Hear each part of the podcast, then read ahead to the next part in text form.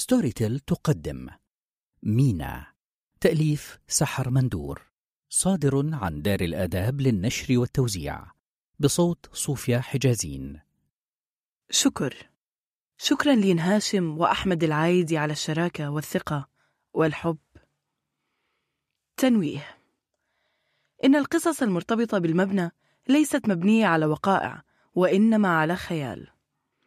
سيدة ثلاثينية طويلة القامة كتفاها رشيقتان يحيط بهما شعرها الكستنائي المتموج. عيناها خضروان داكنتان وبشرتها هادئة بيضاء. لو كان والدها هنا لوصفها بأنها مزيج من آلهة المرح القطة باستت وآلهة الحرب القطة سخمت. القطتان فرعونيتان وهي تمتهن السينما. عندما طلب جوليان موافقتها على إجراء تلك المقابلة التلفزيونية المطولة سألته بلا مبالاة من يهمه الاستماع إلى قصتي ألا تكفي أخبار المجلات؟ أجابها المجلات؟ هل تستخفين بتجربة حياة كتلك التي عشتها رغم صغر السن؟ تضحك لتعبير صغر السن جوليان كل حياة تستأهل أن تروى لكن هل في نتائج السرد ما يستأهل الإقدام عليه؟ يرتبك فهو يعرفها جيدا. تطرح الأسئلة عندما تتفادى تقديم الإجابات. لم يقفل الماضي بينهما على ود وهو يجلس أمامها الآن في صالون بيتها الممتلئ بشمس الربيع الحاضنة وبتفاؤل الزرع الأخضر البادي من الشرفة. يجلس مقيدا بالظرف متأرجحا في المسافة التي فرضها الزمن وأحداثه على الألفة. يرتبك وهي في سرها تبتسم. فلمفاجأته ولحاجة في نفسها سوف تمنحه موافقتها. وها هي تمنحه إياها قبل أن يطول ارتباكه. يضيء وجهه. يعيش لحظة حنان يستعيد خلالها سنوات المعرفة الطويلة. يمسك بيمناها بين يديه ويطرق برأسه إلى الأرض ويبتسم مغازلا دمع الطمأنينة. تشعر بوطأة اللحظة. وبذنب سري وبضرورة دخول نسيم طري إلى تلك الرئات الأربع المتجاورة. فتقول له ممازحة مطول؟ يستعيد تركيزه سريعا ليتبين ما إذا كانت تحن ممازحة أو تستعيد المسافة بالغرابة الجافة. يراها تبتسم بخبث فيقول لها أنا حمار. تجيبه بسخافة ومرح. وأنا مينا. تطير الحمامة بهدوء وترفع فاردة جناحيها كأنها نسر جامدة في حراكها كأنها تعلق الوقت. ها هي تدور حول المبنى الضخم الذي يحتضن عشها كما يحتضن في آخر طوابقه بيت مينا. بيتها في الطابق السابع يطل على حديقة الصنائع وشرفته واسعة نسبياً. عند المدخل الأمامي ينتصب أسدان حجريان ليزيدا من ثبات المبنى على الأرض ومن حرصه على استقلاليته. هما الحارسان لآلهة صغار يعيشون كل في بيته يحيكون أقدارا ويرتدونها. مدخل واسع بهي بأدراج تقود إلى أعلى حيث ثبتت لوحة تشهر اسم المبنى لونيون ناسيونال أي الوحدة الوطنية. يحل كالخرزة الزرقاء عليه. كدواء الوهم الذي يصفه الأطباء لمرضى الوهم. يهدئ الآلام التي لا تنتج من مرض وإنما من النفس. غريب اسمها هذه البناية. ترى ما قصته؟ هو ليس اسمها. هو اسم شركة تأمين فرنسية موجودة فيها أسست مع نشوء لبنان الحديث. وانظري أيضا يا مينا هما ليسا أسدين. التمثالان الماثلان عند مدخلها الأمامي ليسا لأسدين.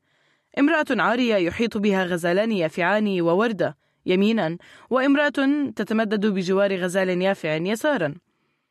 كأنها لا تطلب الحماية وإنما الهدوء. من أين أتى العين إذن؟ ذاك الأسد؟ لا تقلقي.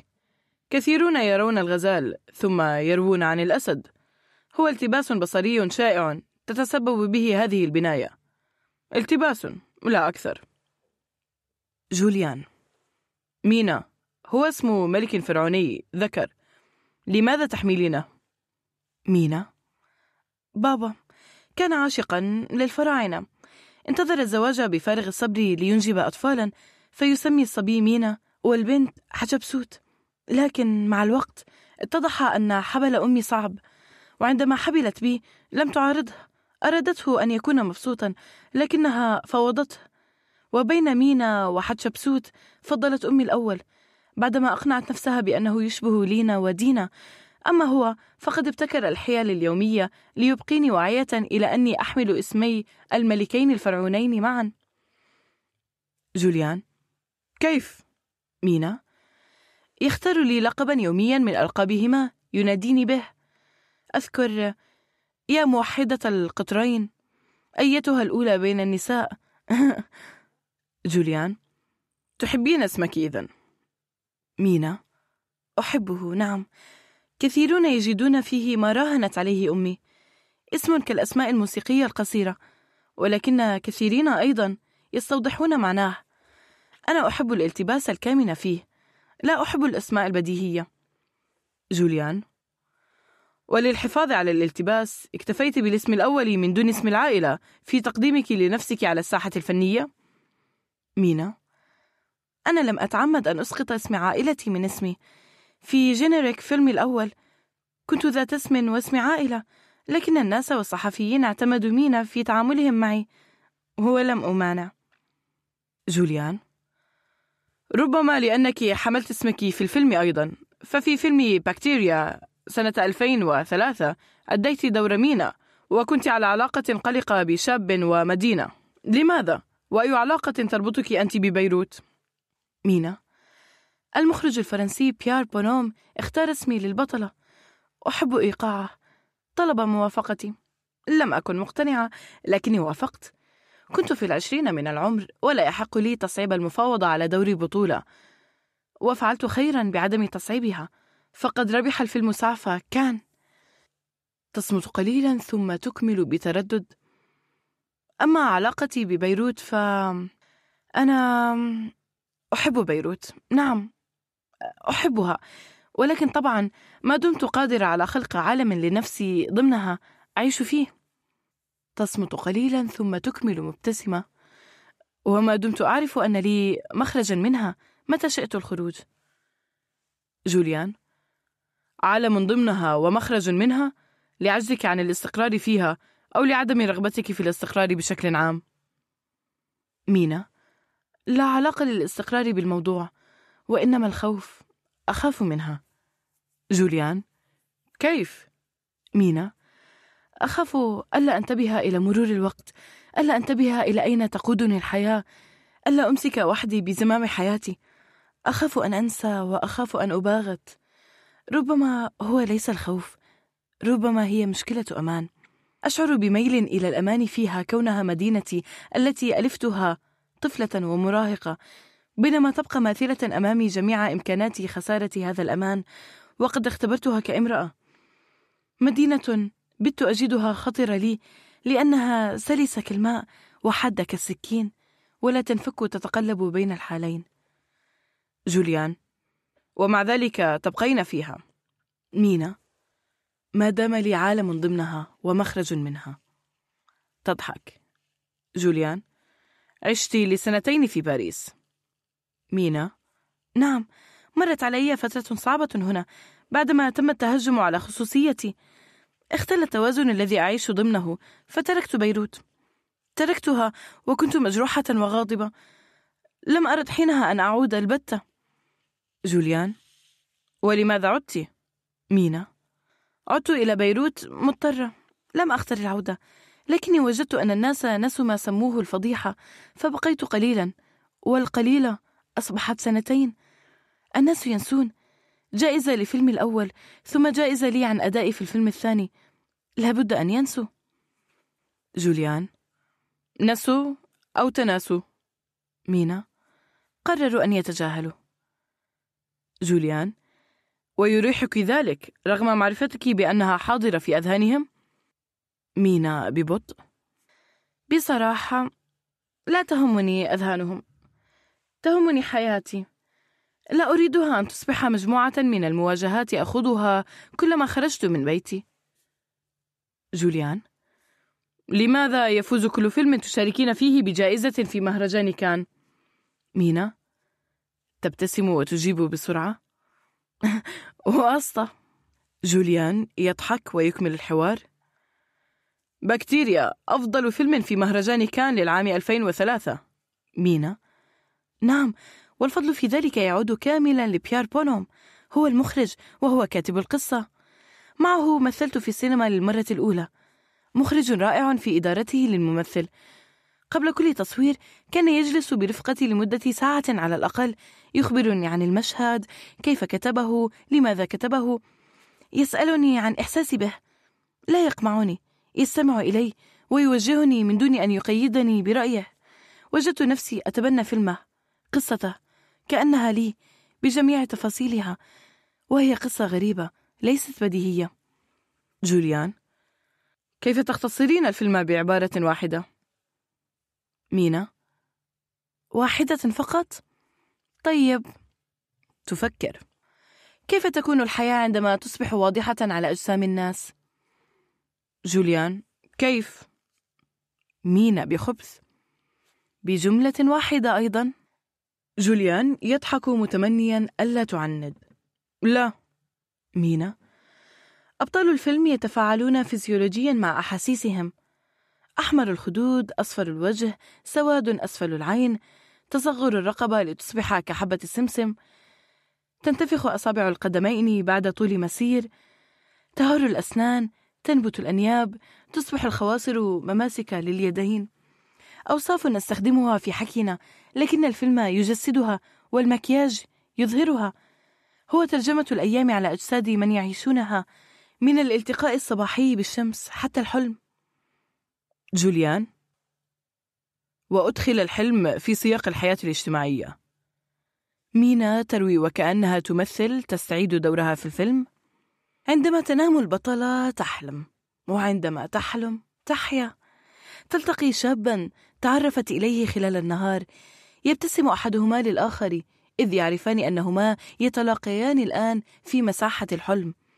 وذلك يعني أن أمرا بقي عالقا بينهما لم يعبرا عنه في صحوهما. يسألها مباشرة لقد نسيت أن تخبريني أني رقيق وأنك تحبين الرقة في الرجال. فتجيبه الفتاة. وأنت ألم ترد أن تخبرني أن راتبك قد شارف الانتهاء مع أننا في منتصف الشهر؟ ولذلك لم تدعني لشرب كأس في المساء. ألن تخبرني أيضا بأنك خشيت ألا تراني مجددا؟ بلى لكني كتبت رسالة هاتفية لصديقتنا المشتركة بعدما رحلت. طلبت منها أن تجمع بيننا في مطلع الشهر. تضحك هي ويتشكل خداها على هيئة تفاحتين فتلمع عين الفتى بضوء يشبه برق السماء. وعندما يستيقظان في الصباح كل في بيته يعرفان أنهما قد تلاقيا وأن القصة قد بدأت. تصمت لثوان وتعود إلى واقع الحوار وهي لا تزال تبتسم. أحب هذا الفيلم. رقيق. جوليان. لماذا في رأيك فاز بسعفة كان؟ مينا. لرقته أكيد ولأسباب أخرى طبعا. الفكرة الإخراج المكياج. المكياج لم يصنع أبطالا خارقين ووحوشا ثلاثية الأبعاد لكنه صنع إنسانا جديدا نحس به في داخلنا ولا نراه. صوره بيار بعدما صنع له محيطا حاضنا آمنا. إن الرغبة بالفرح أساسية في الفيلم. إن حل الفرح أم لم يحل على مر الأحداث يبقى وجود الرغبة به مريحا مطمئنا. جوليان كيف عشت تجربة كان الأولى؟ هل تذكرينها؟ مينا طبعا أذكرها أذكرها أكثر مما عشتها. تبتسم ثم تكمل. أذكر أني تمنيت لو تعاطيت نوعا من المخدرات. يبقي المرء قادرا على التفاعل ضمن الأصول مع محيطه ويتيح له أن يأخذ مسافة من كل شيء. تمنيت أن أكون محمية ألا أخاف كثيرا أن أفرح أكثر أن ألتقي الصحافة أن ألقي كلمة. جوليان باستغراب. كأنك تمنيت أكثر مما عشت؟ ألم تكن كان تجربة سعيدة؟ ممثلة يقودها فيلمها الأول إلى كان؟ مينا. اسمع جوليان. يوم رشح بكتيريا للسعفة كنت في أسوأ أيام علاقتي بنفسي بعدما بت عرضة لكل عين. الصور جعلتني أرغب في الاختفاء فإذ بي هدفا لكافة كاميرات العالم تلمع من حولي كأنها تلح لاستحضار جميع الأسئلة العالقة في نفسي. أمضيت ثلاثة أيام في كان أهرب من نفسي ومن صورتي. لم تكن أياما سعيدة. تلك الفضيحة كانت قد حلت مباشرة قبل سفري للمرة الأولى إلى كان. جوليان؟ أفهم. وفي الزيارة التالية أي بعد مرور سنتين على الفضيحة كيف عشت الاحتفاء الدولي؟ مينا. عشته محمية. تصمت فجأة تتأهب في جلستها فوق الكرسي تنظر إلى جوليان نظرة حادة تشير بيدها إلى المخرج وتتكلم بسرعة. جوليان توقف أوقف التصوير. أود أن نغير الموضوع. أعتذر منكم لكنني أشعر بأنني أتفذلك على الناس. ليست لدي قصة طريفة أخبرها عن كان. ولا عشت لقاء استثنائيا بدل مجرى حياتي. عشت أشياء جميلة كثيرة متفرقة وتذوقت أطعمة رائعة ورأيت ملابس آسرة وصادفت فنانين عالميين. لم أفكر يوما في أني سأراهم يتحركون أمامي. لكني لا أعرف كيف أخبر عن ذلك الآن. كانت لحظات وانطفأت عند ولادتها. فزت بجوائز ولم أتذوق يوما طعم الفوز. لا أريد أن أقول ذلك للناس. سأبدو متكبرة. ربما في يوم آخر. نصور السؤال ذاته. وتكون إجاباتي أكثر ذكاء وأقل ادعاء. أعتذر جوليان. جوليان؟ أكيد مينا. لا تقلقي. نأخذ استراحة؟ مينا. هل يمكننا أن نكتفي بهذا القدر لليوم؟ لقد تحدثت كثيرا. جوليان؟ طبعا. يشير للمخرج ثم يتوجه إلى مينا. لم أقصد إزعاجك. مينا تقاطعه وقد بدأت تستعيد هدوءها. لا أبدا جوليان. المشكلة ليست في السؤال وإنما في الجواب. لا تعتذر كان الحديث سلسا. تزيح بإصبعيها خصلة شعر كاستنائية عن جبينها وتكمل. أنا أخشى الكلام عندما يطول إذ أميل إلى التفكير بصوت مرتفع. قل لي أنت ما رأيك؟ جوليان. أنا استمتعت طبعا. أفهم خشيتك ولكن العقد الذي وقعته مع المؤسسة يحميك. أعدك. لن يخرج إلى الناس ما لا تودين أن يعرفوه عنك أو أن يروه فيك. مينا إذا كان وعدك هذا مثل آخر وعد قطعته لي تبتسم بلؤم. جوليان مينا يقولها بانفعال صادق وحزين كمن كبلت يداه يوما فعجز عن رد الأذى عن شخص عزيز. تبتسم بتفهم تقوم عن كرسيها وتمسح خده بيدها. جوليان أراك بعد غد؟ مينا سأكون هنا في تمام العاشرة. تتوجه إلى المخرج ومسؤول الإضاءة. شكرا يا جماعة. ومجددا إلى جوليان. جوليان ممكن تزيد ألوان على الديكور؟ الأسود حسسني إني ماشي بجنازتي جوليان لكنك أنت التي طلبته. مينا وغيرت رأيي. بعض الألوان لو سمحت. قالتها بدلال ساخر أضحك الموجودين في الاستوديو الذين بدوا وكأنهم يشاركونها في الرأي. فالأسود خانق. تستمر همهمات ضحك متنوعة الأسباب.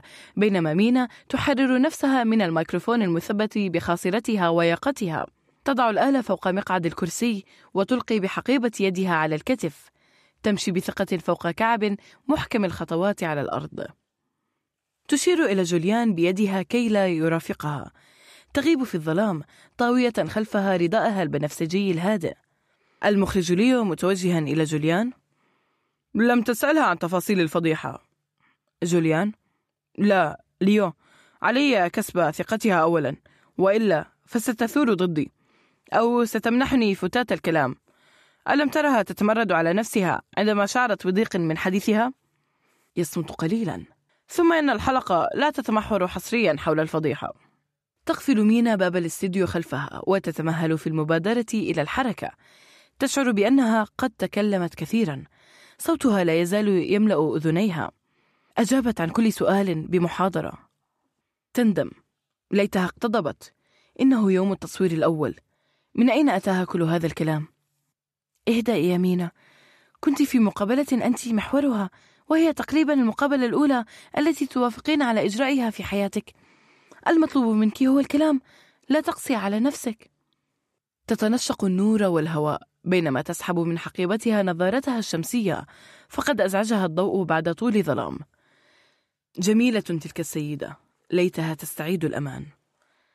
يقع الاستوديو في قلب العاصمة بيروت في منطقة القنطاري وقد استأجرته البي بي سي لتصوير البرنامج.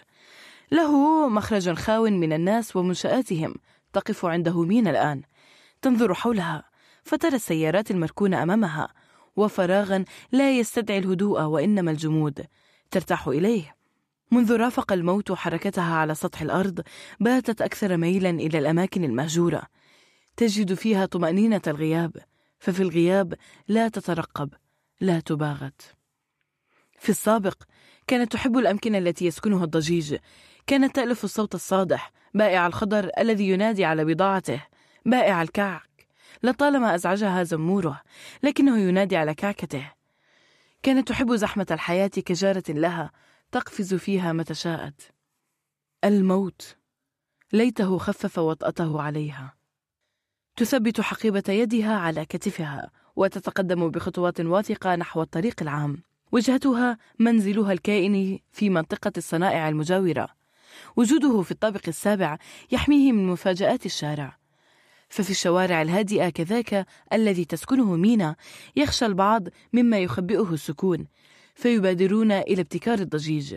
كأن الضجيج هو ملجأ الشعب من خوف ما. الضجيج الصوت المرتفع الاحتفال بالفردية كلها ملاجئ. كتلك الدراجة النارية الهارلي دايفيدسون التي تخط الزاروبة ذهابا وإيابا رغم ضيقه بلا مبرر. ينهمك صاحب الدراجة طوال النهار بتنظيفها وصقل أضوائها وتلميع مراياها ومسح عجلاتها بقماش خاص ثم بعتليها. يتقدم بلا هدف يتراجع لغياب الهدف. يحركها لكي يشعر بنبض في جسمه يوقظه محركها. الساعة الآن تشير إلى السادسة مساء. تنظر يمينا ويسارا قبل أن تعبر الشارع العريض. فتباغتها ذكر الحادث الذي تعرضت له في أثناء تصوير فيلم تخرجها من معهد الفنون السمعية البصرية في جامعة القديس يوسف. من أين أتتها تلك الذكرى الآن؟ أي تكاد تقع في وسط الشارع. التوى كعب حذائها الأنيق والتوت معه ساقها كأنها استدعت الحادثة مجددا. فساد جسمها. لحسن الحظ كادت تهوي قبل أن تباشر اجتياز الشارع. شكرا لن تحتاج إلى مساعدة. قالت لك شكرا يا رجل لا تستغل الفرصة. ها هي تقف وحدها على قدميها. تعود خطوتين إلى الخلف إلى الرصيف. تصحح وضعية قدمها في الحذاء. تعبس وجعا ثم ترخي معالم وجهها. تتريث قليلا بينما السيارات تتوالى سريعا أمامها. تنتظر الضوء الأحمر وتعبر الطريق بخطى ثابتة. الفائزون بجوائز المهرجانات الفنية بالكاد يميز المواطن ملامحهم وتلك نعمة. على الأقل هي كذلك بالنسبة إلى مينا. في الواحدة والعشرين من عمرها كانت مينا تعبر الطريق مسرعة في منطقة السوديكو بالقرب من مدافن رأس النبع للروم الكاثوليك على طريق الشام. عندما صدمتها سيارة لم تكن مسرعة فلم تصب بأذى. هناك كانت تصور مشهدا من فيلم تخرجها القصير الرحم 45 دقيقة من حياة دورا وفرويد. كان فيلما صعبا. دورا هي فتاة تبلغ من العمر 18 عاما. شخص سيغموند فرويد حالتها ضمن إطار الهستيريا. اسمها الحقيقي ليس دورا هو منحها ذاك الاسم لتورية هويتها وقد اختاره دون سواه لسبب وضحه في كتابه الذي قرأته مينا في سنتها الجامعية الثالثة. خمس حالات من التحليل النفسي.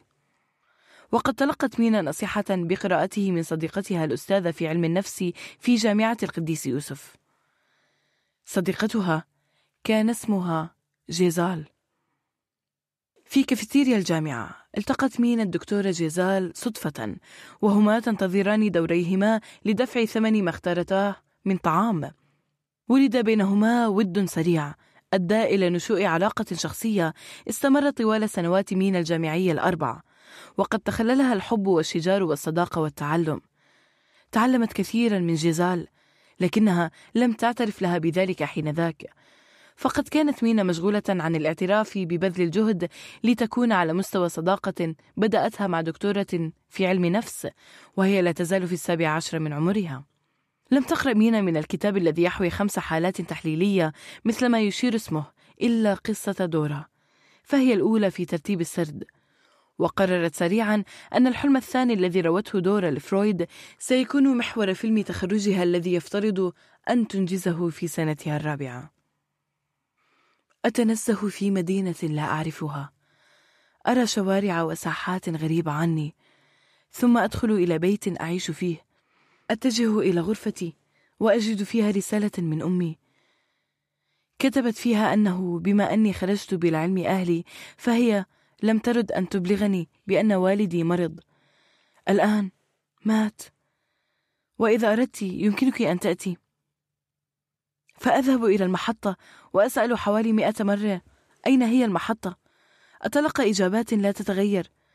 خمس دقائق من بعدها أرى أمامي غابة كثيفة أدخل فيها وأسأل رجلا ألتقيه داخلها. يقول لي أيضا ساعتان ونصف الساعة.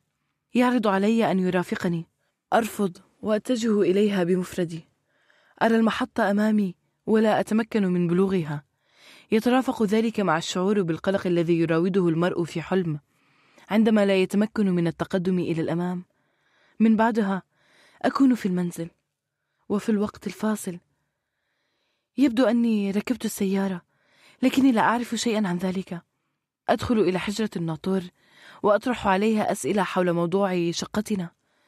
تفتح لي الخادمة وتجيب أمك والآخرون قد باتوا في المقبرة.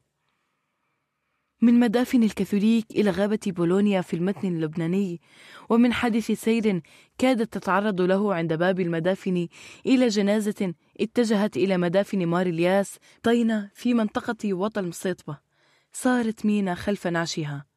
نعشها الذي احتوى جسد جيزال. دكتورة في علم النفس قضت بسكتة دماغية مفاجئة في أثناء زيارتها إلى باريس لإلقاء محاضرة حول الاضطرابات النفسية التي تلي الصدمات ومحورها الأطفال في جنوب لبنان. في الفندق نامت جيزال ولم تستيقظ. محاضرتها كانت مقررة عند الثامنة والنصف صباحا وقد توقع منظمو الحدث في الجمعية الفرنسية لعلم النفس وصولها إلى القاعة عند الثامنة. تأخرت اتصلوا بالفندق. تفقدها موظفوه عبر الهاتف. لم تستجب. دخلوا غرفتها. قدموا لها الإسعافات الأولية لكنها كانت قد توفيت في أثناء النوم. اتصلوا بالمنظمين الذين اتصلوا بزملائهم في الجامعة في لبنان الذين اتصلوا بوالديها. توفيت جيزال في باريس ومات معها بعض من براءة مينا في استقبال الحياة. استبدلته بحس سخرية. متخفف من الأمل. قيل لها أن الطبيب الفرنسي سجل أن وجه جيزال لم يكن متشنجا وإنما هادئا ما يعني أنها لم تتألم وإنما رحلت بسلام. حضر زملاء جيزال وطلابها فيلم تخرج مين المهدى إليها فبدأ أشبه بتأبين ثان للدكتورة التي رحلت في أواخر الثلاثين. لم يكن قد مر على وفاتها أكثر من أسبوعين. دار نقاش إثر الفيلم. شاركت فيه مينا رغم أنها كانت حينذاك لا تزال تركن إلى العزلة. معظم المداخلات هدف إلى توجيه تحية لروح جزال. بعضها أثنى على الإخراج. قلة منها تطرقت إلى موضوع الفيلم فهو في عرضه الأول. ليس الحدث. سئلت مين عن سبب استخدام كلمة الرحم في عنوانه. جيزال كانت قد شرحت لها أصل كلمة هستيريا منذ لقائهما الأول بعدما انتقلتا من الكافيتيريا إلى مكتب الدكتورة. وهي قصة تروى كما الحواديث. أبقراط الطبيب الإغريقي استخرج كلمة استيريا. هستيريا من كلمة إغريقية هي استيريا تعني رحم. واستخدمها لوصف مرض سبق للمصريين القدامى أن شخصوه. وكانت القناعة تفيد وقت ذاك بأن المرض شديد الارتباط بالرحم وبأن الرحم يتجول في الجسد ويخلق ظواهر المرض. اسمعي كيف شرح أفلاطون أسبابه وظواهره. قال الرحم حيوان يرغب في أن ينجب أولادا. عندما يمكث عاقرا لمدة طويلة تلي البلوغ يضحي قلقا فيتقدم عبر الجسم ويقطع مسار الهواء فيه. يعوق التنفس ويستثير معاناة كبيرة وجميع أنواع الأمراض.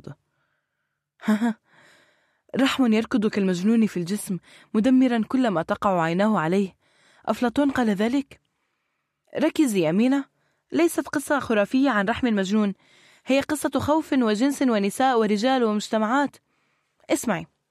بالنسبة إلى أبقراط والمصريين القدامى وعدد من العلماء اللاحقين بما في ذلك أطباء عصر التنوير اقتصرت ظاهرة الهستيريا على النساء وهو ما دل عليه أصلا مصدر التسمية رحم. وقد بقيت تلك الظاهرة المرضية مرتبطة بشدة بالأنوثة. على الرغم من الجهود التي بذلها في القرن التاسع عشر الأطباء شاركو وجانيه وفرويد وبروير وسواهم لإثبات عكس ذلك. وعلى الرغم من أن كل منهم قد برهن فعليا في أعماله وجود الهستيريا لدى الرجال مينا حتى اليوم أصلا يقال عن المرأة مهسرة وقلما يقال ذلك عن الرجل. جيزال صحيح؟ مينا تغير شيء مع الوقت؟ تكمل جيزال قراءة تلك الصفحات التي كتبتها يوما ما لمحاضرة ما على مسمع مينا. وهي بذلك تلخص المعلومات ولا تتفرع في أحاديث جانبية مثل ما كانت الحال لتكون لو دار الجدل بينهما بلا وثائق تصنع أثرا له. التحليل النفسي بعد الدكتور فليس. وضع أسس نظرية لثنائية جنسية تعتبر مكونا أساسيا وجامعا للبشر. ما يبدل على نحو عميق مقاربة مسألة الهستيريا. يرن الهاتف. تعود جيزال إلى تركيزها المهني. تنسحب مينا من مكتبها. لاحقا شرحت لها جيزال الكثير عن الهستيريا بينما كانت مينا تقرأ تفاصيل علاج دورا تذكر أنها طلبت منها تعريفا واضحا بالهستيريا لكي تكتبه كمدخل لفيلمها. فامتنعت جيزال عن مدها بتعريف شبيه. قائلة لها إن الهستيريا تركيبة نفسية تتفاعل مع الفرد ولا يمكن حدها بتعريف واحد. واستمرت دروس جيزال لمينا واستمرت مينا بقراءة فرويد. فقد وجدت في نصه قصة شديدة الإمتاع وتحليلا شديد الغنى. بطله يكتب كما الروائيين وبطلته تغادر العلاج فجأة وتترك الراوي معلقا بين التتمات. مينا أيضا تتقدم في الحياة مخلفة وراءها قصصا معلقة كنظرة في الفراغ كأن زمنا لم يمر وهي تدس مفتاحها في باب بيتها تجد نفسها تلتقط بيدها الثانية عنقها. تشعر بأنها تختنق أو بيدها تخنق نفسها. لا فرق. تهرع إلى الشرفة. تفتح بابها. تطل على الحديقة. حديقة الصنائع. تأخذ نفسا عميقا. تبقيه في داخلها قليلا. تزفره بينما ترتسم ابتسامة حزينة على شفتيها. كان مشوارا طويلا من الاستوديو إلى البيت. تتجه مينا إلى البار الصغير الذي حرصت على إيجاد مكان له في كل بيت سكنته. تتناول منه زجاجة مارتيني بيانكو. تصب لنفسها كأسا تنتقل به إلى الثلاجة. تضيف إليه عصرة حامض أخضر وثلاث قطع من الثلج. تحمل الكأس وتسير بها إلى جوار ستيريو. تختار أغنية لدليدا تخبر عن ليلة حب عابرة جمعتها بشاب عمره ثماني عشرة سنة. وكانت دليدا حينذاك في السادسة والثلاثين من العمر. تتماهى قليلا مع الأغنية ثم تبتسم لكن في سرها هذه المرة. فقد تفرجت على نفسها بعين خارجية وشعرت بأنها تتقدم في بيتها وكأنها مارلين ديتريتش. مارلين ديتريتش يا مينا. في الشرفة تجلس إلى كرسي أمامه منضدة حديدية سطحها زجاجي وتسرح برفقة حركة مسني حديقة الصنائع ومنسيها. يرن هاتفها الخلوي يزعجها. تتناوله وتنظر إلى الشاشة. تقرأ اسم أحمد. تبتسم. لن تجيب. تضع الهاتف جانبا ترفع كأسها عن المنضدة تحركها بشكل دائري وهي تراقب حركة محتواها. تحتسي منها القليل. ترمش وتنقل عينيها ببطء نحو الحديقة. تثبتهما للحظة. قبل أن تظهر فيهما ذكريات تطفو. ذكريات كثيرة. هذا البيت. عاشت عشرة أعوام في بيروت خارجه وعامين في باريس لتعود إليه في نهاية المطاف. باعت الأثاث القديم وابتاعت آخر أقل ثقلا. طلت الجدران بألوان خفيفة فاتحة كأنها الأبيض ولكن متخففا من إيحاءاته المرضية. أزالت الزجاج الذي يسيج الشرفة وجعلتها مفتوحة على هواء طلق وفرشتها بما يطيب الجلوس إليه وعززت وجود الأخضر فيها. هذا البيت أخرجته من كهولة والديها بعد رحيلهما لتصنع منه بيتها. الآن وهنا. أحيانا وهي تتجول فيه أو تخرج من حمام قاصدة غرفة نوم أو تزور مطبخا متذمرة من خلوه من وجبة تصطدم بذكرى. كالضوء تظهر كالواقع تحل. لم تتلاشى لم تتحول. بقيت وحشية لم تصقلها الأيام. كالفحم الذي لم يستيقظ الماسا. ذكرى لها تتجاور معها. فتضحي هي اثنين في لحظة واحدة حاضرها وماضيها يتجاوران في وعيها وليس في لا وعيها فحسب. تماما كما تسير أوهام جون ناش إلى جانبه في فيلم ذهن جميل. جون ناش هو مريض السكيزوفرينيا الذي فاز بجائزة نوبل في العلوم الاقتصادية في العام 1994 في هذا البيت تواجه نفسها يوميا بلا صدام وكما الطلاق. وقد فرضت عليها تلك المواجهة كونها اختارت أن تبقي عليه وأن تقطنه إرثا من والديها بدلا من بيعه واقتناء منزل جديد تبدأ فيه قصة جديدة. لو اختارت الإقامة في بيت جديد لما تذكرت الناطور وكيف مات ابناه في حريق أتى على غرفتهم المتواضعة وكيف اتهم والدها رئيس لجنة البناية بتدبير الحريق لتفادي شكوى أطلقها الناطور ضده حول اختلاسه آلاف الدولارات من صندوق البناية. كما أنها ما كانت لتتذكر الحكم القضائي الأولي بأحقية الدعوة. ولا القضاء ذاته الذي عاد ليحكم لاحقا ببطلان القضية بعد الطعن لأن وزيرا اتصل ونائبا اتصل ومالا دفع وناطورا تم ترحيله. لو اختارت الإقامة في بيت جديد لما تذكرت أيضا ذاك الرجل الذي كان يقف خلال إحدى مراحل الحرب الأهلية في مدخل العمارة الداخلي يطلب منها في كل صباح وهي تنتظر وصول باص المدرسة أن تقترب منه ولا تقترب فيهمس لها بكلمات تسمعها ولا تفهمها لكنها تشعر بثقل وطأتها. وطأة تلك الكلمات ثقيلة على فتاة في السابعة من العمر لأنها تسبب قلق مجهول المصدر. يسبق وعيها لمضمونه. يوميا كان هنا على مدى ثلاثة أشهر وهي تتردد في إبلاغ والدها كما تخشى النزول إلى المدخل قبل وصول الباص. ولم تنتهي مأساتها الصغيرة تلك إلا بعدما نزلت في يوم من الأيام ولم تجده. خافت منه في اليوم التالي لكنه لم يظهر. وهكذا يوما تلو الآخر بات غيابه عادة لا تؤرقها إلا الذكرى والإمكانية. ما كانت لتتذكر تلك القصة مثلا أو أنها كانت لتتذكرها حتى وهي مقيمة في باريس؟ كانت تتذكرها. لم تكن تفهم جيدا سبب خوفها من إخبار والدها آنذاك. استقصت السبب في نفسها فوجدت الذنب ذنب الاشتراك في الجريمة. ذنب الوقوف في موقف ملتبس. ذنب ما من تلك الذنوب. لو اختارت الإقامة في منزل جديد لكانت زارتها تلك الذكريات وما كانت لتقيم معها. لكن ذكرياتها ليست كلها كئيبة. لماذا تتذكرين الخانق منها فقط يمينة؟ تذكرت اللعبة التي ابتكرها والدها واستمرت بأدائها على مدى ستة أشهر الصيف في ذاك العام. لم تكن كلها صيفا لكنها كانت عطلة مدرسية لأن حربا صغيرة استمرت لأكثر من مدة صلاحيتها. كانت لعبة ذكية. وعدها بإعطائها في كل يوم خمس ليرات كاملة. لو أتته بمعلومة مفيدة من بيت جيران كان عليها أن تزور في كل صباح بيت جيران. تطلب منهم أن يجهزوا لها معلومة حول أي شيء في الكون يعتقدون بأنها ستكون مفيدة لها. على أن تمر هي بعد الظهر لتأخذها منهم. وعندما تعطي والدها المعلومة في المساء بعد العشاء وقبل النوم يجب أن تكون قد وضعتها في سياق حدوتة تؤديها له كما لو أنها واقفة على خشبة مسرح. فكرت طويلا قبل اتخاذ القرار بالعودة إلى هذا البيت وحارت.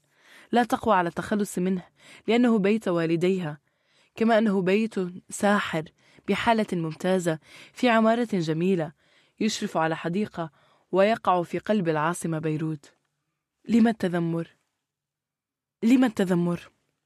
لم تتذمر لكنها منذ دخلته عند عودتها من باريس قبل عامين تقريبا وهي تستعيد صورا من ماضيها لا ليس في ذلك أي إزعاج لها ربما لم توضح مقصدها جيدا هي ليست منزعجة لكنها لا تسكن إلى تلك الذكريات. لا مفر من أن إحداها ستأتيها في يوم غير موفق في لحظة غير موفقة وستتسبب لها بحزن أو انقباض هي بغنى عن أي منهما. تلك الفتاة ليتها أكثر ثقة بالأيام. في العصور الوسطى كان ينظر إلى النساء الهستيريات بوصفهن أرواحا سكنها الشيطان وكثيرا ما تم حرقهن خوفا منهن وعقابا لهن وتطهرا من أجسامهن في آن واحد. تعرفين أن النار تكوي الجرحى مينا؟ أليس كذلك؟ كانت جيزيل تريدها أن تقرأ التاريخ بعين تحليلية بينما هي لا تقوى على كبت ردود أفعالها العنيفة تجاهه.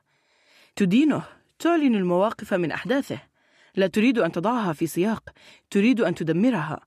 وها هي الطالبة مينا تتمرد على جيزال لو كان التاريخ قد انتهى لحاولت أن أفهمه لكن قرفه مستمر لم ينتهي شيء لكي آخذ مسافة منه نحن لا نزال في قلب المعركة ألن يشتهوا حرقي لو عرفوا عني؟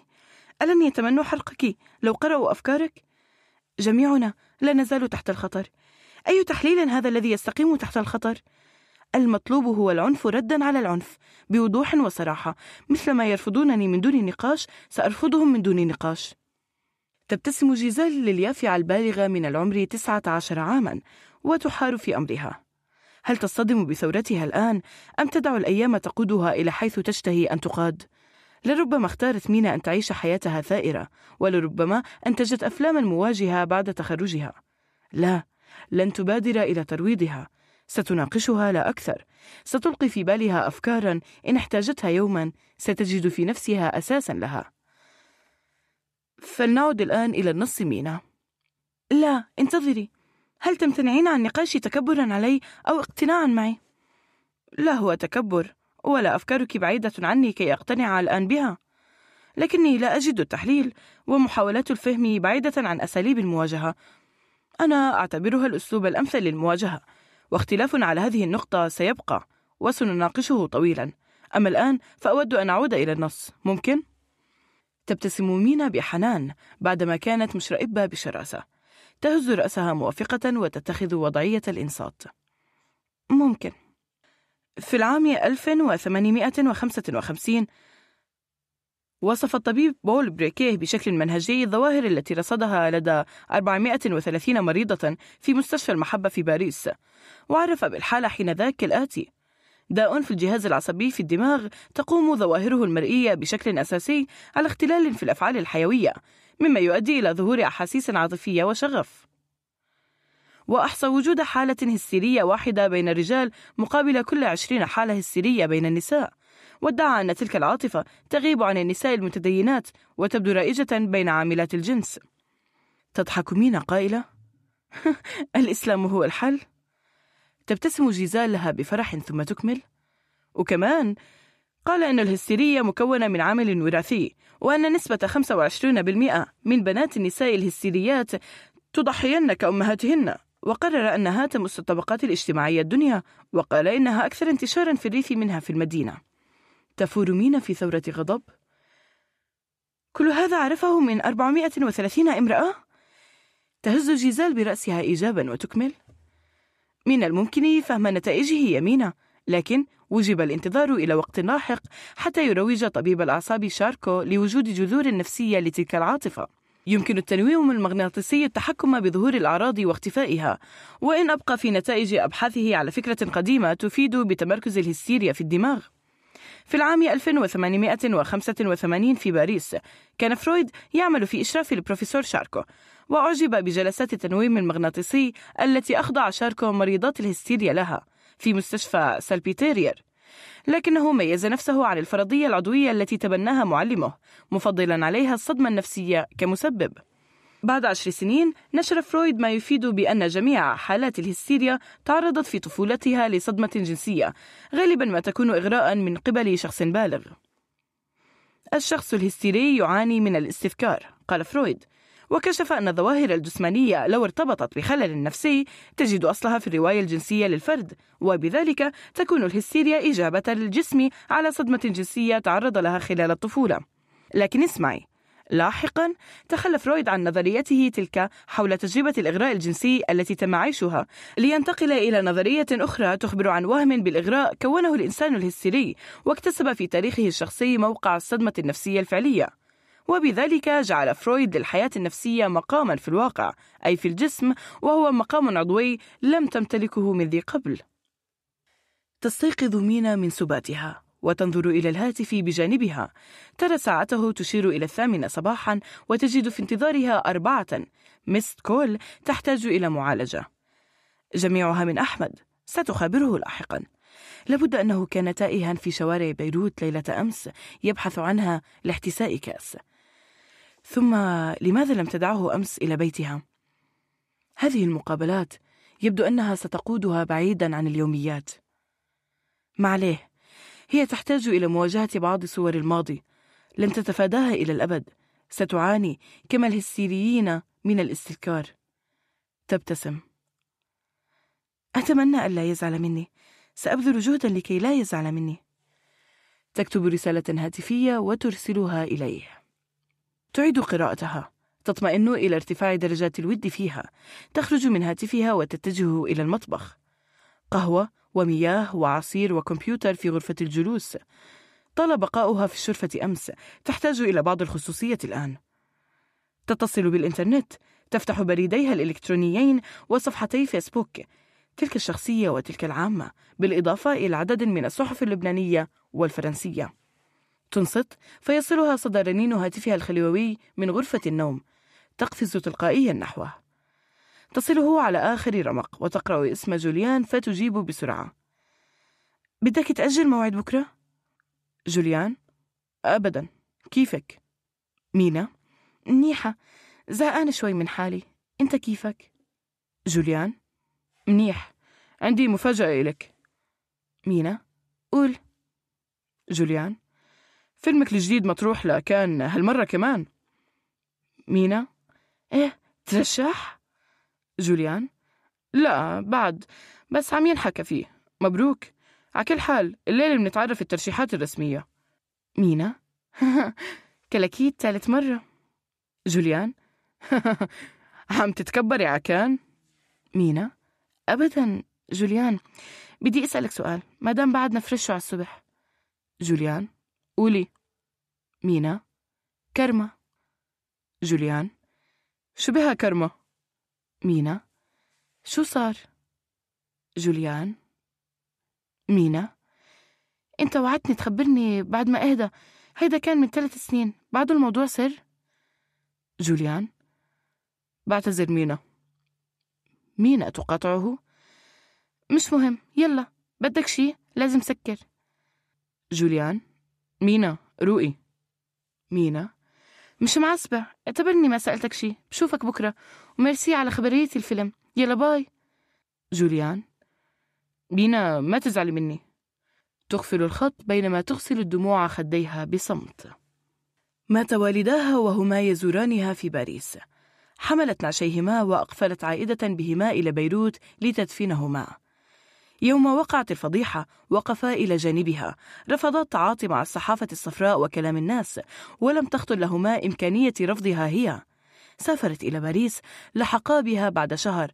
أحباها تحبهما. أتت زيارتهما الأولى لها بعدما فاز الفيلم الأول بسعفة مهرجان كان. وكان ذلك بعد رحيله عن بيروت بشهر تقريبا.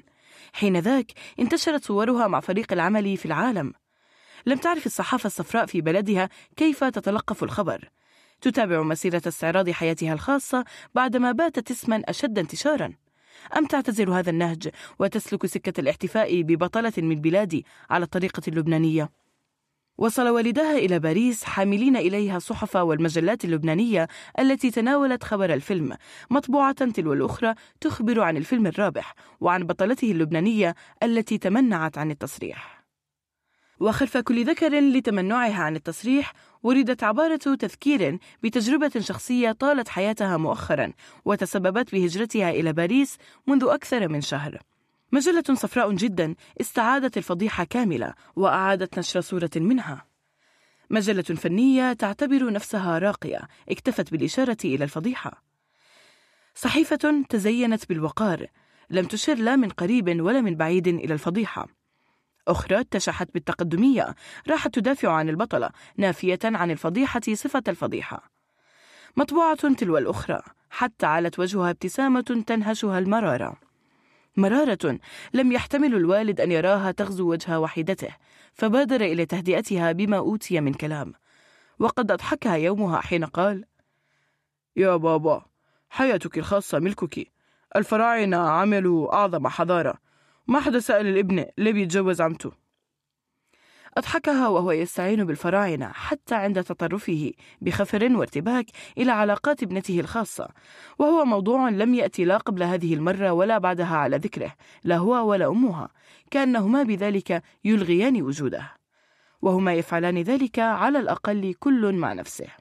وطالما بقيا مرتاحين لتلك الحال لم تمانحها مينا لم تمانحها البتة.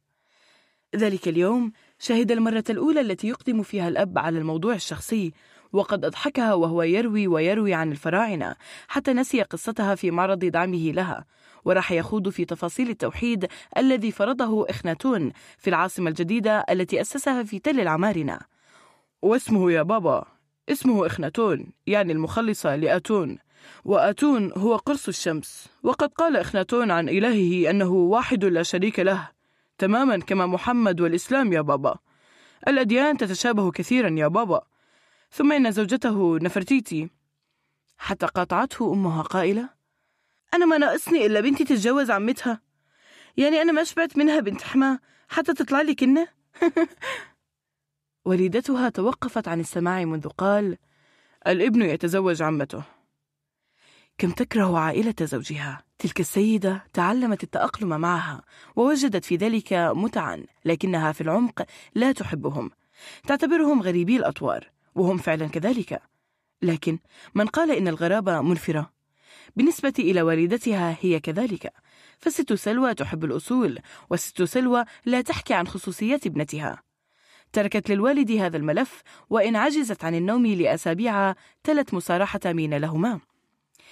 ذلك التقبل لخيارات مينا في الحياة لم يولد في صدر الوالدين فجأة. ذلك التقبل أتى إثر نقاشات حادة ثم هادئة فمفجوعة فمسلمة بالقضاء والقدر. نقاشات أدارتها الوالدة بينما الوالد صامت وقد بادرت مينا إليها عندما قررت ألا تعيش حياة مزدوجة وأن تبقيهما على اطلاع بمجرى يومياتها وتقلباتها في الحياة. وكان السؤال الدامع في عيني الأم خاتمة حديثها في الموضوع.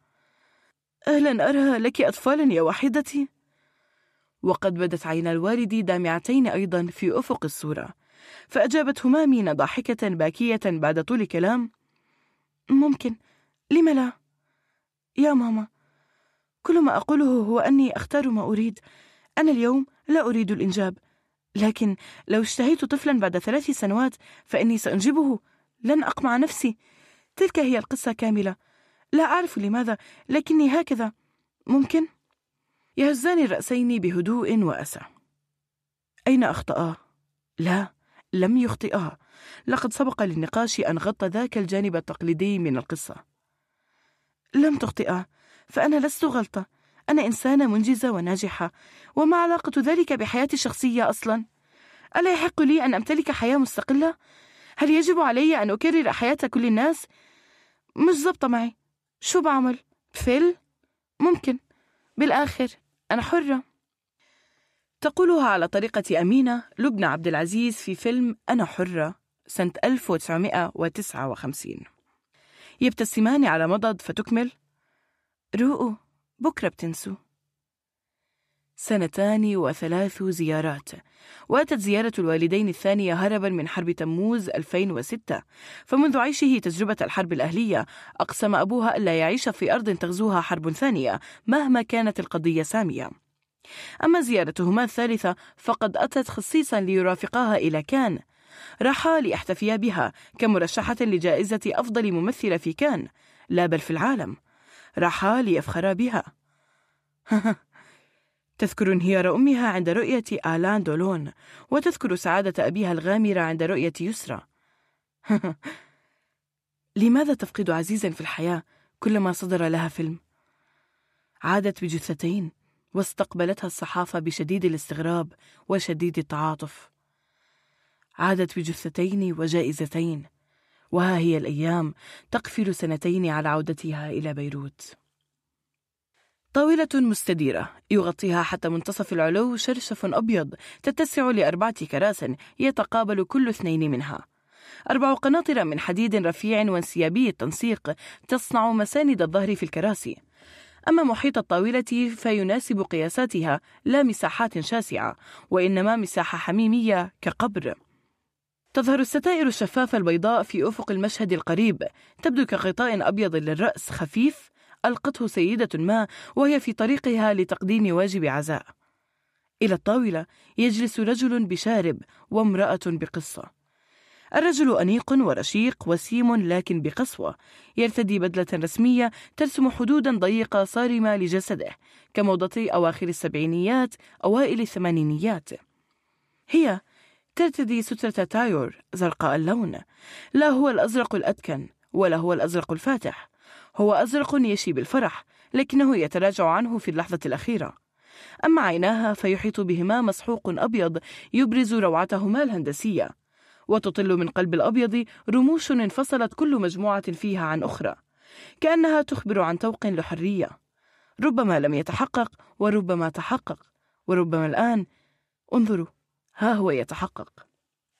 للسيدة شعر ناعم كالسنائي اللون ترفعه فوق رأسها في تصفيفة غير قمعية إذ تسمح بهطول خصلة إلى يمين عنقها. حرة. أما هو فقد صفف شعره كالسنائي أيضا يميل أكثر نحو الأشقر بأناقة صارمة وبفرق كأنه شق بعصا موسى من اليسار إلى اليمين. بدلته دكناء اللون ربما هي سوداء وربما زيتية كأنها بنية.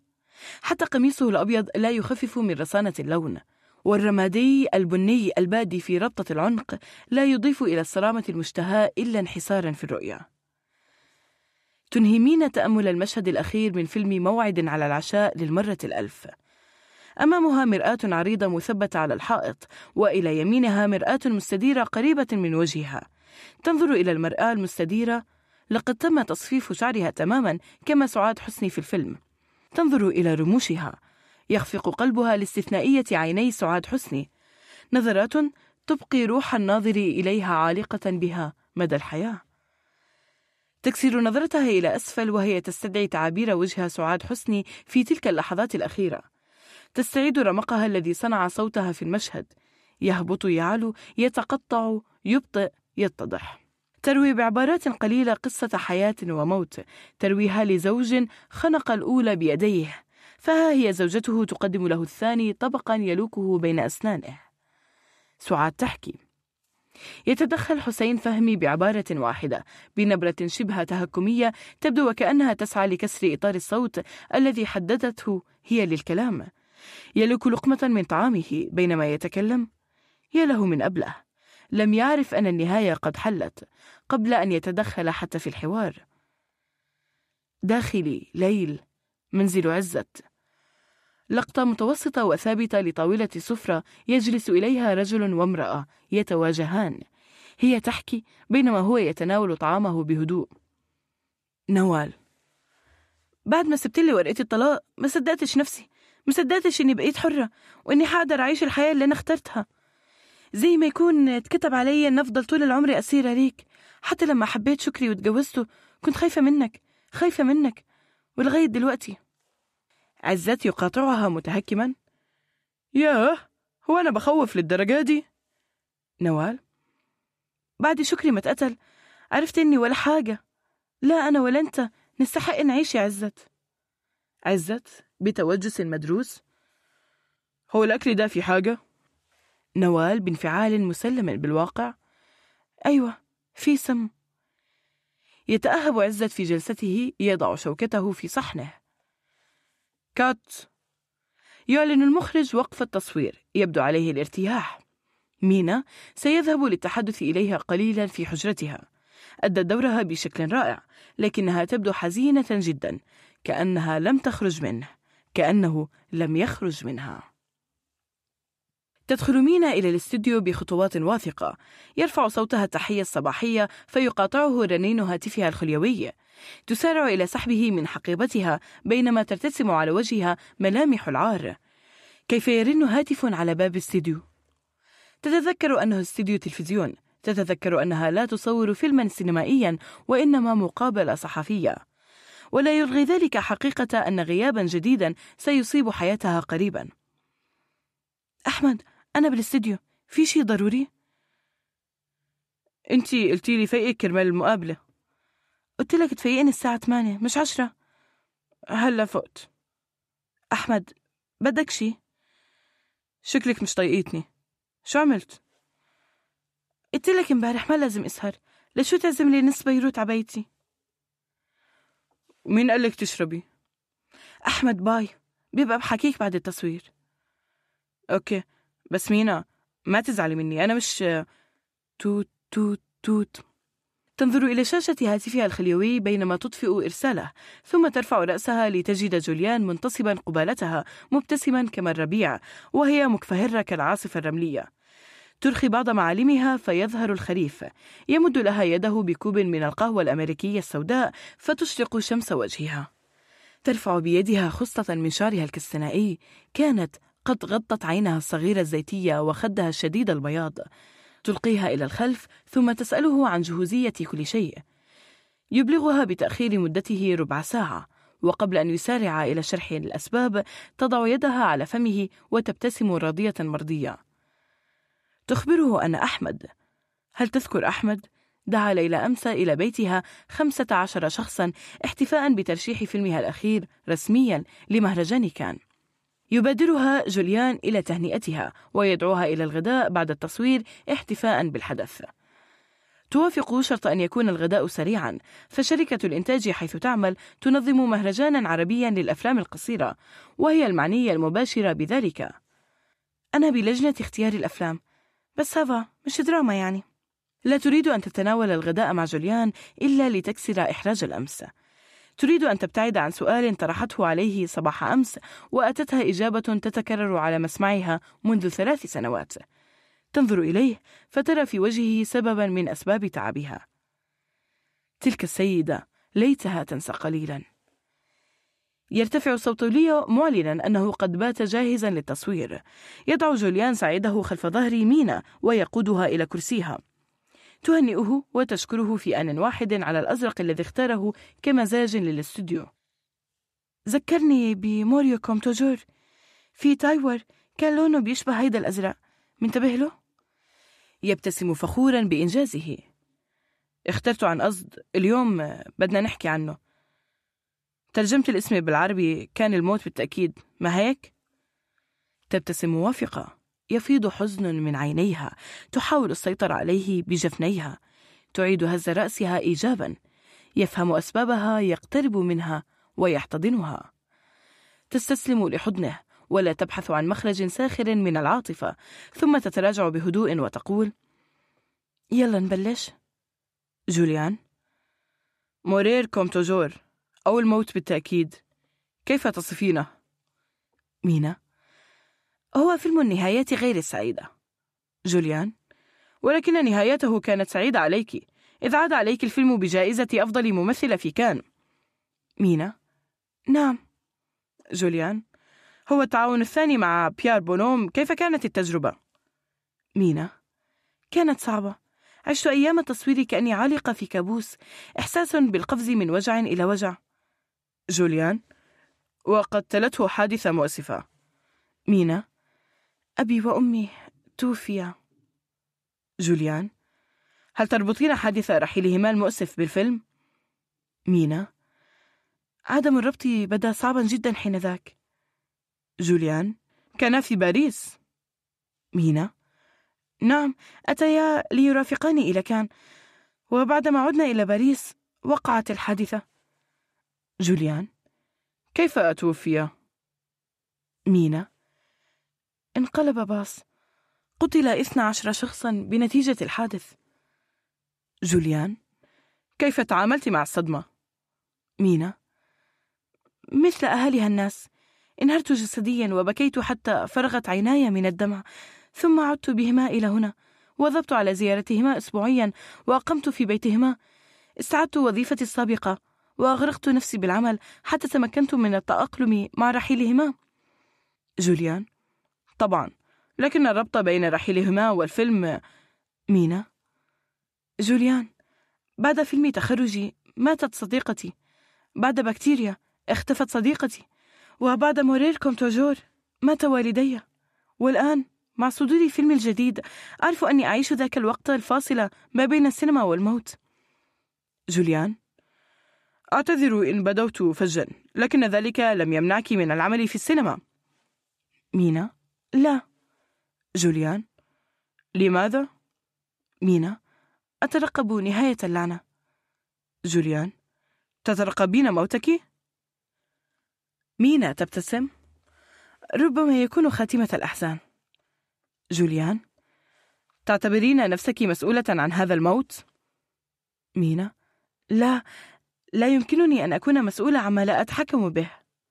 لكن أيضا لابد أن أتذوق يوما طعم الطبق الذي أساهم في تقديمه للناس الذين أحبهم. ربما أساهم ليس الفعل المناسب.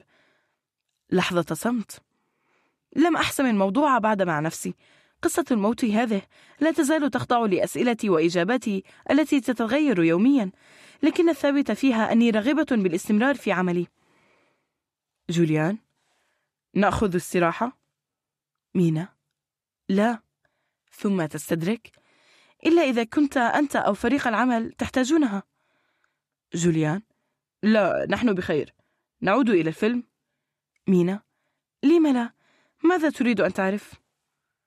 جوليان Mourir comme toujours هو بطولتك الثانية وتعاونك الثاني مع بيير بونوم. مينا نعم. جوليان هل تعتبرين نفسك ملهمته؟ مينا ملهمته؟ لا. فهو ملهم من قبل أن يتعرف إلي. تبتسم. لكني ممثلة وإنسانة راقه التعامل معها وأنا أيضا أحب التعامل معه جدا. جوليان. يقال إنه الأوزة التي تبيض جوائز وأن العمل معه هو أسرع طريقا إلى الجائزة. مينا مبتسمة بلؤم. تقصد أن جائزة أفضل ممثلة أتتني من أوزة وليس من قدراتي التمثيلية؟ جوليان يبتسم.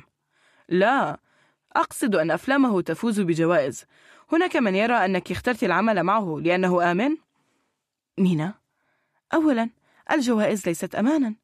ثانيا هو مخرج غزير الإنتاج لكن أفلامه لا تفوز كلها بجوائز. الرهان عليه ليس أكيدا. تضحك ثم تكمل. كنت ممثلة بالكاد لها رصيد. أما هو فمخرج عالمي. له أفلام اعتبرت محطات في تاريخ السينما. لا أظن أني أنا التي اخترته. هو الذي اختار جوليان ما الذي أحببته في الموت بالتأكيد؟ مينا أحببت أنه يختصر الطريق إلى الموت فهي قصة حياة تنتهي يوميا. تلك الفتاة تعيش في نهاراتها أحلام يقظة تقودها دائما إلى الموت. صاغ بيار من النهايات المأساوية لأفلام عالمية أحلام يقظة لها وصاغ من الموت قصة حياتها. بيار بونوم يمتهن اللعب مع الحياة ولذلك أحب العمل معه. جوليان هل اقترحت المشهد العربي على المخرج؟ مينا كان في لندن عند وفاة سعاد حسني وتابع قصتها وحفظ اسمها. بعد مرور السنين أراد مشهدا لسعاد حسني في فيلمه وطلب مني خلال كتابة السيناريو أن أقترح عليه أفلاما لها انتهت بالموت وقد فعلت. هو شاهد موعد على العشاء. أحبه كثيرا. اتفق مع مخرجه محمد خان وهكذا كان. يعني نعم لي يد في اختياره. جوليان أي مشهد كان الأصعب تمثيله في الفيلم؟ مينا الياباني أحلام لأكيرا كوروساوا. جوليان لماذا؟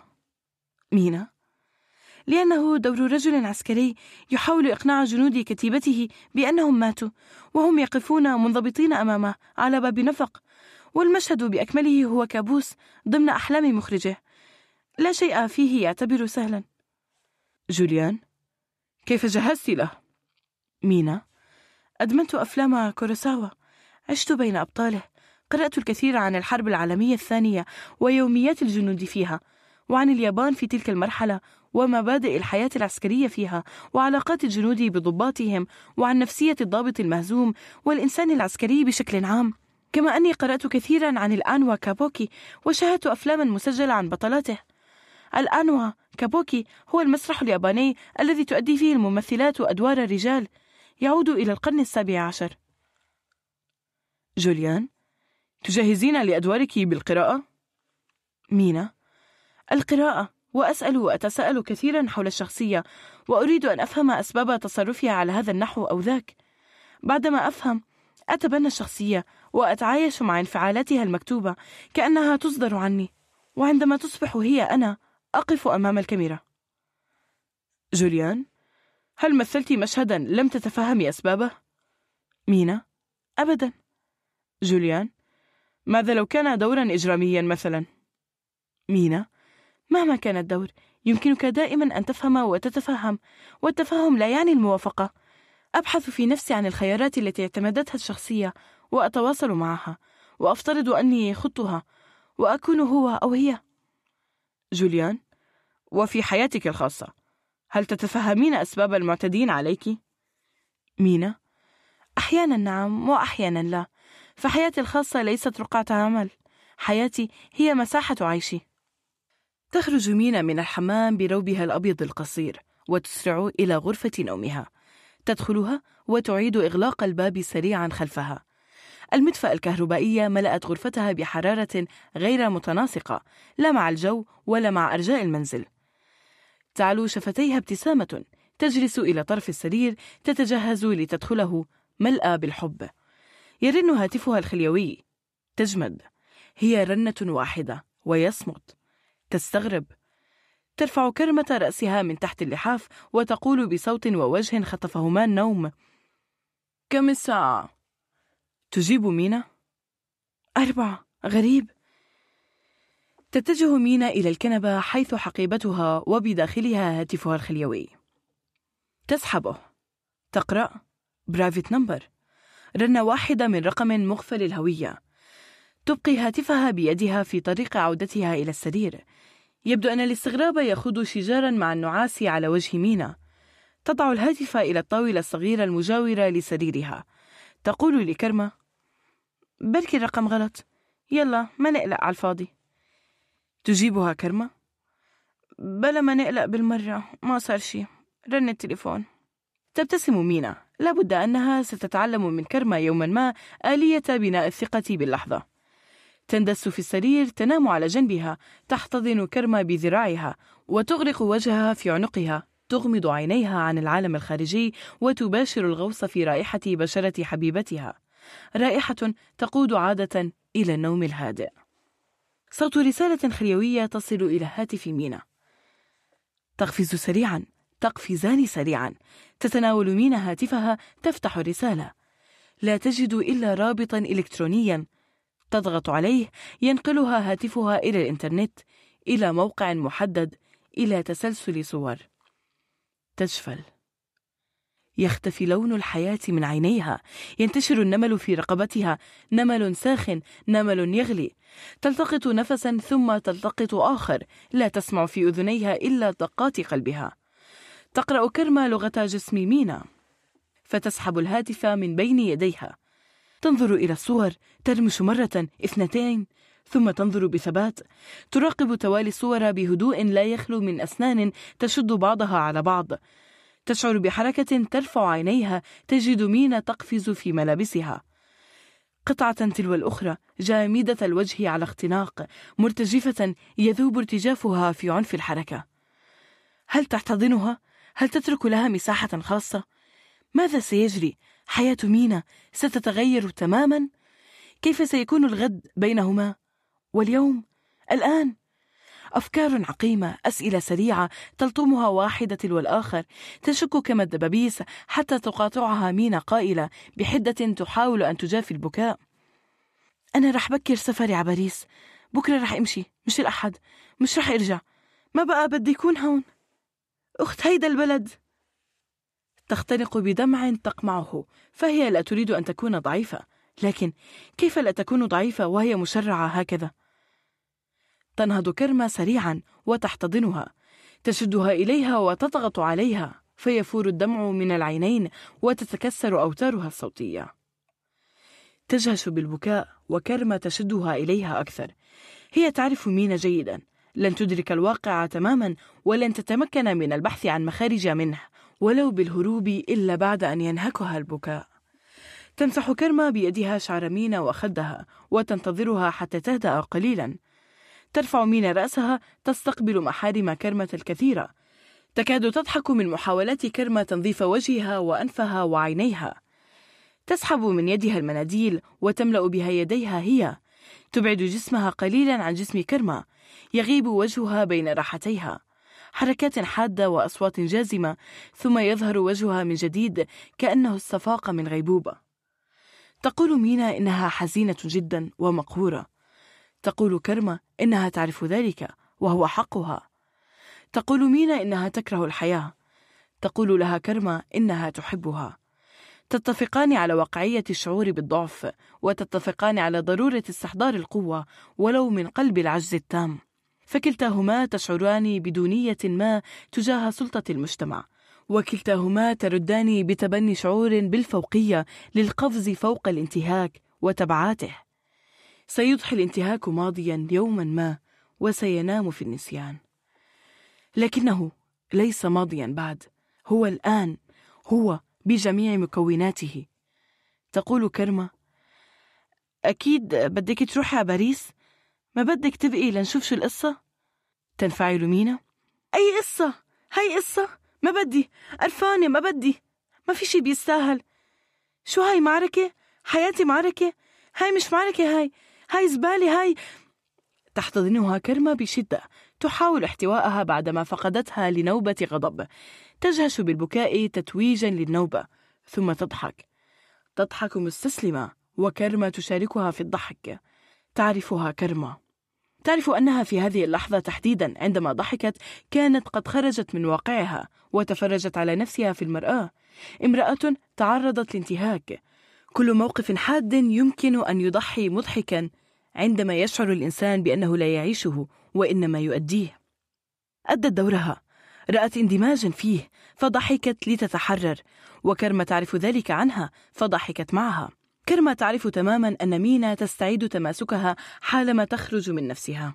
ترخي قوة ضغط ساعديها حول كتفي مينا فتتراجع الأخيرة قليلا وتمسح عينيها بيديها وهي تقول أكيد باريس لكن شو؟ تلفن للمجلة واشتكي أو ارفع دعوة أو طلع بيان تكذيب. بلا مسخرة بكرة الفيلم بينعرض بكان والكل بينسوا. بس بدك أنا أنسى؟ كرمة باريس بدون أدنى شك. كرمة. بدك أجي معك؟ مينا. خطرت لك حتى فكرة إنك تبعتيني لوحدي؟ كرمة. قلت بركي بدك مساحة خاصة لأنه مينا بدي إياكي معي. تحتضنها مجددا وتقودها إلى المطبخ لشرب القهوة طلبا للهدوء قبل توضيب الأمتعة. تجهزان القهوة بينما تتناقشان. عنوان الصور كان فضيحة حياة مينا الجنسية. كيف يكون التعامل مع فضيحة؟ لو كانت عملية ابتزاز لكان المرء قد وجد لها مبررا. أما الفضيحة فما هو مبررها؟ لا مبرر لها. الفضيحة هي هدف ذاتها الأسمى وهي مجانية والأذى التي تتسبب به مجاني. ولكي لا تبدو الفضيحة كشهوة مجتمع ترى الناس أمامها يحتفون بنقائهم وسموا أخلاقهم وأخلاق أولادهم. هي مناسبة للاحتفاء بالذات على جثة آخر.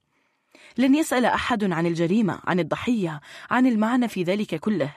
سيقرؤون فضيحة وسيسمونها كذلك. لن يفكروا لن يتحرروا من العنوان. سيتكاتفون سيحكمون إقفال القوقعة وستبدأ طقوس التضحية لإله الذات. توقفان الكلام عند هذا الحد فقد امتلأتا بالكراهية. توضبان الأمتعة تستقلان الطائرة. يكسب فيلمها الأول الجائزة. لن تعود إلى لبنان إلا بعد سنتين. سنتان وجائزتان وجثتان. عادت ودفنت واشتغلت ومثلت وبدأت تعيش. وها هي محور حوار هذان الأسدان ليس أسدين. لماذا كلما نظرت إليهما رأت أسدين أولا؟ غزلان وامرأة ووردة إلى اليمين غزال وامرأة إلى اليسار. وكل منهما تنظر إلى الأخرى. كأن خط النظر بينهما يحكم إقفال الحاجز الرمزي الحامي لمدخل البناية. وها هي رقبتها الآتية من جسم نصف ممدد مسترخ تميل إلى الخلف. ها هي رقبتها تكاد ترتخي على كتفها. لولا أنها تنشد النظر. النظر يبقيها متأهبة قليلا والنظر موجه إلى الأخرى. الأخرى التي تبادلها النظر ذاته. واسم النحات دوريه لقد وقع عمله وذيل توقيعه بالتاريخ 1951 ستبحث عنه على الإنترنت تدخل عمارتها تلتقط أنفاسها وتنظر إلى ساعة يدها بينما تنتظر المصعد لديها ساعة ونصف الساعة قبل أن يصل أحمد لماذا؟ لماذا اختاروني أنا ليلاحقوني ويصوروني ويصنعوا من خصوصيتي قصة؟ لماذا؟ لم أكن نجمة ولم أكن قد عرض لي فيلم واحد حتى. بلى كتبوا البطلة اللبنانية في الفيلم الفرنسي المرشح لسعفة كان الذهبية. يكفي ترشيح لكي أفوز بفضيحة. إهدى يا أمينة لقد مرت أربع سنوات وأكثر على ذلك اليوم لكن الأيام لا تمر بسرعة. ليتني لم أوافق على دعوة جوليان إلى الغداء. تغسل وجهها في الحمام وجهها مليء بالدموع تعيد غسله تغرقه في منشفة. تجهش بالبكاء. اشتقت إلى كرمة. لا لم أشتق إليها.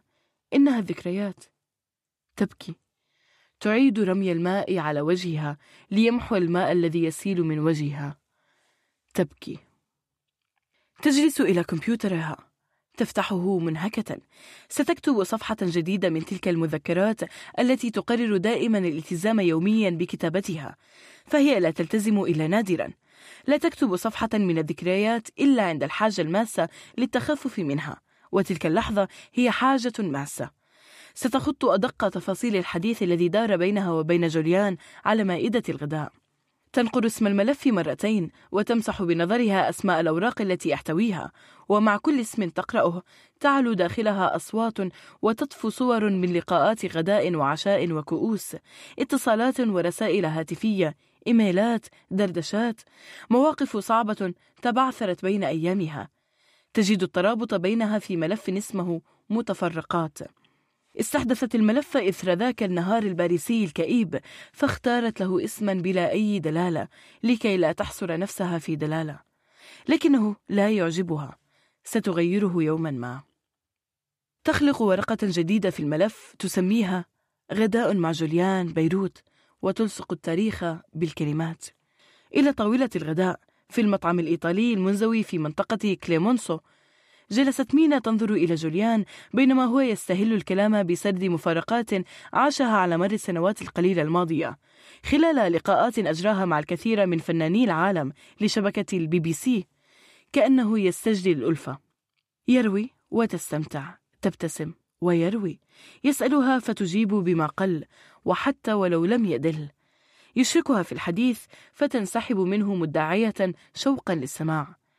يشعر بانسحاباتها المتكررة فتشتد فيه الرغبة باستدراجها. يحتاج اللين فيها بينما هي تتمسك بلياقة جامدة فيصمت قليلا. لا تقاطع الصمت ولا تسعى إلى التهرب من وطأته تسرح تستدعي المعلق من الأفكار في ذهنها. تغرق نظرتها في صحنها. يسألها أتذكرين أيامنا في باريس؟ طبعا. ألا تشتاقين إلى تلك الأيام؟ كنا أشبه بعائلة واحدة. كان إيقاعنا موحدا. نعم. مينا ألن تسامحيني أبدا؟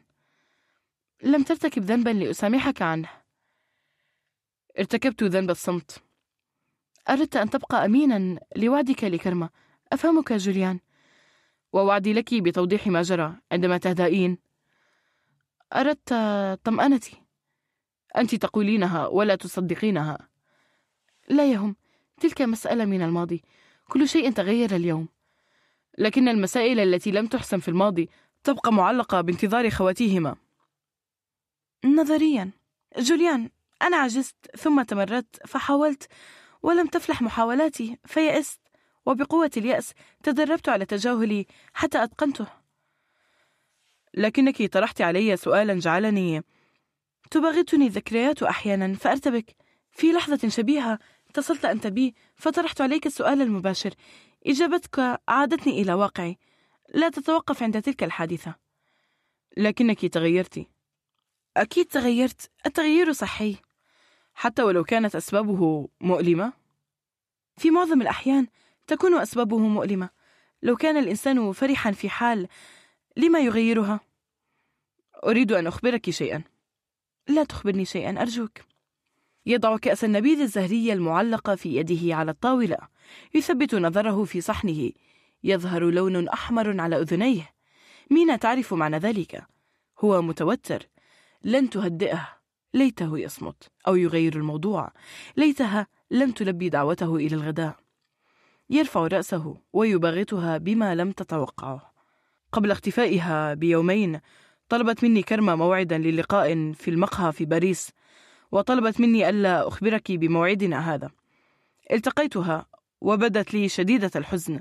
سألتها عما بها وكنت قلقا فقالت لي إنها تحبك كثيرا لكنها بدأت تشعر بأن لوجودها أثرا سلبيا على حياتك. قالت لي إنكما تتشاجران يوميا. قالت إنها تحاول تفادي المشاهدة في كل مرة تراها تشق طريقها إلى حديثكما. لكن لحظة الانفجار تشلها تخطفها. ترى غيمة تفصل بين عينيك والنظر. غيمة سوداء. حاولت أن أهدئها بأن قلت لها أنكما انتقلتما للتو من بيروت إلى باريس في ظرف اضطراري صعب وأنك لست نفسك الآن. تحتاجين لمن يحتضنك ويقودك خارج مزاجك المتقلب الحاد. قالت لي أنها باتت على ثقة من أنها ليست الشخص المناسب لأداء تلك المهمة. قالت لي أنها باتت تشعر بأن وجودها يتسبب لك بالضرر أكثر مما يشكل عنصرا مساعدا.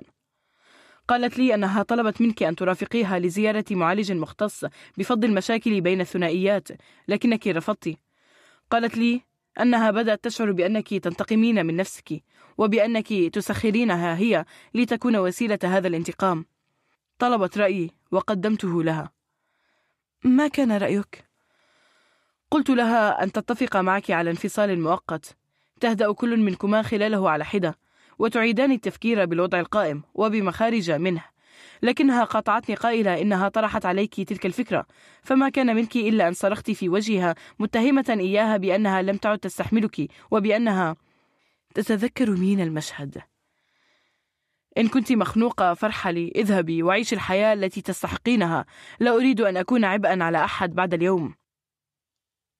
احتضنتني يومها. احتضنتني وهي تبكي. قالت لي إنها تحبني وإني مصدر فرحها الوحيد في الدنيا وأنها تخاف علي وتخاف من وجودها علي.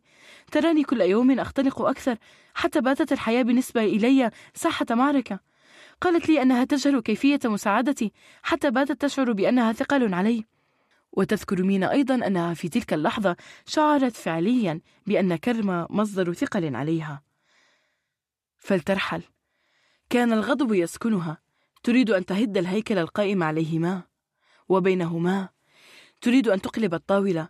تريد أن تكون وحدها أن تكون وحيدة أن تغرق أكثر في نفسها أن تحكم إقفال يديها حول رقبتها. تريد أن ترى الدمار في داخلها كما هو أن تعترف به أن تحتضنه. تريد أن تتوقف عن الهروب منه باتجاه الصور الجميلة. كان وأصدقاء وأجواء باريسية تريد أن تلمس دمارها الداخلي. قلت لها أن الوضع بينكما بات يخضع للتتمير العاطفي المتبادل ونصحتها بأن تتخذ قرارا وتفرضه عليك فأنت لست في وضع يسمح لك بالتفكير على نحو بناء. أنت في حالة انهيار نفسي. كنت في حالة انهيار نفسي. كانت تبكي. قالت لي أنها ستتصرف وطلبت مني أن أذكرك ما حييت بأن كرمة أحبتك كما لم تحب أحدا من قبل. لم تتركني قبل أن أعدها بأن أهتم بك لكنك لم تتيحي لي تلك الفرصة. لم أكن أعرف أنها ستختفي هكذا ولم أكن أعرف أنها لن تخبرك ولم أكن أعرف أنك ستقفلين على نفسك. شعرت بذنب خانق حينها وأثره لا يزال يسكنني. ربما كان علي أن أثنيها أن أطالبها بالصبر أن تتنفس مينا بصعوبة. كان علي أن أتفادى هذا اللقاء. كرمة. لا لن أفكر بكرمة. كرمة هي الماضي أنا في الحاضر. لن أبني غدا ما دمت عالقة بالأمس. لن أنصت إلى ما يقوله. لقد غلطت. مشاركتي في تلك الحوارات اللعينة غلطة. إصراري على معرفة مكانها غلطة. أريد أن أذهب إلى البيت. مينا؟ مينا؟ نعم أنا أستمع إليك جوليان. لا أنت لا تستمعين إلي. سألتك إذا تريدين أن تري كرمة عندما تأتي إلى بيروت. قلت لك إنها ستأتي بعد أسبوع. لم تسمعي. ماذا؟ كرمة تريد رؤيتك. لا أريد رؤية أحد. تقف بسرعة وبقليل من الارتباك. تحمل حقيبتها بيد وتلفونها وعلبة دخانها بالأخرى. تخرج من المطعم بينما صوت جوليان ينادي باسمها. يسارع خلفها إلى خارج المطعم. تطلب منه ألا يلحق بها. سأهدأ وأكلمك. باي. تسير في الشارع ولا ترى الطريق. ترى أزمنة بيروتية مختلفة تتراكم في طريقها. المبنى الذي مزقته قذيفة فهده السلام وبنى مكانه برجا لامعا. تراه قبل القذيفة وبالقذيفة ومهدودا ولامعا في آن واحد. أزمنة مدينتها تتداخل فيها كما تداخلت أزمنتها في ذهنها كآلة تشق الدرب إلى بيتها بلا تفكير. ضغط كبير. رأسها سينفجر من عينيها يسيل ماء. تتنزه في مدن تعرفها. ترى شوارع وساحات ليست غريبة عنها. تدخل إلى بيت تعيش فيه. تتجه إلى غرفتها وتجد فيها رسالة. فيها كتب أنه بما أنك خرجت بلا علم أحد فلن نبلغك بأنه مرض الآن مات وإذا أردت يمكنك أن تأتي. تذهب إلى المحطة وتسأل حوالي مئة مرة أين هي المحطة. تتلقى إجابات لا تتغير. خمس دقائق. من بعدها ترى أمامها غابة كثيفة تدخل فيها وتسأل رجلا التقته داخلها. يقول لها أيضا ساعتان ونصف الساعة. يعرض عليها أن يرافقها. ترفض. تذهب بمفردها. ترى المحطة أمامها ولا تتمكن من بلوغها. شعور بالقلق كالذي يراود المرأة في حلم عندما لا يتمكن من التقدم إلى الأمام. يبدو أنها ركبت السيارة لكنها لا تعرف شيئا عن ذلك. تدخل إلى حجرة الناطور وتطرح عليه أسئلة حول موت عائلته. تباغتها الخادمة وهي تصيح بها. تؤنبها. أمك والآخرون لقد باتوا في المقبرة. تستيقظ مينا عند العاشرة صباحا بألم ينهش رأسها. لقد احتست كميات كبيرة من الكحول برفقة أحمد في الليلة الماضية. لم تحتس هذا الكم من الكحول منذ حفلة تخرجها من الجامعة. تمد يدها إلى الطاولة المجاورة للسرير. تتناول زجاجة مياه تفرغها في جوفها وتعود إلى النوم. قبل أن تغفو تمسك بهاتفها. وبعين نصف مغمضة. ترسل منه نصا إلى مديرة شركة الإنتاج تبلغها بعجزها عن الخروج من المنزل اليوم. لقد أنجزت جزءا كبيرا من عملها لهذا الأسبوع. يمكنها أن ترتاح ليوم واحد. ولا تصوير يلزمها بالخروج من السرير. تستدعي المرض وتقضي نهارها وحدها. تحتاج إلى استعادة لون من ألوان الهدوء. فقد فقدتها كلها. أمس. قلق تصاعدي تعيشه منذ أيام منذ شهور. صامت حينا وناطق حينا. يجب أن تضبطه تغمض عينيها مجددا. ستستيقظ بعد ساعتين معافاة تماما. تعود إليها مشاهد من الأمس الحافل بالمشاهد. الغداء. سؤال ينتظر إجابة. الطريق إلى البيت. الأسد الغزال. الكمبيوتر. الذكريات. أحمد. الليل والكلام. الكلام والدموع. الكحول. تفتح عينيها المنتفختين من فرط البكاء. تبدل وضعية جسمها في السرير كأنها تحيده عن المشاهد. تعيد إقفالهما فيغرقها تعبها في المساحة الفاصلة ما بين الصحو والنوم. مينا هي فتاة بيروتية تشبهني. استقبلت الحياة بفرح وظنت كجميع المراهقات أنها قادرة على القيام بكل ما يحلو لها القيام به. أوحت لنا المدينة في ثمانينياتها وتسعينياتها بذلك. أوحت لنا بأننا نمتلكها ونمتلك الحرية كلها بلا حدود ولا حتى قانون. كانت شديدة المرح كانت تضحك كثيرا وكانت تستفز في كل من نعرفهم هوسا الهوس بفعل شيء يستوقف انتباه مينا. عندما تعرفت إلى والديها عرفت أنها ورثت الكثير من صفاتهما حدة أمها وضحكة أبيها سرعة بديهته وعزلة أمها المفاجئة. ورثت الكثير منهما لكنها نمت أيضا الكثير مما يبعدها عنهما. لم تكن تتفادى زحمة الناس مثلهما فهما عرفا الحرب بالغين وهي عاشتها طفلة هما يجدان في الكثرة خطرا وهربا وتكدسا أما هي فلا تراها لهوا. تحب الكثرة وتحب المعشر الحلو وتحب الضجة وتحب السهر. لوالدها عالم فرعوني يهرب إليها ولوالدتها عالم مثالي تقارن الواقع به. كانت تعتبرهما محبطين. وبينما تبتعد عنهما كانا يتحولان إلى رقعة الأمان الوحيدة الخاصة بها. كانت تقول لي عندما كانت في الجامعة أن المكان الوحيد الذي تشعر فيه بحب غير مشروط وبالراحة هو بيت والديها. وعندما سألتها عن سبب انتقالها منه إلى منزل خاص في منطقة السوديكو قالت لي ساخرة إنها لا تخطط لعودة قريبة إلى رحم أمها. قبل الفضيحة كانت صديقتي. بعد الفضيحة قطعت كل علاقة لها بي لم أخسر صداقتها وحدي كل شيء تغير. لم تعد تتحدث لا معي ولا مع جنى ولا مع علي ولا مع رامي ولا طوني ولا جوانا وميرنا ودانا وسناء. لا أحد. قطعت أصدقاء المدرسة وأصدقاء الجامعة وأصدقاء الشوارع. اختفت في باريس. حاولت التواصل معها. أرسلت إليها أكثر من خمسة إيميلات. لم تجب. فهمت أنها تريد أن تكون وحدها. عندما قرأت عن عودتها إلى بيروت اتصلت برقمها اللبناني الذي احتفظت به فاتضح لي أنه لم يعد لها. أرسلت لها إيميلا لم تجب. فهمت أنها تريد أن تكون وحدها. أصدقاؤنا أنا أيضا ابتعدت عنهم بعد الفضيحة. لماذا؟ لأنهم بدوا لي أوغادا. ليسوا جميعا كذلك لكني اختنقت من الجو العام. سكنت مينا أحاديثهم وباتت حياتها الشخصية محور جلساتنا. الشاب الذي رافقها لشهر أو أكثر بات يفتخر بإحساس أخبره منذ ذلك الحين بأنها هيك. الفتاة التي رافقتها في رحلة سياحية إلى روما خلال الدراسة الجامعية باتت اليوم تتذكر غرابة في نظرات مينا إليها آنذاك نظرات لم تكن تفهمها منذ عشر سنوات. هذا شاب يقول إن مينا حرة وتبقى لذيذة شو ما كانت. وهنا فتاة تجيبه بأن قرارها بمغادرة البلد كان صائبا. رح تتعب هون. بس ليه؟ شو ناقصها؟ يسألون. غي يقولون لا يستخدمون تعبيرا محقرا لوصفها لأنهم خريجو جامعات خاصة يريدون أن يبدوا بمظهر حضاري أمام بعضهم البعض وأمام التاريخ. حديث يليه آخر حتى سئمت. لا لم أخبر عنها شيئا. أنا أنا أحببتها كثيرا ولا أزال أحبها كثيرا. هي صديقتي منذ الطفولة. أفهم أسبابها في اختيار البعد. سأحفظ منها دائما ذكرياتنا معا. هل تعرف أنها كانت دوما تقول لي أنها ستربح جائزة أفضل ممثلة في كان؟ كلما تشاجرنا أو اتخذت خيارا لنهاري لم توافق عليه. كانت تهددني بأنها لن تشكر وقوفي إلى جانبها. في الكلمة التي ستلقيها عندما تفوز بجائزة كان. ها ملابسها المفضلة؟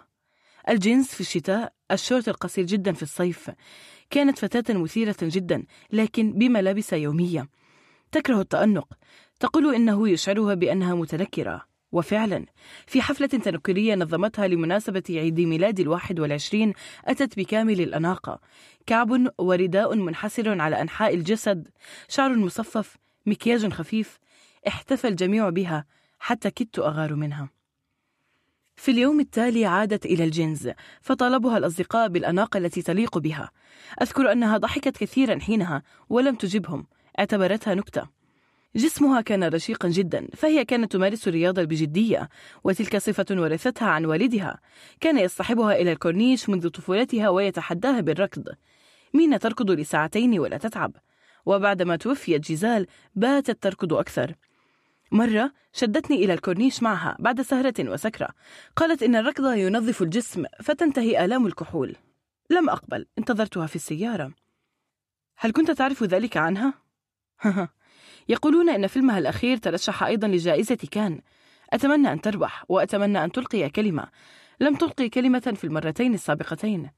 كنت أتفرج عليها في التلفزيون وأراها بملابس أنيقة وبجسم رياضي تتصور تتسلم جائزتها. كنت أنتظر كي أسمعها تتكلم لكنها لم تتكلم أبدا. أعرف أنها تغيرت. تعابير وجهها تغيرت. كأنها غيرها. اشتقت إليها؟ أكيد لكني اعتدت بعادها. أتعرف؟ عندما يغيب الإنسان كثيرا يضحي خبرا.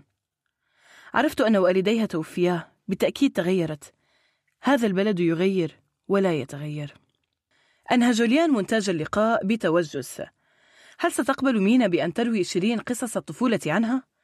نظف الكلام مما يمكن أن يزعجها ولكن يلقي جبينه بين يديه.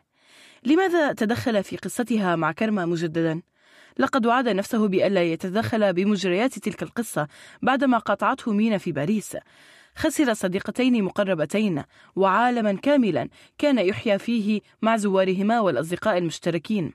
شاب من جونيه يلتقي لبنانيين من مناطق أخرى في باريس. كم غيرته باريس؟ كم غيرته كرمة ومينا وأحمد وليلى و... كان مشروع شهيد وأصبح محاورا ثقافيا. تراوده رغبة غريبة تسوده الآن يعجز عن مقاومتها فيلبيها. يمسك بالكاميرا يثبتها على الرف الماثل أمامه في المكتب الضيق. يجلس إلى كرسيه ويروح يسرد قصته تماما كما سردت شيرين قصة. يقول إنه تلقى تدريبا عسكريا في طفولته وصور فيلما قصيرا عن سمو الموت في سبيل حماية أرزة لبنان. كان الفيلم رسالة تخرجي كصحفي. قصدت باريس لأتخصص في إعداد الوثائقيات وأخدم قضيتي بشكل أفضل. هناك تعرفت إلى مجموعتين من اللبنانيين. واحدة شدتني إلى بلورة التزام الحزبي ضمن الفرع الباريسي والثانية اقترحت علي سكة مختلفة تماما. تعرفت إلى المسلمين وتعرفت إلى الملحدين. قاومت المسلمين قاومتهم داخليا بشراسة وحافظت اجتماعيا على مسافة احترام قصري بيني وبينهم. كنت قلقا. لكن الملحدين الذين تعرفت إليهم مسحوا عني القلق. وكرمة أيضا مسحت عني القلق. هي أدخلتني إلى عالم جديد. لم أشارك في أكثر من اجتماعين للمجموعة الحزبية لأني شعرت خلالهما بأني بت أشبه صورة شاهدتها مرة صدفة على الإنترنت فعلقت في ذهني. في الصورة تعوم سمكة في حوض صغير بينما الحوض مثبت عند حافة البحر الواسع الجميل. كرمة أمنت لي مخرجا آمنا من الحوض الصغير لأستكشف دربي إلى البحر وفيه. في بدء الأمر اتفقت معها على عدم شتم حزبي السابق في حضوري لأني كنت لا أزال أشعر تجاهه بالود خاصة أن عائلتي مستمرة في انتسابها إليه. ضحكت ووعدتني ببذل أقصى الجهد فرضيت بذلك. امتهنت الصحافة المرئية في باريس ومنها قفزت إلى لندن حتى بت بدويا متنقلا. ألاحق مواضيع ثقافية في أنحاء العالم. كثيرون مثلي.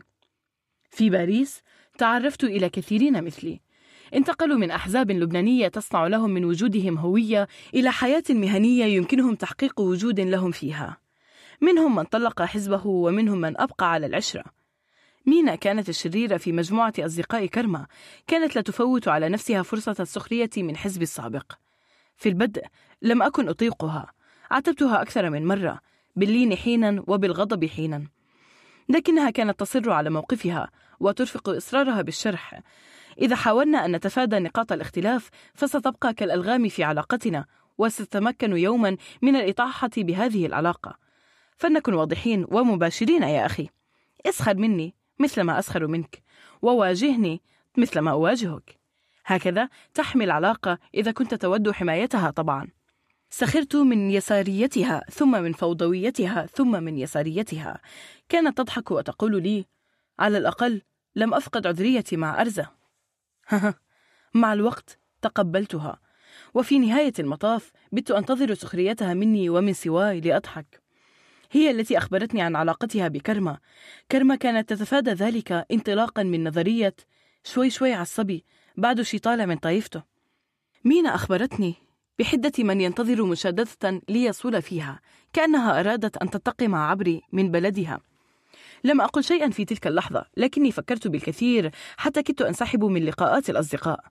لم أنسحب مباشرة وفضلت أن أحافظ على وجود صامت فيها لأسبوع تلا الإشهار. لم أجد القوة الكافية لأتخلى عن لقاءات أشعر خلالها بأني سعيد. كنت أبني إنساني الجديد وكنت أتوق لرؤيته مكتملا. ومع الوقت اعتدت علاقتهما ومع مرور المزيد من الوقت وبعد خوضي في يوميات المجتمع الباريسي تعرضت للكثير من أشكال الاختلاف في الحياة. هدأت واستمعت وناقشت حتى بت مدافعا عن حق الفرد بامتلاك حياته وجسمه. لقد سلكت دربا طويلا من الطفولة إلى اليوم. مجموعة الأصدقاء هذه بدلت حياتي. كرمة ومينا وأحمد و بعودة كرمة ربما يمكننا أن نستعيد التلاقي في بيروت. لكن مينا ظننت أني بتدخل أمس سأتخلص من الذنب الذي أشعر به تجاهها وسأمحو آثار الحزن عنها. لكن وقتا قد مر وحياة قد تغيرت. كيف يلاقي الإنسان ماضيه بسلاسة إن لم يكن قد تصالح مع أحداثه؟ وكيف يتصالح مع أحداثه إن كان عاجزا عن التفاهم مع نفسه ومع الآخر؟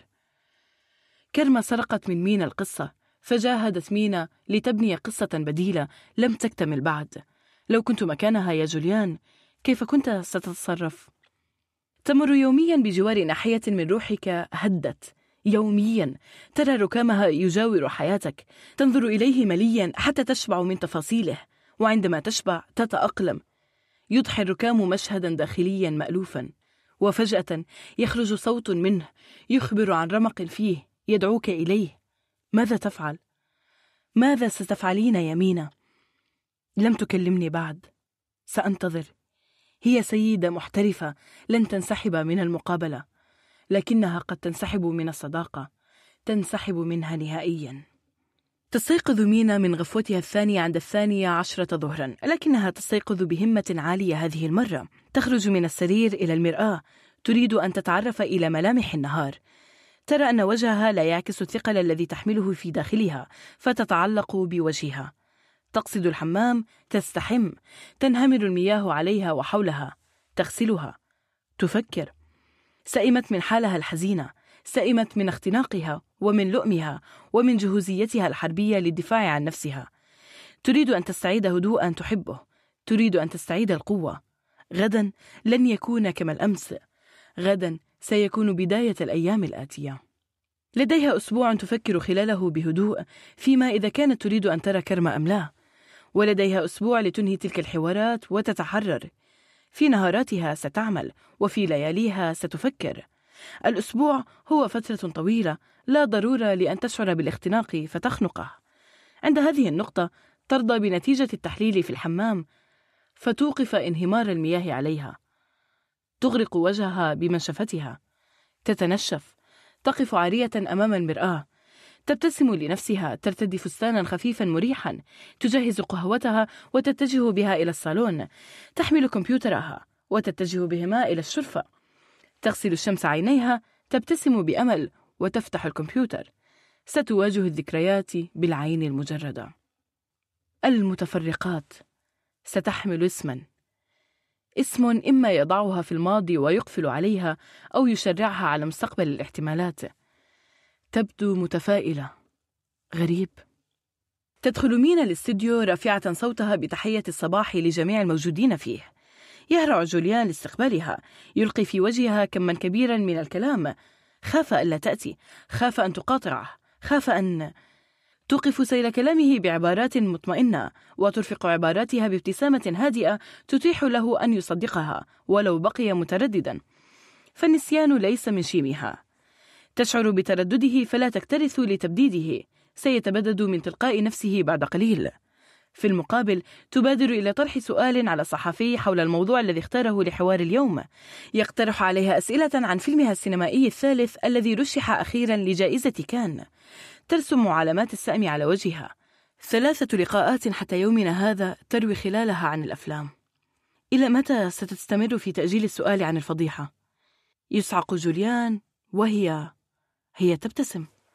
يفكر سريعا لا يريد أن ينفي عن نفسه التهمة. فتنتفي إمكانية معالجة الموضوع في الروبرتاج تماما. لكنه لا يريد أن يبدو شهوانيا الآن وهي لا تزال تنهض من حديثهما الأخير. سأؤجله إلى حين تشتهين. أشتهي؟ لن أشتهي يوما الخوض في هذا الموضوع لكني لا أمانعه. تريد أن نجعله موضوع جلسة اليوم؟ طبعا. دعيني أجهز أوراقي. فأنا لم أكن أتوقع ذلك منك وتحديدا اليوم. ظننت أنك بعد غدائنا الأخير. أعرف. أعتذر. قلت لك أني سأكلمك ولم أكلمك. لكني هنا. أليس ذلك أفضل من الاتصال؟ طبعا. مينا لدي سؤال مزعج. خير. إني أجمع شهادات عنك من ناس عرفوك في مختلف مراحل حياتك منذ الطفولة وحتى كان وأنا متردد. أنت حر. جوليان هو برنامجك وأنت تعرف كيف تدبره. شكرا. هل تودين مشاهدتها قبل أن أستخدمها في مونتاج الريبورتاج؟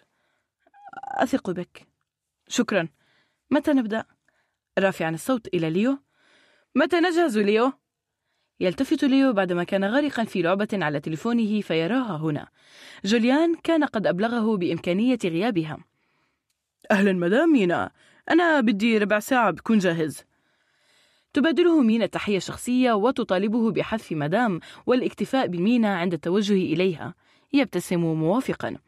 يخبرها جوليان أن ربع ساعة هي مدة كافية ليجهز أوراقه أيضا. إذا سأدخن سيجارة في الخارج. هل تحتاج شيئا مني؟ لا أبدا حبيبتي. تسبقه الكلمة ينظر إليها فيرى قبولا في وجهها. أناديك عندما نجهز. تهز رأسها موافقة وتمضي بردائها الأخضر التفاحي الفاتح إلى الخارج عندما يستوقفها صوت جوليان من بعيد. مينا ميرسي. تبتسم ملء شفتيها وترسل له قبلة بيدها في الهواء. تقفل الباب خلفها راضية عن إيجابيتها وتقرر أن تعيد ترتيب الأفكار في رأسها. بالأمس استعادت الأجواء التي رافقت الفضيحة وتلتها. استعادت أثرا قاسيا عميقا خلفته في نفسها. عندما رحلت عن بيروت ظنت أنها ستطيب بمجرد أن تبتعد لكنها احتاجت إلى سنة كي تكتشف أن ذلك الحدث الذي هد بعضا من حياتها ساكن فيها تنقله معها عبر الأمكنة. واليوم؟ اليوم هي تنظر من الحاضر إلى الماضي تستخدم المقابلة لاستحضار هذا الماضي ومعالجته بروية. ستقوله. ستتخفف منه. ستكون المقابلة جسر عبورها إلى البوح العام. ستمتلك فضيحتها. ستخبر عنها. ستهدمها ستهدم إحساسها بالانتهاك والاغتصاب. ستهدم لحظة شعرت خلالها بأنها مستباحة تماما ولم تعد بعدها تجد إلى الأمان مدخلا. ستشق مدخلها إليه. فيبقى لها موضوع كرمة تعالجه مع نفسها خلال الأسبوع. تسأل نفسها ما إذا كانت تفعل الصواب في المبادرة إلى الكلام أمام كاميرا وهي لم تنهي بعد ورشتها الداخلية. تكاد تتوتر لولا أن جوليان هو مدير الحوار إن ارتبكت تستوقفه. فهي بالأمس استعادت صورا كثيرة له مختلفة عن صورته الأخيرة المحفوظة في ذهنها. بالأمس استعادت قصتها معه. ستركن إليها. لقد فتح كل دفاتره أمامها خلال الغداء. أزال أسباب التردد بينها وبينه. فلما الإبقاء على حالة التوجس؟ لم تعد تريد أن تختبئ من أسباب الخوف وهي كثيرة. ففي كل حال لن تتمكن من الاختباء من الأذى. سيبغتها مهما اختبأت. ثم لن يبغتها شيء يكون أشد وطأة مما باغتها سابقا. الموت الفضيحة الهجران. يرن هاتفها الخليوي معلنا وصول رسالة. تفضلي مدام نحن جاهزون. تبتسم. تطفئ سيجارتها في المنفضة الماثلة عند المدخل. تأخذ نفسا عميقا. تسفره وتخرج معه ابتسامة رضا عن الذات. تفتح الباب الضخم وتشق طريقها إلى الاستديو بخطوات ثابتة. يقفل الباب خلفها على مهل ويقفل معه ضوء الشمس شيئا فشيئا. فلنبدأ. كرمة. علي ستة وثلاثون عاما. تعرفي أنا أهلي ما كانوا يخلوني سكر ديني. كانوا يقولوا إنه بتفقع طبلة الدينين إذا انفجرت أضيفة حدي. وكنت مسكر ديني.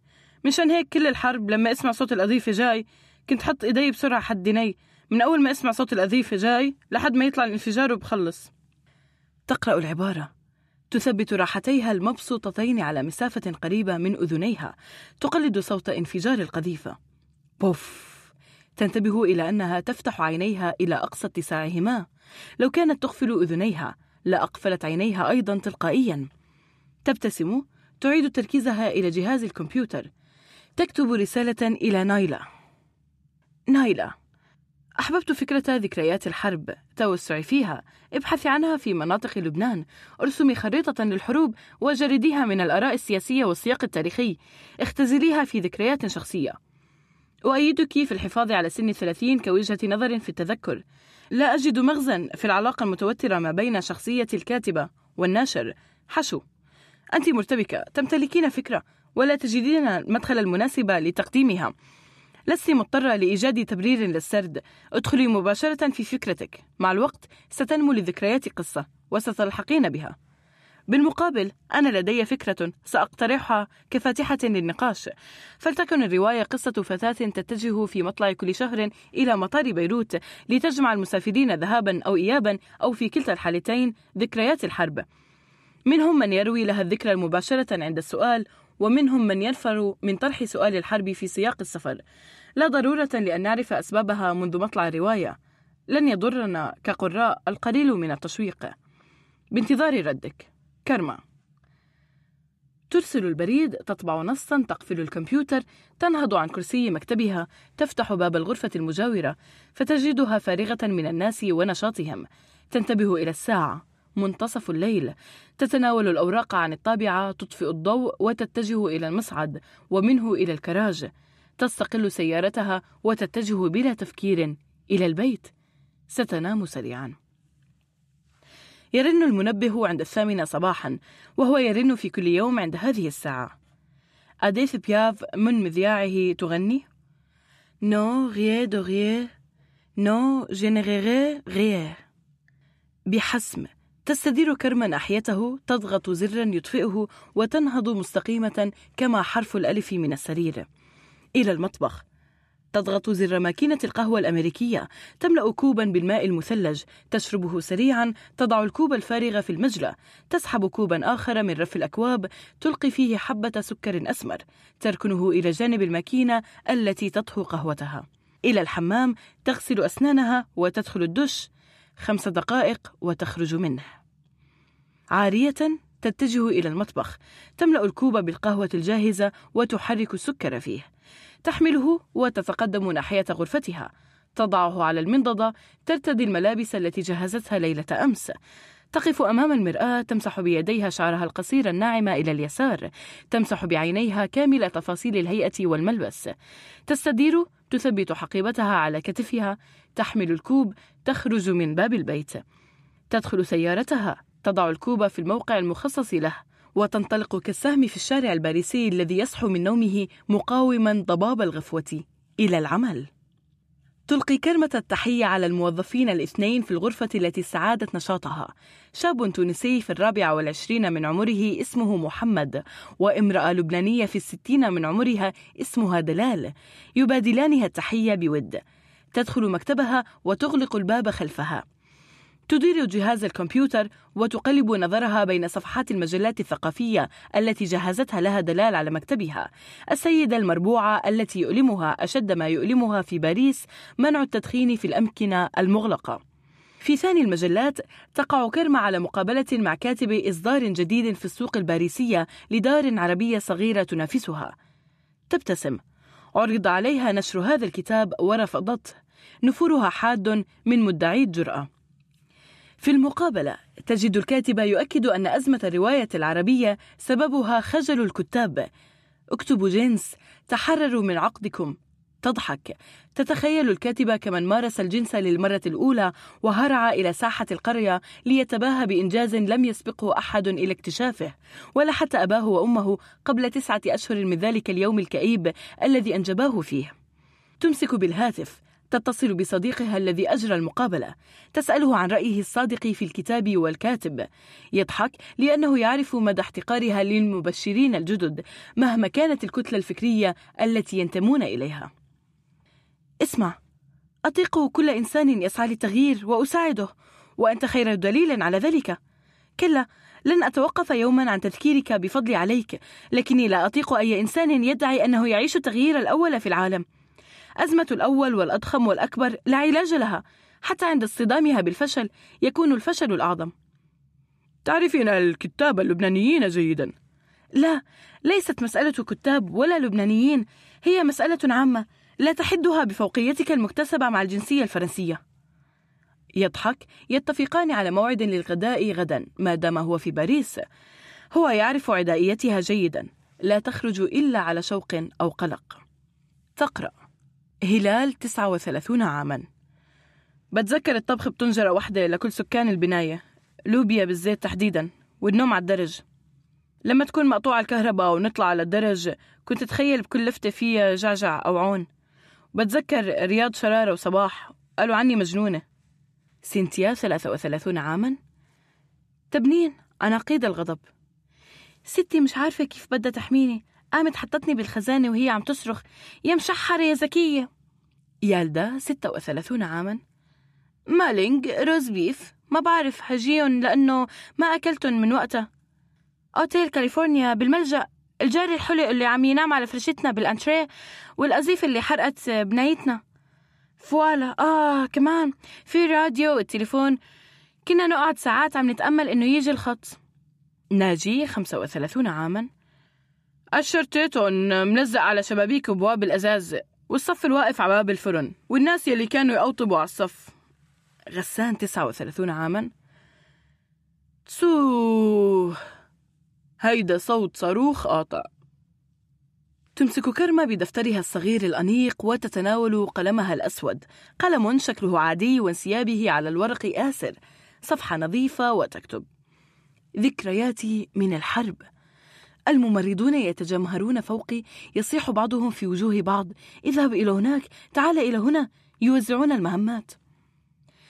تقطيب جرحي بلا بنج صراخي يملأ الشارع. أربعة يثبتوني على طاولة العمليات حولي على الأرض أناس ميتين. الشوارع ملأى بالزجاج. أمي تحملني على كتفها وتدوس فوق خطوات أبي على الأرض. أصوات كثيرة تتحدث عن جوازات السفر. جنازة سريعة لعمي الفدائي. أمي ترغم زوجته على ابتلاع قرص دواء مهدئ. خالي الفرنسي يصيح بأبي عبر الهاتف أخرجهم من هنا كن رجلا واخرجهم من هنا وأبي يخبره عن جوازات السفر. في الطائرة إلى باريس أمي تبكي بصمت. تضع كرم الدفتر فوق أوراق الذكريات التي طبعتها في المكتب إلى جانبها في السرير. تفكر برواية نايلا يبدو أنها تمسها هل تمزج حاجتها الشخصية إلى التذكر بما تريد نايلا لروايتها الثانية أن تقوله؟ عليها أن تنتبه إلى هذه النقطة لكن ما أحتاجه؟ يحتاجه كثيرون. عشنا حربا حروبا ونحتاج إلى تذكرها. هو بلد يحتاج دائما إلى عيون تلقى عليه. ولكن كيف تعالج ماضي لبنان فيك بينما حاضره يتفجر بين يديك؟ يدي من؟ أنا في باريس وهو هناك في الشرق الأوسط. ترى هل سأقرر العودة إلى لبنان يوما ما؟ أربع سنوات في باريس لم أخرج منها فيها. يمكنك ألا تصادف أحد. وتلك ميزة. أردت الهدوء. انتزعته بصعوبة. مينا كانت تجربة متعبة. مينا كم مر وقت من دون لفظ اسمها؟ مينا إنها بيروت. كلما تذكرتها استفاقت في رائحة الفل. عند تنشقه يبقى من آخر رائحة الفل طعم الحامض لماذا لا أوضب أغراضي وأقضي شهر العطلة في بيروت؟ ولماذا أفعل؟ لا ضرورة للتساؤل الوجودي ما عدت مراهقة متألمة تقضين شهرا فيها ثم تعودين إلى عملك وحياتك هنا ومينا هل ألتقيها؟ وهي هل تلتقيني؟ بالتأكيد لا تزال غاضبة مني يجب أن تشكرني بدلا من أن تغضب تشكرني بعد أن تعتذر مني. عليها أن تجد من يحميها هذه الفتاة. تبدو قوية من الخارج لكن داخلها هش. تتسع لملامح كثيرة تمثلها. وبعد انتهاء التمثيل تفرغ. ما كانت لتنهار هذا الانهيار الطويل أمام صورها عارية في السرير لو لم تكن قد أنهت فيلما للتو. لم تترك لي المجال حتى لكي أغضب أنا. ولن أغضب الآن لكني فعلا أتمنى أن تكون قد هدأت بعد كل هذه الجوائز. سأسأل أحمد عنها. سأتصل به. ولا ضرورة للعجلة. شهر يفصلني عن العطلة. تلك الرواية توقظ في ما أغفلته منذ مدة. تحرك في بيروت. مدينة متعبة. لا البقاء فيها مريح ولا البعد عنها مريح. ليست مسقط رأس وإنما وجعة رأس. تبتسم. تطفئ الصوت الملح في ذهنها وتطفئ الضوء الخافت جنبها. تضع رأسها فوق المخدة وتسحب الغطاء على جسمها. أما تلك البسمة فلا تنسحب عن وجهها. تدخل إلى أنتركوت مطعمها الباريسي المفضل كرما تحب راحة البال التي يؤمنها لها بنوعية ممتازة. نظرة سريعة تكنس بها الموجودين وتقع سريعا عليه. كالسهم تتجه نحوه يقفز سريعا لاستقبالها البسمة تنير وجهه جوليان جوليان جوليان! اشتقت إليك يا بنت أكلما احتجت إلى رؤياك وجب علي الكتابة عن شاب لبناني جريء معقول؟ أكتب جنس؟ من أي كوكب يأتي هذا؟ ألا يقرأ لسواه؟ تقولها بينما تجلس تعلق حقيبتها بظهر الكرسي وتضع هاتفها على الطاولة يصل النادل سريعا لن يحمل إليها لائحة بالمأكولات فالمعادلة واضحة وحصرية السلطة الستيك مع بطاطا الستيك مع بطاطا مجددا. ومن ثم لائحة الحلوى التي بالكاد يتيح لها شبعها أن تبلغها مرة في كل حين. بمريوله الأبيض يحييها بمهنية. تبادله التحية. تبلغه باللا جوز في السلطة. خس فقط. والشديدة الاستواء لقطعة اللحم المغمسة بصوص إلهية. جوليان يحافظ على السلطة كما هي ويحتاج لحمه نصف نيء تبدي علامة اشمئزاز منه. يطلبان كأسين من النبيذ الأحمر المثلج بأقل من دقيقتين تنتهي عملية الطلب فيقفزان إلى الحديث مباشرة سريع هذا الغداء كيف حالك؟ مر عام على آخر مرة رأيتك فيها أنت الذي تسافر طوال الوقت كيف أحوالك التلفزيونية؟ من تقابل؟ لدي مفاجأة أتجه السبت إلى بيروت لمقابلة صديقتك صديقة من؟ تقصد مينا؟ نعم. لا تبدو عليك المفاجأة.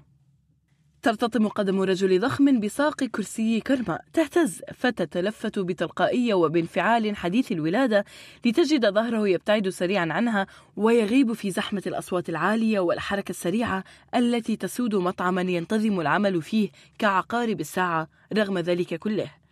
تعود بناظريها إلى الطاولة لتجد جوليان غارقا في تقطيع الخس في صحنه إلى لقمة صغيرة. ماذا كنت تقول؟ آه ستقابل مينا. لما المفاجأة جوليان؟ أنت صائد المشاهير وهي باتت مشهورة. على فكرة هي خطرت على بالي أمس بعد زمن من النسيان التام. هيك صدفة. والله؟ أنا كلمتها قبل يومين وعدتني بأن تفكر. شعرت بأنها فوجئت لسماع صوتي. ارتبكت. أكيد سترتبك. مينا لا تهضم الأشياء جوليان. تبقيها في داخلها حتى تتحلل كما الجسد في التراب. ما زلت غاضبة منها؟ لا أبدا. لكني أظن أنها لا تزال غاضبة مني. مينا لن تتمكن يوما من رؤية كيفية إيذائها لي. لن تفكر إلا بأني تركتها. تخليت عنها. لكنك فعلا تركتها. بعد شو؟ حرقت ديني كانت تمر بفترة صعبة.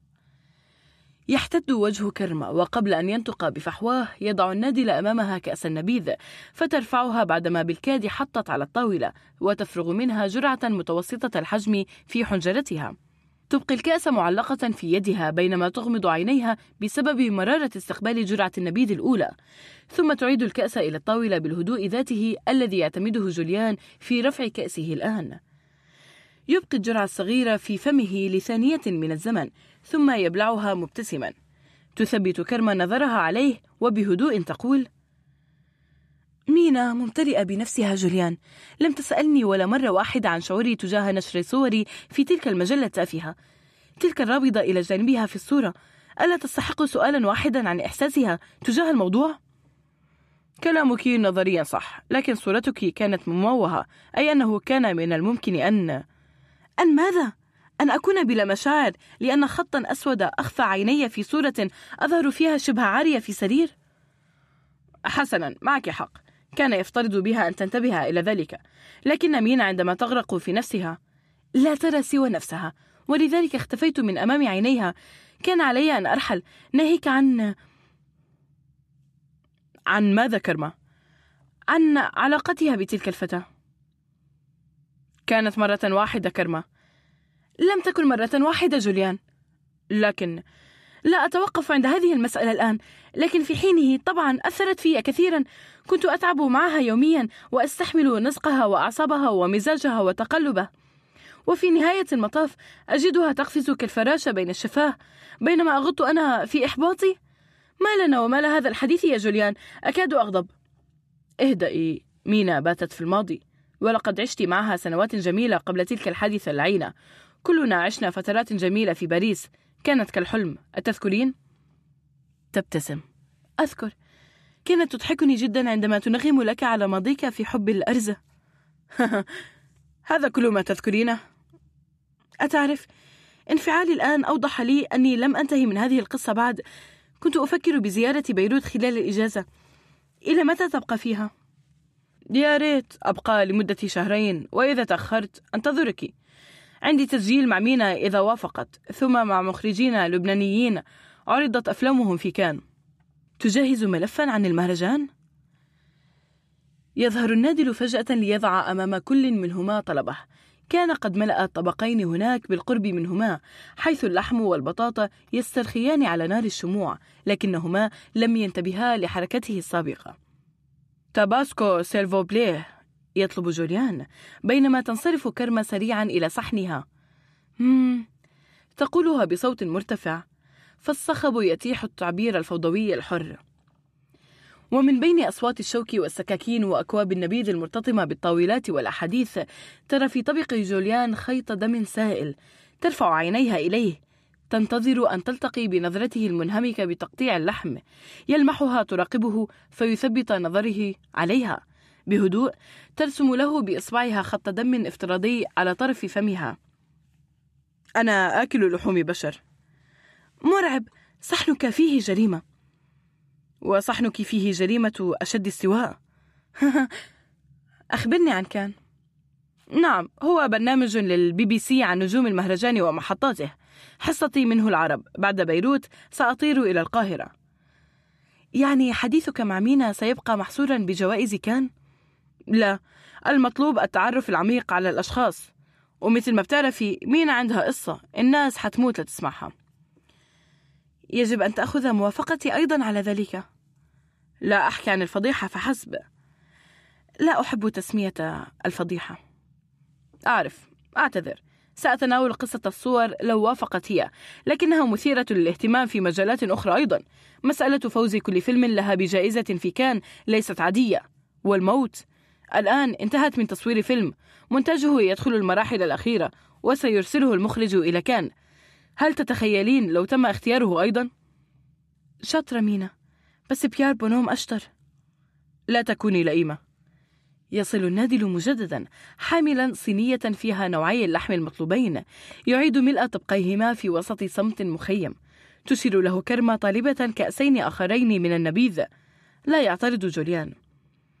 جوليان أظن أني لم أشفى بعد من مينا قولك لو زرت بيروت ألتقيها؟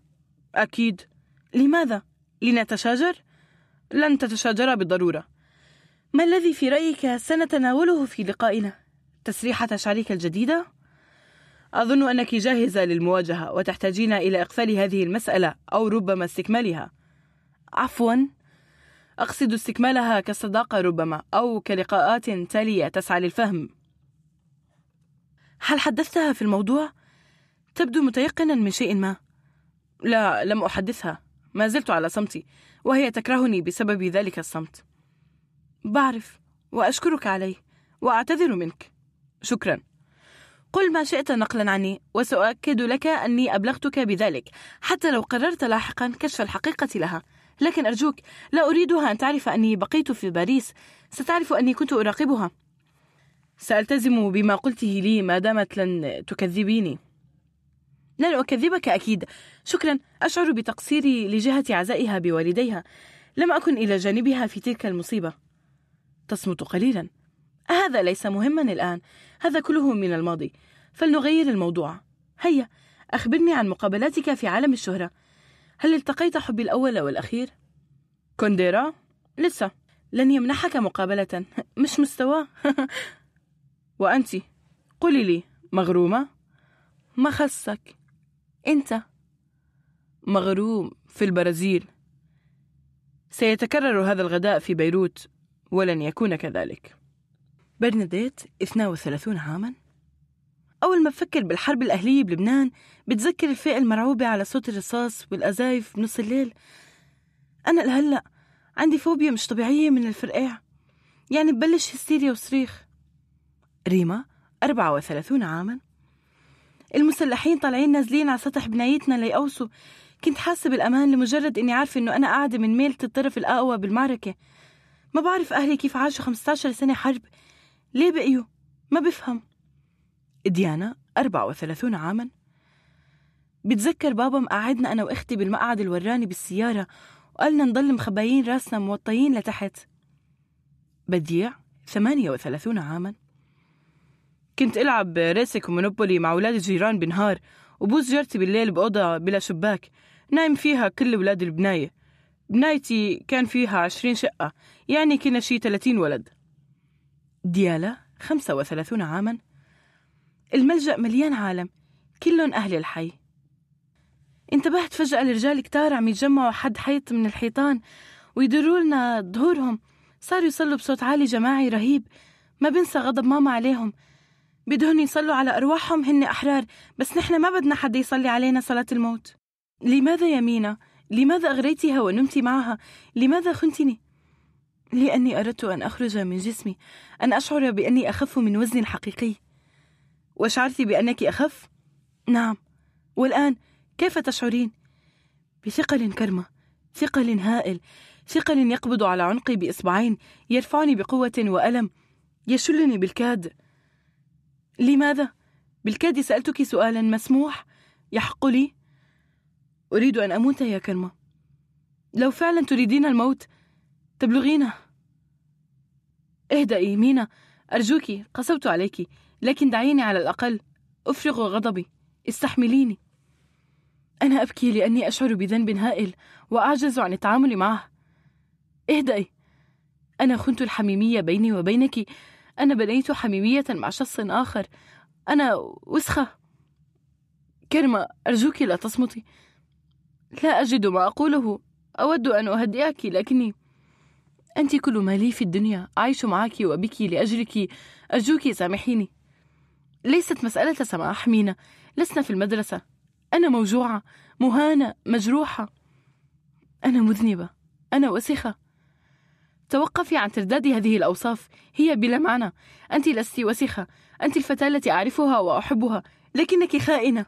خنتني. كسرتني. بعدما أمرتني بأن أكرس وقتي لحمايتك. لبناء غدك. خنتني. توقفي عن البكاء. أحتاج أن أشرح موقعي من هذه القصة اللعينة. آسفة آسفة آسفة. كل ما قلته صحيح. كله صحيح. لكني مقهورة جدا. أقع بين يديك. أحتاج أن تلتقطيني. وليس لي الحق بذلك. تصرفت بأنانية مطلقة. فكرت في الأسباب. وجدت حاجات نفسية لدي حاجات كثيرة ومتداخلة. ربما احتجت أن أخرج من ثنائيتنا لأدخل مجددا في شخصية سينمائية. أريد أن أمثل. أحتاج أن أمثل. وما لدينا معا. آمن جدا. هو ما أحتاجه دائما. لكني أيضا أحتاج إلى هزة. أرجوك تفهمي أنانيتي هذه المرة فقط. أرجوك.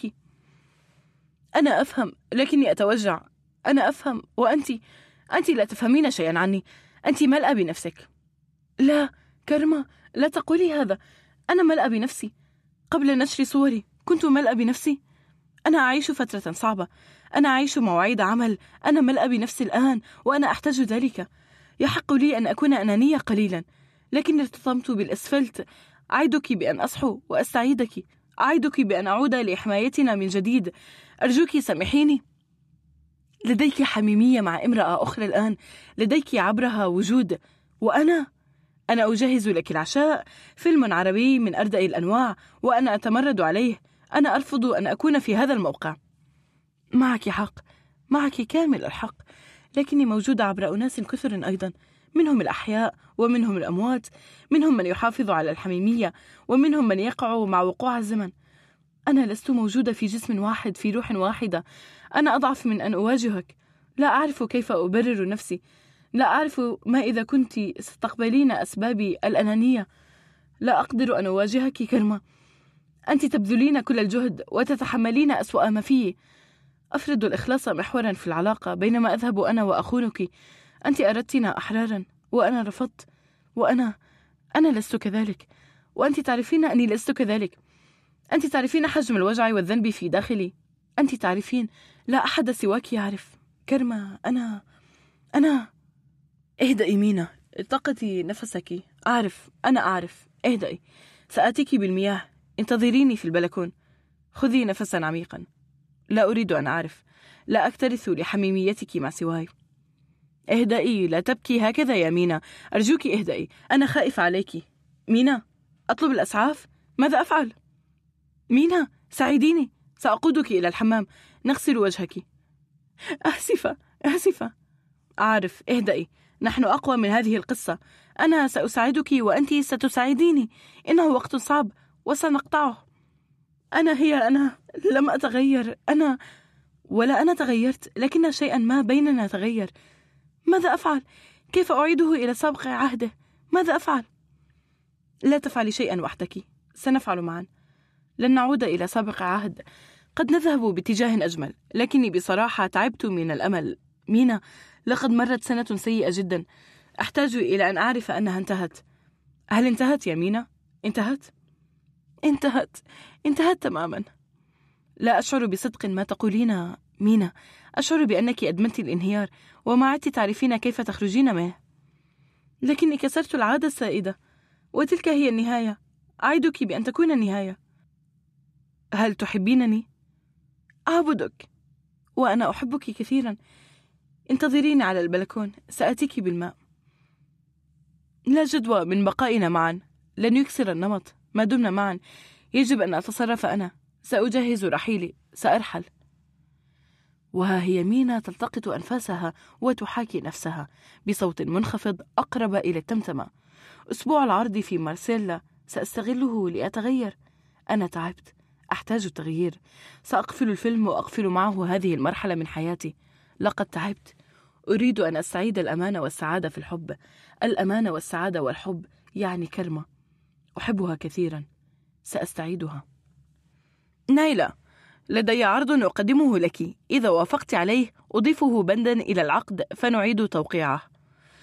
أود أن أنتج فيلما قصيرا يصور الذكرى الحربية التي أريدها في آخر هذه الرسالة. إذا وافقت يجب أن أستحصل على إذن صاحبتها. فابعثي لي برقم أو إيميل أتصل به عبره. بانتظار ردك. كرمة ملاحظة. هنا نص الذكرى. سوسن. خمسة وثلاثون عاما. بنص الثمانينات بالفترة اللي كان فيها كل يوم والتاني يطلع انفجار بمحل كنا عم نلعب بيت بيوت أنا وناهد بنت تانت نورا اللي بيتها بوجه بيتنا على الطابق الأول. فايز أخو صديقتي ناهد كان مثل العادي حاشر حاله باللعبة. كنا ما نخليه يلعب معنا إلا إذا عزنا رجال باللعبة. مثلا إذا بدنا حدا يحمل الأغراض أو يقطف ورق من شجرة الأكيدنيا تنفرمهم سلطة. تانت نورا ربطت كيس الزبالة وحطته حد الباب وقالت لفايز روح كب كيس الزبالة بالبورة. فايز تجاهل الموضوع وكفى لعب بيت بيوت معنا. تانت نورا رجعت قالت له يروح يكب الزبالة أحسن له. فايز عمل حاله مش سامع. بذكر إنه الموضوع أخذ له شي ساعة. تنت نورا اللي عم تشتغل بالمطبخ كل شوي تتوعد فايز بالأعظم إذا ما كب فورا الزبالة. وفايز يلوطع. فجأة بيطلع انفجار كتير قوي ودغري فهمنا كلنا إنه الانفجار طلع بالبورة محل ما لازم تنكب الزبالة تنت نورا صارت تخبط على راسها وتقول مات فايز راح فايز الله ياخدني كيف بعدته يكب الزبالة فايز طبعا ما كان راح محل كان واقف حد كيس الزبالة قدام تنت نورا بس هي مش شايفته عم تبكي وتولول وتندبه. ونحن نقلها هيدا فايز ما راح البورة ما كب الزبالة ما مات. وهي ما تشوفه وماما شربتها مي ومزهر. ونحن صرنا نضحك وندلها بأصابيعنا على فايز. وهي لا تسمع ولا تشوف. يومها ضلت شي نص ساعة تندب على الفاضي مثل المجنونة. بهيدا الانفجار مات بس واحد. قالوا لنا إنه الانفجار طيروا شي ثلاث أمتار بالهواء وخلى جسمه يصير بميل وراسه بميل تاني. لما كبرت فهمت إنه طنط نورا كانت واقعية مش مجنونة. وكنا كلنا مجانين. راسنا بميل وجسمنا بميل وبنضحك كل ما نشوف حالنا هيك. بعد أقل من ربع ساعة سيصل الرد. لكن كرمة الآن تتجهز لإرسال إيميل آخر توافق فيه على نشر نوفيلا. كتبها شاب في الأربعين من عمره وهي جاهزة بعنوان قتلت رجلا واحدا. هي كما يشي العنوان قصة رجل قتله الكاتب لما كان مسلحا أيديولوجيا وعسكريا خلال الحرب الأهلية. قتله وخرج إثرها من جميع المعارك إلى ألمانيا. كأن الحروب تستحضر الحروب. حاضر لبنان الناري يستحضر أمسه الدموي فيوقظ النصوص النائمة. لم يحصل لكرمة منذ زمن أن وافقت على نشر كتابين في موسم واحد ولذلك تبدو فرحة اليوم. وإن أتعبها العمل مع نايلة فإن كتاب القاتل جاهز. ومع ذلك هي تثق بأنها لن تتعب مع نايلة هي تراهن على سرعتها في الخروج من مأزقها تعرفها. وفي هذه اللحظة تحديدا يصل رد نايلة سريع. تستغرب كرم السرعة وتتمنى أن يكون المضمون إيجابيا. هي لا تريد أن يقلق شيء نهارها السعيد. العزيزة كرمة سأبدأ بالرد على إيميلك الأول. أحببت فكرة المطار وأنا أشتغلها حاليا. بدأت أتلمس ملامح بطلتي كأنها تنتظر مني أن أصمت وأسكن وأنصت. لقد وجدت الكتابة شكرا لك. تعرفينني أكثر مما أعرف نفسي لكني أعيد النظر بحصر الذكريات في سن ثلاثين. يمكننا أن نرى الحرب من عيون مختلفة من تجارب تختلف فيها درجة الوعي والمسؤولية والقدرة على اتخاذ القرارات. لم لا؟ فلنفكر في ذلك لاحقا. أما بخصوص الذكرى فطبعا أوافقك الرأي. لقد صدمتني عندما قرأتها. بصراحة أنا صدمت منذ لحظة وصولها إلي. دعوت الأصدقاء على فيسبوك ليبعثوا إلي بأول ذكرى تخطر على بالهم عن الحرب. فوجئت بها ترسل لي هذه القصة. هي صديقتي منذ المدرسة. كنا مقربتين في سن مبكرة لكن الأيام فرقتنا. لا أعرف رقم هاتفها سأطلبه منها عبر فيسبوك. هل تودين أن أشرح لها السبب في الرسالة؟ أم أبقي المسألة غامضة لتقدمي أنت مشروعك مثل ما تشتهين؟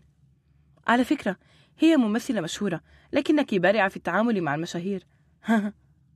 تشعر كرمة بتوجس ترد على الرسالة باختصار. ما اسمها هذه الفنانة؟ يصلها الرد وكأن الحال بينهما تحادث وليس تبادل للرسائل مينا أتعرفينها؟ ربحت جوائز في كان تقف كرمة عن كرسيها عند هذا الحد من القراءة تتجه إلى النافذة تنظر إلى الخارج تشعر بغرابة ما الأمر؟ لماذا باتت مينا تلاحقني فجأة؟ وقبل أن تتطور بها الأفكار تعود سريعا وبراغماتيا إلى كرسيها. تكتب ردا لنايلا. طبعا أعرفها كنا صديقتين في زمن سابق أيضا. لا تبعثي برسالة إليها. ربما أزور بيروت خلال العطلة. سأقابلها حينها وأقترح عليها الفكرة. مبروك انطلاقك بالكتابة. كنت أعرف أنك لا تحتاجين إلى أكثر من يد تنشرك من الدراما التي أحطت نفسك بها. مسألة الثلاثين قابلة فعليا للنقاش. معك حق. حظا سعيدا. كرمة. ترجع بكرسيها إلى الخلف وتفكر وكلما فكرت تحرك بصمة إبهامها الأيمن على بصمتي الإصبعين اللذين يجاورانه بحركة دائرية هادئة. يصل رد بالكاد تقرأه. فيه ضحك وشكر وملاطفة فيسقط عند باب عينيها. لم تعد في مزاج العمل الآن ولا التواصل لكن يتوجب عليها أن تبعث بالرسالة إلى الكاتب القاتل. تخط إيميلا تبلغه فيه موافقتها على نشر النص وتدعوه إلى باريس لمفاوضة العقد وتتيح له حرية أن يحدد موعد اللقاء شرط أن يستبق شهر العطلة أو يليه. ترفق برسالة النموذج الأولي الموحد للعقد لكي يطلع عليه. ترسل البريد. الساعة تقارب العاشرة ليلا. تطفئ كمبيوترها تخرج من مكتبها إلى الغرفة الخاوية. غدا ستطلب من دلال تنسيق رحلة الكاتب من ألمانيا إلى باريس. تغلق الباب الرئيسي للمكتب وقبل أن تدير المفتاح في القفل تجد نفسها تصفن للحظة. تدير المفتاح في القفل وتدير ظهرها للعمل متجهة نحو موقع من الزمن ليس حاضرا لكنه ليس الماضي. فالماضي عندما يستحضر يصبح خارج التصنيف الزمني ماثلا أمامها. ستراجعه بينها وبين نفسها قبل النوم وستقابل مينا. مينا لن ترفض اللقاء. أنا أعرف أن مينا لن ترفضه. مرة ثانية مرة ثانية يا مينا. لا تقولي ولن أقول. لا أريدك في حياتي. انتهت المسألة. مرة ثانية. نعم مرة ثانية. وأحتاج أن أفهم السبب. لا تنكريني. افهميني. أفهمك؟ أنت كاذبة. لا أريدك. هكذا ببساطة لم أعد أريدك. أليست لديك كرامة؟ ألا تنتفضين لأجلها؟ مرت ساعة وأنت تصرين على التحليل وتقديم الحجج. لا أريدك. انتهى. لا تريديني؟ لما لا تسأليني عن أسبابي؟ لما لا تسعين للفهم مثل ما أبحث أنا عنه أيضا؟ أنت تعرفيني وتعرفين أني أنا لا أعرفك. أنا أتعرف إليك الآن. أنت كاذبة وسخيفة. أنا لا أحترم نفسي معك ولا أحترمك. لا تحترميني؟ هكذا؟ بسبب غلطة؟ غلطة؟ غلطة؟ إهانتي والكذب علي غلطة؟ نعم إذا هكذا. بسبب غلطة. لا أريدك. اهدئي أرجوك يا كرمة. اهدئي. المسألة معقدة. أود أن أحكي عنا وعني وعنك وعنها وعن احكي ما شئت لمعالجك النفسي. أنا انتهيت منك. أنا لم أنتهي منك. أنا جزء منك. أنت جزء مني. المسألة ليست خطابا وأخلاقا عامة لسنا بندا في قانون. نحن بشر نخطئ نتهور نحتاج إلى ذلك. كلها إشارات يجب فهمها. لماذا تصرفت هكذا؟ وأحتاج إلى أن أعرف أنك ستتلقفينني. أيضا أرجوك يا كرمة أنا لم لا. لا ماذا؟ لن أتلقفك. أتعلمين لماذا؟ لأني سأكون مشغولة بتلقف نفسي.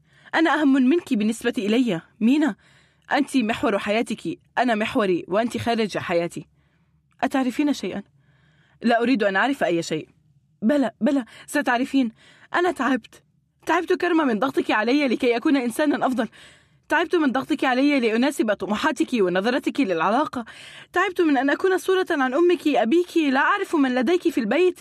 تريدينني أن أكون تعبت. أنا مجرد إنسانة. إنسان يحبك ويريد أن يرتاح معك. اخرسي. احترميني. لا أحترمك. ارحلي عني إذن.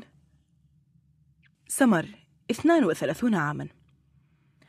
بابا أخذنا نأكل جلو بدكان حد بربر وبيروت كلها فاضية. مشهد الرينج القديم مهجور. زينة 31 عاما. بتذكر بحرب عون كنا نايمين بالكوريدور وانطفت الشمعة وصار البيت كله عتمة. نعيم 39 عاما. فقعت B7 على الحيط البراني تبع بيت خالتي. أنا واقف ورا الحيط. ضل في صفير بديني على يوم كامل. نيرمين 31 سنة. أول ذكرى بتيجيني هي بصراحة هو مشهد يمكن ما عشته أو بركي حضرته على التلفزيون يمكن ما صار. ديما 35 عاما. لما صابت القذيفة بنايتنا كل عيلتي ركضت على بيت عمي حدنا. بتذكر إني ركضت بين سيارتين عم يحترقوا.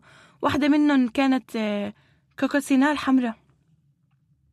اتخذت كرمة قرار العودة إلى بيروت لقضاء شهر العطلة فيها واتخذت قرارا آخر أيضا. لن تفكر بمينا من الآن وحتى العودة إلى بيروت. وقد اتخذته عندما انتبهت على طريق عودتها إلى بيتها أنها سلكت طريقا مغايرا لذاك الذي تسلكه يوميا. سلكت الطريق الذي يمر ببيتها القديم البيت الذي تشاركته مع مينا. عند مفترق الطرق الأخير قبل البيت حادت عن الدرب فوجدت نفسها في الزاروب المقابل له حيث كان بيت أمها. من شباك غرفتها في هذا البيت راقبت كرمة يوميات مينا لمدة ثلاثة أشهر تلت انسحابها من حياتها. رأتها في اليوم الأول تعود من رحلة عملها في مارسيليا. ها هي تترجل من التاكسي بحركة عصبية. منذ الأمس كرمة لا ترد على اتصالاتها. لابد أنها قلقة. تضغط بسرعة الرقم الذي يجيز فتح باب العمارة.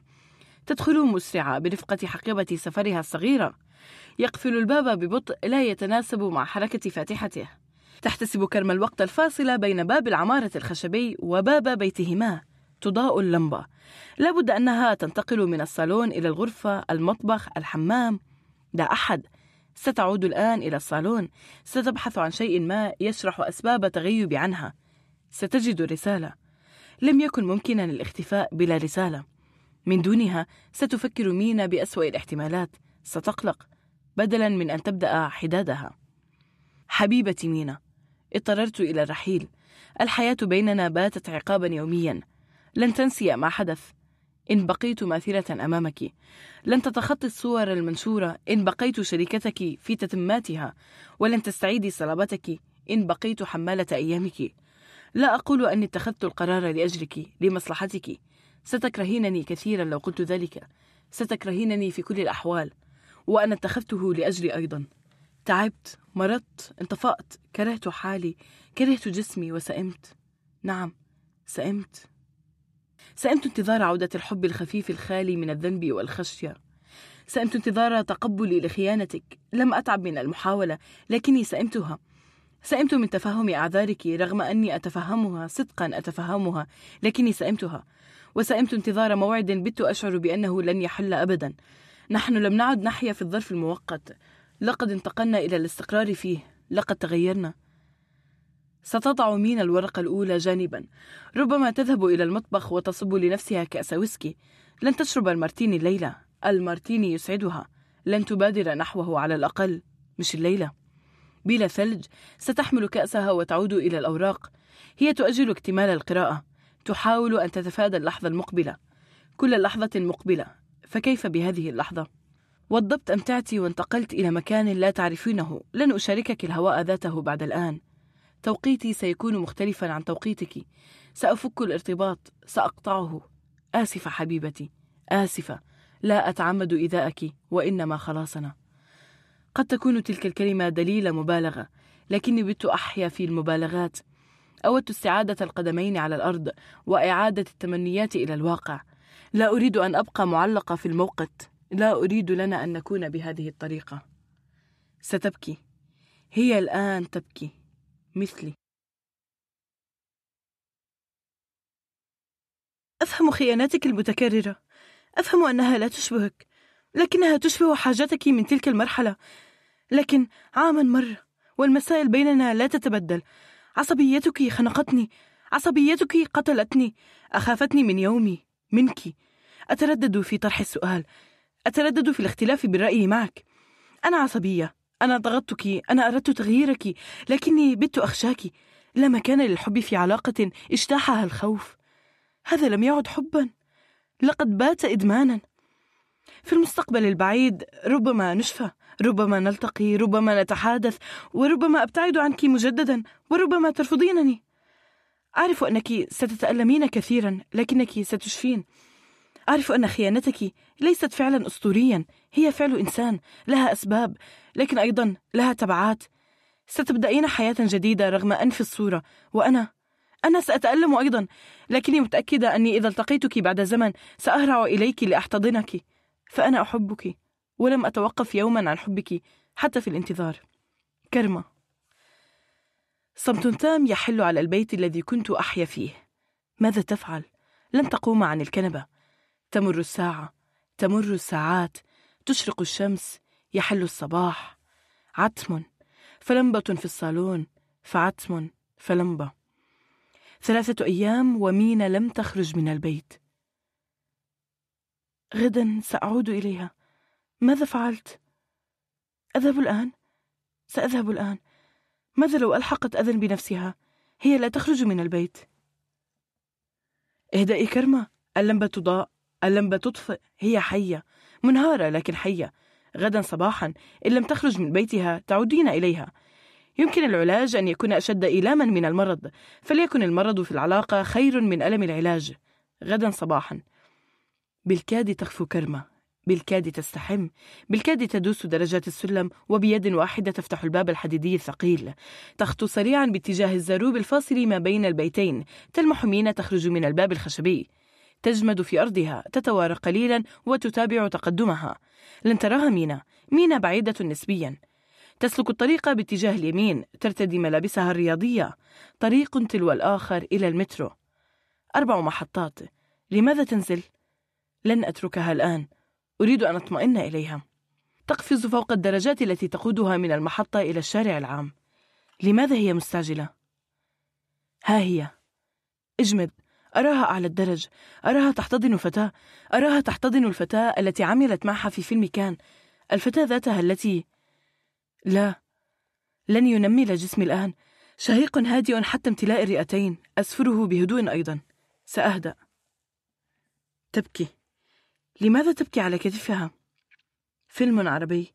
كان يتوجب على والدها أن يسميها فاتن لا مينا. أخطأ في الزمن المصري. فيلمها يطول على كتف الفتاة. تبكي كثيرا تهدئها تحملها. هل ستحملها بدلا مني؟ كتف انتقالي أم حب؟ أحب فيلمك يا مينا أدمنه لكن الأسود أكل الأبيض فيه. تنزلان الدرج. سأدير ظهري وأنتظر مرورهما. يجب أن أكون خلفهما. يجب؟ سأذهب خلفهما؟ ها هما يمران بي. سأكمل صعود الدرج. لن ألحق بهما إلا إلى المحطة.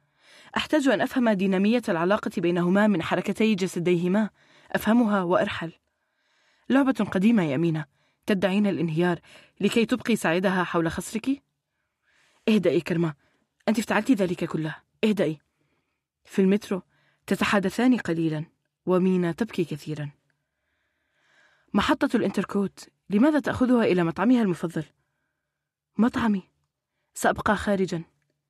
نبيذ يليه نبيذ مترو يليه بيت مينا لمبة بيت مينا تضاء تطفى صباح فالفتاة تخرج ظهر فالفتاة تعود مساء فكلتاهما لا تخرجان يوم يليه آخر أسبوع ويحين موعد سفر مينا الجديد أسبوعان في بيروت كانت تتوجس منهما. احتضان طويل عميق على باب العمارة تاكسي المطار حقيبتان كبيرتان غريب. ترى هل ستهرب إلى بيروت مثلما هربت من بيروت؟ وكيف تكون الأيام بلا مينا هنا؟ أنت بلا مينا كرمة. هذا الأسبوع كان سرابا. رحيلها هو الفعل الصحي الوحيد منذ فرارك. لا تلوميها. كوني حضارية وانسي. يجب أن أتخذ قرارا بعدم تتبع مينا بعد الآن. يجب أن أتخذه. سأرحل إلى الألب. هناك لن أعرف شيئا. خالي سيهتم بي. سيدخلني عالمه المليء بالخضروات والحيوانات. سأحدث قطيعة في تسلسل الأيام وأعود بعدها بنفسية جديدة. مينا تسافر وأنا أسافر في اليوم التالي. لن أنتظرها ولن أعرف شيئا عنها ولا عن سواها. سأتخلص من إدمان انتظارها. تمر الأيام وأعود. أعود إلى باريس. اختفت مينا منها تماما. لقد عادت إلى بيروت. مات والداها؟ مات والداها؟ لقد مات والداها. لن أخابرها لن أراها لن لن ألاحق أخبارها بعد اليوم.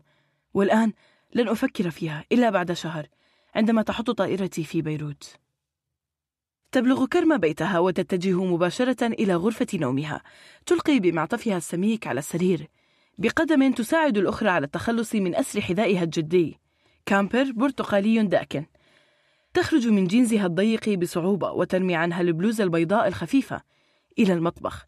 تفتح الثلاجة وتجمع فوق الصينية مكونات عشائها الأخير. تحملها إلى الصالون. تضع كرم قالب الجبنة على الطاولة وبقربه الباغيت. تصب كأس نبيذها الباريسي الأحمر المفضل كوت دوغو غدا تعود إلى بيروت. شهر في بيروت وهو الربيع. قلق كبير يسكنها. بدأ يتلفت من سطوتها عليه. فمينا. لا سأفكر في محمد. محمد الذي قادني إلى حياتي الجديدة. هذا الشاب التونسي المتواضع. قال لي إنه سيكون الأول على دفعته وكان الأول. تشغل التلفزيون على محطة آرتي برنامج عن آلبر كامو. فليكن. اشتقت إلى التدريس في الجامعة. دكتورة كرمة. محمد لا يزال يناديني كذلك.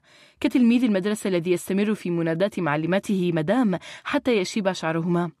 ترى كيف اختار الأدب كتخصص؟ هو تخصص لطيف وشجاع. هل عارضه أهله؟ أذكر بوضوح اللحظة التي أنهيت فيها حصتي ورأيت محمد يقفز أمامي. لو افتتحت دار نشر في أي يوم من الأيام أرجو أن تمنحيني فيها وظيفة. فاجأني أضحكني أعطاني فكرة فأعطيته وعد. Spleen. Maison d'édition Spleen. Spleen للنشر. كلمة ألفها شاعر. بودلير أسى العيش أو الشجن شجن العيش. ربما اخترت الاسم في لحظة غير موفقة. ربما كان علي أن أنتظر انقضاء آثار عاصفة مينا تماما لأفتح صفحة جديدة بعنوان يكون ابنها لا ابن المرحلة التي سبقتها. لربما محطة الشرق خياري الثاني كانت فيه نفحة استشراقية. فلتكن الوجدانية بدلا من الاستشراق ولكن أنا لم أكن أستشرق. أنا أنشر كتبا من الشرق. يا سلام تنشرين كتبا من إيران مثلا؟ من الشرق بأكمله؟ أنت بالكاد تنشرين لكتاب لبنانيين فليكن أسى بودلير بديلا من المبالغة. Spleen. وقعه لطيف. محمد أحب الاسم كثيرا ربما لأنه أصغر سنا وبالتالي أشد رومانسية. لو مينا سمعتني لضحكت من نظرياتي هذه. أتفهم التقرير الذي رفعه لي عن نص قتلت رجلا واحدا. هو محق بأن نفسه تبشيري. فعلا الرجل ينفض عن كتفيه معطف القاتل ليستبدله بصفة الكاتب. تطهر وتبشير لا أثر لدم القتيل على الصفحات. معه حق لكن محمد لا يعرف الكتب التي خطها قتلة الحرب. لو عرفها لقدر قيمة فعل وحيد تجرأ عليه هذا النص. جميعهم ينكشفون ويتحررون بينما الضحايا في أعماق الأرض لا يسمح لذويهم حتى بإخراجهم منها. هذا النص لا يتحرر. هذا النص يطالب بتنفيذ العدالة بحقه. يقول أنا مذنب ليس بحق الإله والإنسانية وإنما بحق المجتمع. وبالتالي يتوجب على قانونه أن يلاحقني وأنا أضع نفسي بتصرف الجهات المعنية. لن أثير ضجة فضائحية حول الكتاب لكني سأمنحه الانتشار والضوء اللذين أمنحهما لكل كتاب أنشره. وسأراقب هل هناك من سيلاحقه بالقانون؟ خارج القانون؟ الأمر الأخير فرضية ساقطة لكنه لم يكشف هوية ضحيته. قال إنه لن يكشفها إلا أمام قاض ولذلك يا محمد لم يسل دم القتيل على الصفحات. أنا سأبلغه بالمخاطرة التي يتجهز لخوضها مع نشر الكتاب ولكني على ثقة من أنه يشاركني في الرأي. لن ينتبه القانون له لن يلاحقه أحد. لا أحد في السلطة يريد للقصة أن تروى إلا بالتذكار الدامع. سيستهلكون فتاة يلقى حولها كي لا تصبح الحرب موضوعا ممنوعا فيضحي حديثها مشتهى. ستحال ذكرى مزعجة لا فائدة من استذكارها. عقيمة صورها كئيبة معتمة وعرضيا بين فين وأخرى تضاف إليها نكهات كالفراولة والمانجا لتمنح وجها أقل قبحا. وجه فيه حكايات تروى عن بطولات وجه ذاك النوع من الذكريات الحميمة التي لا تنشأ إلا على ضفاف الموت ذكريات اللحظات القصوى التي تفرض حميمية ما بين الغرباء يحرقونها كالسعرات الحرارية ليهضموا الأيام. هو وجه تتخفى فيه ابتسامة لعوب فتبقى الحرب مغرية لمتحمسين جدد لا تنفك الأيام تنجبهم وبذلك يبقى للسياق كتاب. غريبة حال الناس في لبنان كشخوص أسيرة في مدينة الملاهي. من لعبة الرعب إلى لعبة الدوران السريع مرورا بالاصطدام الإرادي في لعبة السيارات. ألن تتصالحي مع بلدك يوما؟ هذا ليس شجارا هذا تشخيصي لحاله وهو سوداوي. أنا عشت ببيروت هكذا تعايشت معها هكذا. لا تزعجني أحبها كثيرا لكن لا مفر من أن أراها هكذا. وأنا من هؤلاء الناس الذين أحكي عنهم فخارجها كداخلها. المسألة ليست في المكان المسألة في مكانها منا. وأنا أنا سأعود في صباح يوم عيد ميلادي إليها. غدا سأبلغ الرقم الجديد. التدخين ممنوع على متن هذه الرحلة. لماذا يصرون على قولها؟ التدخين ممنوع على متن جميع الرحلات. ألا تصبح القرارات بعد مرور عشر سنوات على بدء تطبيقها بحكم السائد المتفق عليه؟ مثل يحق لكم طلب الماء من المضيف لا يقولها الكابتن. لو كانت مينا هنا لضحكت من غضبي الذي يتخذ على امتداد النهار والأحداث أشكالا متعددة مستمرة مستدامة. مينا يوم أخير. لن أكسر قراري. كأني أحبس بركانا في داخلي. أنمته غصبا عنه مع الأيام وها هو يحارب ليشهق طاقة ويصفر نارا. غدا. اليوم. لا. غدا. ترى هل تدخن دلال الآن في المكتب؟ لا أظن. هي تريده حقا مشروعا. تلك السيدة. أنا أكيد أنها لن تتغيب عن المكتب ولو ليوم واحد مع أني قلت لها أن تقصده لمرتين في الأسبوع لا أكثر. سأنت طلب ذلك منها والتجديد عليه. لا تحب الإجازة وهي تتسلى في المكتب. تقرأ تجيب عن الرسائل بدلا من المجيب الآلي. تكتب الإيميلات تسقي الزرع تشرب القهوة. أحبها. تلك السيدة لا تسأم. على مدى سنتين واظبت على إقناعي أنا ومحمد. نحن المدخنين بلا جدوى تطبيق القانون في مكتب يحتكره المدخنون. لم تسأم على مدى سنتين من إطلاق نكاتها وملاحظاتها. لا أنسى العريضة التي وقعتها ورفعتها باسمها إلي طالبة توقيع عليها. كيف تخيلت أني سأوقع عليها؟ ومع ذلك كتبتها وطبعتها. المشوار إلى الشرفة لتدخين السيجارة لن يأخذ من وقتها إلى القليل لكن دلال لا تسأم ولا تستسلم. هي التي حملت ولديها وزوجها ونقلتهم بالملابس التي يرتادونها إلى فرنسا في مستهل الحرب الأهلية. لا تسأم. هي التي ربت الولدين من عملها في المكتبة العامة بعدما قضى زوجها سريعا بداء القلب. لا تسأم. وهي لن تسأم الآن. وبالفعل ها هي دلال تمد يدها إلى أسفل رأسها لتستدعي من الظهر إلى الصدر جدولة شعرها الفضي. جدولة عبية مطمئنة. ها هي دلال تجهز خطة جديدة لا تزال سرية. تتطلب منها الحركة السريعة والنشيطة بجسمها القصير واستداراته المكتنزة العفية لإقناع ذات الشعر القصير بالتدخين داخل المكتب وليس على شرفته. ها هي دلال لا تسأم. غريب كيف تتقاطع حيوات اللبنانيين عند نقطة محورية هي الحرب؟ بدلت حيوات وأنهت أخرى لكنها تحل في كل حديث كمحطة عادية في استذكار سياق خاص كوجه من الوجوه التي صادفها فرد في حياة خاصة وليست مأساة شعب كامل. وجه يتكرر حضوره في كل قصة كالشبح الذي يسكن بيتا شبح يستدعيه الاستذكار الاستذكار الذي يعانيه الهستيري. الأمن العام اللبناني. إمتى آخر مرة كنت بلبنان؟ من سنتين. إف ليه مطولة علينا الغيبة؟ ابتسامة كرمة الباهتة. لا يتابع تفحص الأوراق ينتظر إجابتها. لا تجيب لحظة غامضة لن تكسرها. يضحك بصوت مرتفع نسبيا كأنه تخيل أنها ألقت نكتة ويعود إلى تفحص أوراقها. هيئتك ما بتحب الحكي كتير. هيئتك أنت بتحبه. يرفع رأسه سريعا ليستوضح ما إذا كانت تتجهز لمشادة معه فيجدها ترسم له ابتسامة مداعبة على شفتيها. لم تكن تلك الابتسامة على وجهها حين أجابته لكنها استسهلتها سريعا من جوفها حالما سمعت نفسها تخرج بالحديث عن أدبيات التواصل مع مرتدي البدلات العسكرية في لبنان. يضحك. تتدلل تمختري وتميلي يا خيل وارقصي ويا عريس الليل. تمختري يا خيل. يطبع الختم اللبناني على جواز السفر الفرنسي. تستعيده ومعه هويتها اللبنانية. تتجه إلى حيث الحقائب. تفتح هاتفها الخليوي الفرنسي. تتصل بجوليان. أنا وصلت. أهلا أهلا. نورت بيروت. أنا برا. ليه طلعت على المطار؟ قلت لك باخذ تاكسي. عم تلفن لأخذ رقم تاكسي منك. أنا التاكسي تبعك مدام. ميرسي. كرمة. جيبي alcool. عنا جلسات حكي طويلة بالبيت. جهزت لي أوضتي؟ إيه وجهزت لك مفاجأة كمان. طلعوا الشنط. هلأ بشوفك. ترفع حقيبتها تضعها أرضا تسحب يدها الحديدية وتسير بها. تعود خطوات قليلة إلى السوق الحرة. تتناول عن الرف زجاجة ويسكي single malt. Glenmorangie تفكر. تتناول أخرى. واحدة تقدمها لجوليان كهدية شكر على الاستضافة وواحدة تشربها معه. تدفع ثمن كحولها. تسلك طريق الخروج من الغرف المغلقة إلى فضاء بيروت. ما إن تطل من ممر المسافرين العائدين إلى وطنهم حتى يدق قلبها سريعا. عيناها تجمدان في رؤية غير واضحة مقززة.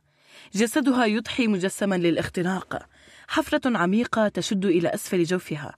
ارتجاف في الرمق. مين مين هنا. لا أفكار أخرى في رأسها. مين هنا. كم هي جميلة هذه المرأة. لا يمكنها أن تكون أجمل من ذلك. مينا تبتسم. ما الذي أتى بها إلى هنا؟ ماذا أفعل؟ أبتسم.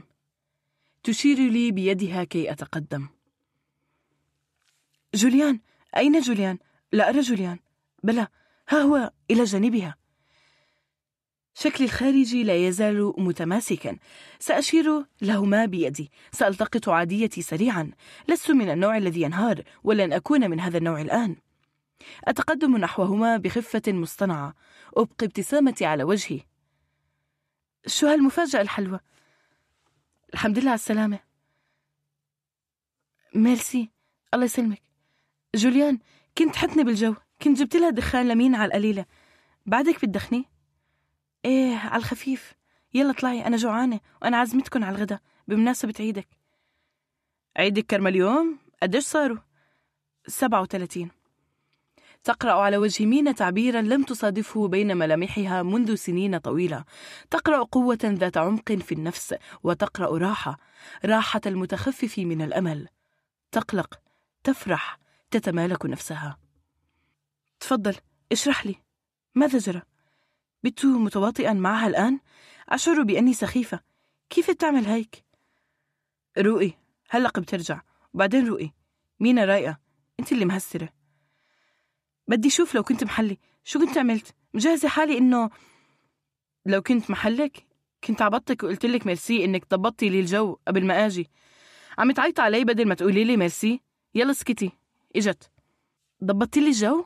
أنت تمسك مينا بيد باب السيارة متبخترة بشورتها الأخضر القصير وبلوزتها البيضاء التي تقع على كتف أحالته الشمس نحاسيا دافئا.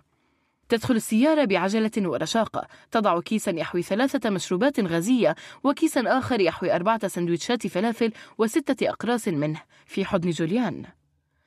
هو حاول إقناع كرمة بأن تجلس في المقعد الأمامي لكنها تحججت بحاجتها إلى البقاء بالقرب من حقيبتها لسبب ذي صلة بال مغمغت الكلام ولم توضح.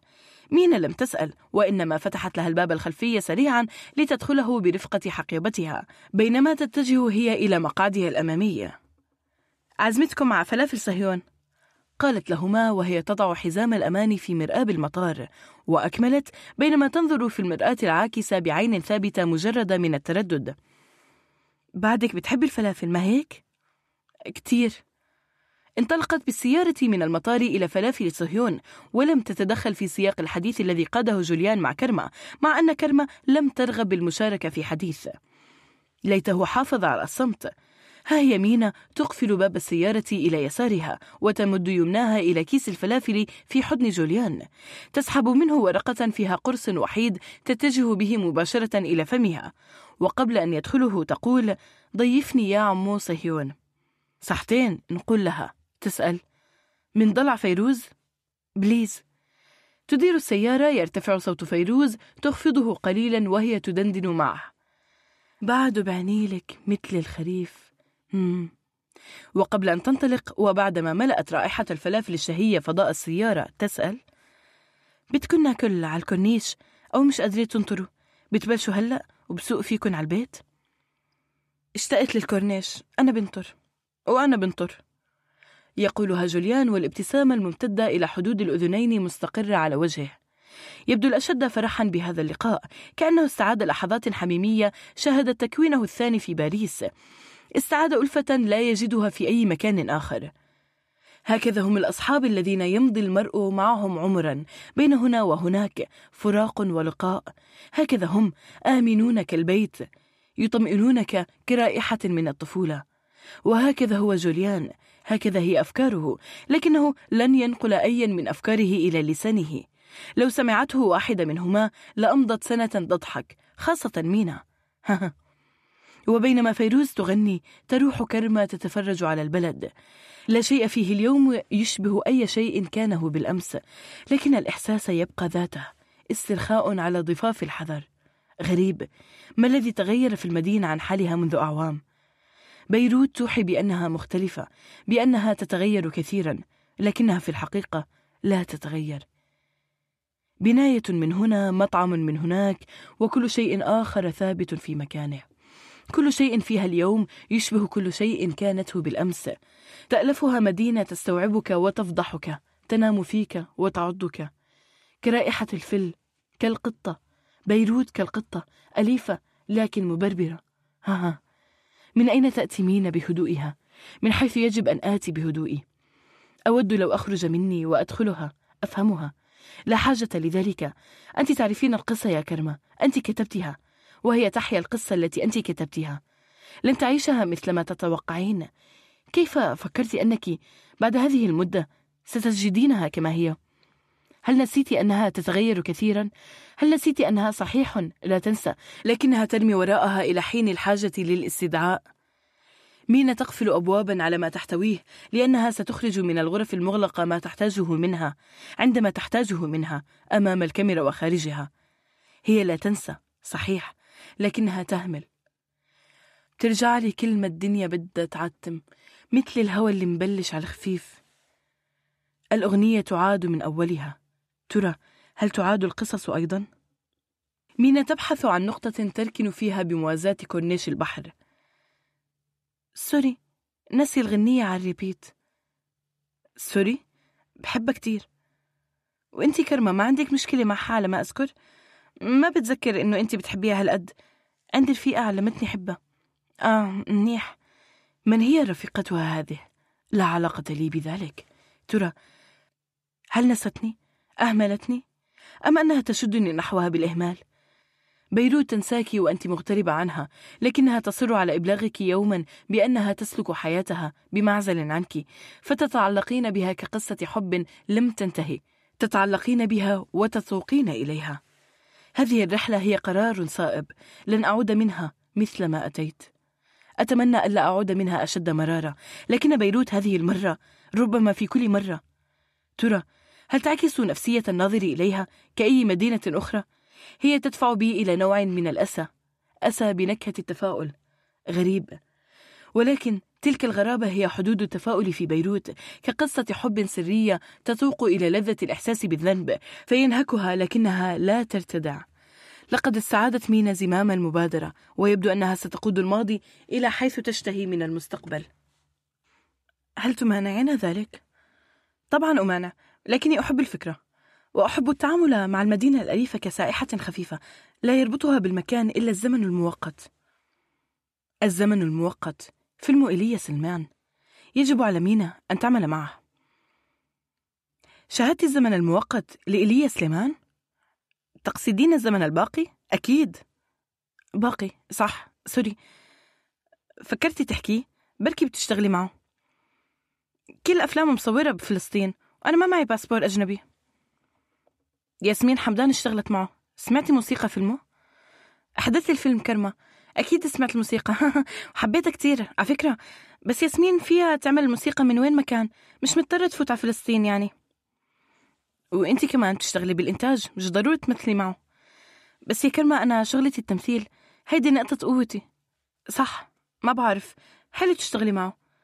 جوليان تجوز مينا وأعطيها ال passeport الفرنسي. ليه ما انت بتتجوزيها وبتعطيها ال passeport الفرنسي؟ أنا مغروم هلأ مش فاضي أتجوز. لا تكونوا صدقتوا حالكم. مين قالكم إنه أنا برضى فيكم واحد مش مستقر نفسيا وواحدة واحدة شو؟ يلا يلا انزلوا. هون في بانك ومعي طاولة صغيرة بتفتح. جيبها جوليان من الصندوق. ترفع الأكياس عن حضنه. تترجل سريعا من السيارة ولا تزال الابتسامة على وجهها.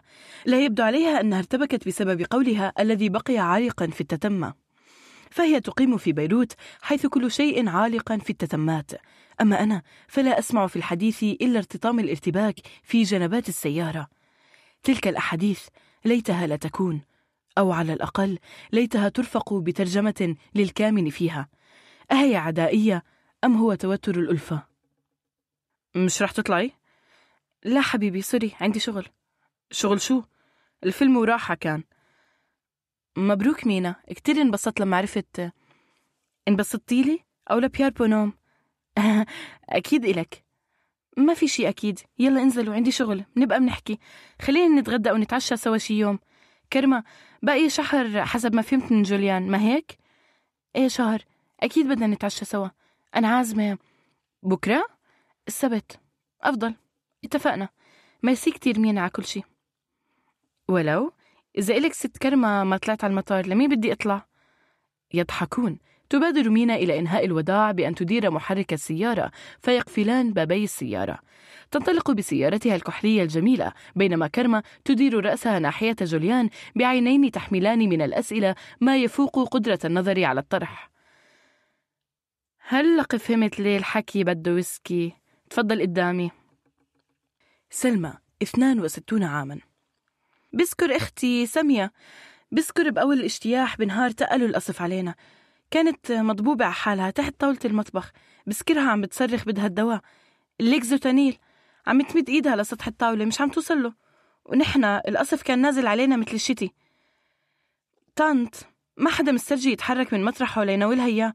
ما كنا عم نقدر نرفع راسنا. هو كان بنص الطاولة. تصرخ وتضرب وجهها بإيدها. صوتها قطع لنا قلبنا. بعده بدينتي كأنه مبارح نيلة شو عاد صار بعدين؟ طنط سلمى. سمية ما خلصت الحرب حبيبتي. ما نطرت آخرها. عطيتك عمرها. عطتك عمرها. نيلة بعتذر. سلمى صارت القصة قديمة كتير. سامية انتحرت دغري بعد الاجتياح. الله يسامحهم اللي عملوا هالحرب. ما فكروا بالناس كيف بدها تعيش. كانت أيام بشعة كتير. أي أيام؟ سنين. كل يوم نقول هلا بتخلص. جاك خمسة وخمسون عاما. ما كانت تخلص هالحرب. أنا نطرت الحرب لتخلص فخلصت علي قبل ما تخلص. ناطر امتحانات الدخول على الخارجية. بدي أشتغل بالسلك الدبلوماسي. ضليتني ناطر حتى صرت فوق السن اللي بيأهلني أتقدم للامتحان. يلعن رفها هالحرب. ليه عرفت تخلص؟ نايلة بشو عد تشتغل أستاذ؟ جاك ماشي ما اشتغلت شي. ضليت ناطر. مستغربة من وين عم بعيش؟ أنا بعيش من ورثة بيي وكتر خير الله مصروفي صغير بقرأ جرايد بحضر تلفزيون بعمل منحوتات من عيدان الكبريت تفضلي شوفي الصور شوفي واحكمي مش حلوين؟ بدهم صبر وتعب كأني عم هد جبال إخواتي بفكروني عم بتسلى هلا قانا بتسلى مش قصاص الشغلة العزيزة كرمة هل أصبحت في بيروت؟ أنا هنا دعينا نلتقي ما رأيك بمساء السبت؟ نتعشى ونشرب كأسا في الباسيفيكو هذا رقمي. سبعة واحد ستة سبعة ثمانية ستة سبعة ثمانية. ابعثي لي برقمك. القصة تتقدم معي بشكل ممتاز بتواثق من خطواتي فيها. شكرا لك يا ملهمتي وإلى اللقاء قريبا. نون. بسرعة تخط الإجابة عبر رسالة هاتفية. نايلة أنا كرمة. هذا رقمي. السبت عندي عشاء. يناسبك الثلاثاء؟ كيف مرت عليك هاتان السنتان مينا؟ بصعوبة لكن الأحباء ساعدوني والعزلة أيضا. ومنهم هؤلاء الأحباب يا ترى. تعرفينهم؟ البنت اللي كانت معك بالفيلم؟ اسمها لايكا. مثل الكاميرا؟ تغارين؟ لا. إذا عرفت أنها لم تكن مجرد أمسية عابرة أمسيتين عابرتين أو أكثر. أعرفك أنت لست من هواة الليالي العابرة. كان يمكن أن تكون عابرة لولا لولا ماذا؟ لولا عنادك. لحظة صمت ثقيلة تعلن مينا نهايتها سريعا وتكمل كلامها. كرمة مش مهم. تلك قصص من الماضي. أخبريني عن أيامك. كيف قررت أخيرا زيارة بيروت؟ يصل النادل يشرعان في تحديد طلباتهما وعقل كل منهما معلق في مكان آخر تماما. كرمة تختار الطبق بسرعة مع كرونة بالصوص الحمراء الحارة. مينا كعادتها تبتز جميع المعلومات الممكنة منه عن الصحن قبل أن تطلب سواه. إسكالوب ويتفقان على النبيذ زجاجة نبيذ أبيض لبناني. يغيب النادل ليأتيهما بكوبي النبيذ وزجاجته. Blanc de blancs كسارة. تتذوقها مينا وتوافق عليها مبتسمة. تبتسم كرمة. تتذكر في سر هذاك اليوم الذي قررت فيه مينا ألا تقبل الزجاجة بعدما تذوقت جرعة منها. أرادت أن تشاغب لا أكثر. لماذا نتذوقها إذا كنا لا نمتلك خيار رفضها؟ ترى كرمة في وجه مينا دليلا على الذكرى وتراها تهز رأسها يمينا تحببا. ستحكيان عن كل شيء في هذه الأمسية ولن يكون الماضي بعيدا خلالها. سيحل فوق الحاضر سيجتاحه ربما يمسك بيده. زينب ستون عاما. زوجي كان موظف بمصرف لبنان. كان بيضل ببيروت. شو ما صار؟ نحن أنا والولاد ما تركنا منطقة ما قضينا فيها شهر جمعة سنة. من لاسا بالشمال للزهراني بالجنوب وطلعنا على برمانة عند أصحاب زوجي وقعدنا بالشوف كمان. حاملة هالخمس ولاد وراكضة فيهن ساعات بحس إنه بعدني ما حسيت كل التعب اللي عشته وقتها. ما صمته نايلة خسرتي حد عزيز عليكي بالحرب؟ زينب مين ما خسر عزيز بالحرب؟ وردة خمسة وستون عاما. جوزي انخطف سنة الواحد وثمانين. اختفى. نسأل هون نسأل هنيك. اختفى. صبرت سنة لوحدي. بعدين رجعت قعدت عند أهلي بالطريق الجديدة. كنا عايشين على الروشة. الضرب ما خلاني قادرة أكمل لوحدي. فاتوا الإسرائيلية وقتها. فسكرت البيت. وبعده لهلأ مسكر. غير هيك ما في شي مهم. عشنا الحرب مثل ما كل الناس عاشوها. نايلة ما عرفتي شيء أبدا عنه بعدين؟ وردة أبدا. اختفى تماما. كأني حلمت إني تجوزت وجبت أولاد. اختفى. نايلة راجعتوا المسؤولين الميليشيات وقتها. الدولة هلأ. وردة راجعنا مسؤولين الميليشيات وقتها. وراجعناهم لما صاروا رؤساء وزراء ونواب بالدولة. ما في نتيجة يا بنتي. وبعدنا منراجع أنتما الآن معا؟ أنت وميكا؟ لايكا آه sorry. بسيطة. ولا لسنا معا. انتهت القصة مع عودتي إلى بيروت لكننا بتنا أصحاب. هي في باريس؟ لا في أمريكا حاليا تصور فيلما مع ويس أندرسون. آه برافو. إيه وإنتي؟ هل أحببتي في غيابي؟ لم أغرم لكني أحببت. تعرفينني أنا من هواة العلاقات العابرة. على عكسك. الإنسان يتغير يا صديقتي وتلك من أبرز حسناته. صديقتي. اسمع يا كرمة. منذ شهر باغتتني مينا وجلست أمامي في الاستوديو وراحت تروي تفاصيل عيشها للفضي. لمسألة الصور لم أكن أتوقع منها ذلك خاصة أن الأجواء بيننا كانت متوترة حينها.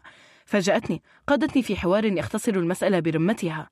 هي الحب المدينة السينما. بجرأة ووضوح جرداني من الأسئلة. شعرت بأنها تعيش لحظة تجل ربما كانت تسعى للتخلص من عبء. السر عبء التفادي عبء.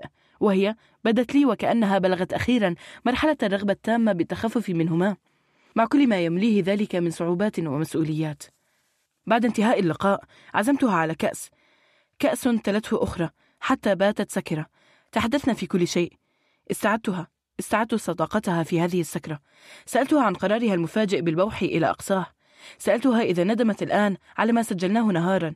وكنت أطمئنها إلى امتلاكها الحق بعدم بثه عندما قالت لي أنها لن تحيا إلا مرة واحدة. قالت لي أن الموت الذي زارها كثيرا علمها أخيرا أن العلاقة بالأبد لا معنى له. قالت إنها تنتظر عرض فيلمها في كان وتعرف أن موتا سيحل موت أو نهاية ومع ذلك هي للمرة الأولى لا تجد نفسها غارقة في الخشية. هذا لا يعني أنها لا تترقب تترقب الموت أكثر مما تترقب الجائزة. بطبيعة الحال فهاجس الموت لا منافس له. يتفوق على كل شيء آخر ويتلبسه. قالت لي أنها انتبهت إلى أنها على مر السنوات ضيقت دائرتها لا شعوريا لتحاصر عاصفة الفقدان عندما تصيبها. لم تعد تختلط بالكثيرين لم تعد تقيم السهرات أو تشتهيها لم تعد تبني أواصر مع الناس وإنما علاقات سطحية. لم يعد لها في الدنيا إلا صديق واحد ومخرج. خافت من نفسها عندما انتبهت إلى ذلك وخافت على نفسها أيضا. قالت إنها بذلك لا تحاصر الأذى وإنما تحصر دائرته بها. تنفذ انتحارا لا شعوريا وتعتبر نفسها مسؤولة عن كل المصائب التي أصابت حياتها. شعرت بأنها تدخل حيزا مظلما من علاقتها بنفسها فقررت أن تتحداه. تلك واحدة من العوامل التي أدت بها إلى الكشف فتح الباب على داخله والخروج منه. لم تعد تريد أن تحمل شيئا معها إلى الأبد تريد أن تخرج عن سياق مدينتها. لا تريد أن تكون كما بيروت. مرتعا للقصص القديمة التي تتخفى وراء نكهات جديدة لتعد بنهاية ما. تريد أن تقفل ملفات وتفتح أخرى فالنهاية الكبرى ليست وعدا. سألتها عنك هل أنهت عداءها لك مع نفسها؟ هل هي جاهزة لفتح هذا الباب والخروج منه؟ شرحت لي أنها لم تشعر يوما تجاهك بالعداء. شعرت بروحها تنتزع من بين أضلاعها. يوم رحلت عنها شعرت بالخداع. لأنك أوهمتها بأنك تخطيت جميع المسائل الشائكة بينكما وإذ بك تختفين. لكنها لم تشعر بالعداء ولم تعد تميز خطأها من خطأك. لم تعد ترى جيدا. لتخرج من الدوامة دفعت بنفسها إلى اتخاذ قرار في خيار إما تكرهك أو تكره نفسها. وطبعا كرهتك. فأنت كسرت الأمل الوحيد الذي كانت تتعلق به لتخرج من غيبوبتها الصاحية. كرهتك ولم تشعر تجاهك بالعداء. لكنها في الآن ذاته. حين اختفيت شعرت بخفة غريبة خفة تلقفت الانهيار التام. قالت لي إنها شعرت بأنها قادرة على حياكة قصة جديدة لحياتها تمضي فيها. ولعلكما تلتقيان على الطريق يوما ما. وهنا أخبرتني بأنها تنوي لقاءك عندما تصلين إلى بيروت. تحديتها بالذهاب إلى المطار ممازحا فاستجابت بسرعة. وجدتها فكرة رائعة. فوجئت أنا واحتفلت بها. وطبعا تعرفين مينا. احتفلت فشربنا جرعة فودكا. أذكر كيف وضعت الكوب الصغير الفارغ على الطاولة بينما عيناها تضيقان نتيجة اختراق الجرعة لحلقها. وقالت بحرقة الكحول أنها ستقلني إلى المطار وأكملت رشقا سريعا من الكلام. يفيد بأنها بذلك ستتخلص من قلق التفكير والانتظار والتردد والمبادرة. ستضع الداء أمامها وستعالجه بالكي. ستعالجك بالمواجهة. لكنها أصرت علي كي أخبرها عن حالك لكي تعرف ما إذا كان هذا العلاج يناسبك أم لا. لم ترد أن تفرض عليك مواجهة لا تشتهينها علاجا يضنيك. طبعا لم أقدم لها إجابة جازمة فأنا فعليا لا أعرف موقفك من المواجهة واستعدادك لها. قلت لها إن المواجهة دائما مفاجئة وأن المفاجأة دائما تحتمل الوجهين. قالت لي إنها مستعدة للتعامل معهما. وفي ختام السكرة قالت لي بالحرف الواحد فاجأتني هي من قبل. فلتفاجأ الآن. أظن أن اللقاء تم على خير كرمة. الارتباك أكيد وواضح لكنه طبيعي أيضا. أنا بصراحة أيدت خطتها هذه. أظن أنها تقدمت عليك بخطوة وأنها تمكنت من اقتيادك إليها. كانت مواجهة صحية. لماذا أنت صامتة؟ ألا تشاركيني في الرأي؟ أتعرفين؟ سألتها أيضا عن تلك الفتاة. اسمها لايكا على فكرة. حكت عنها بود عال كأنها تحكي عن صديقة.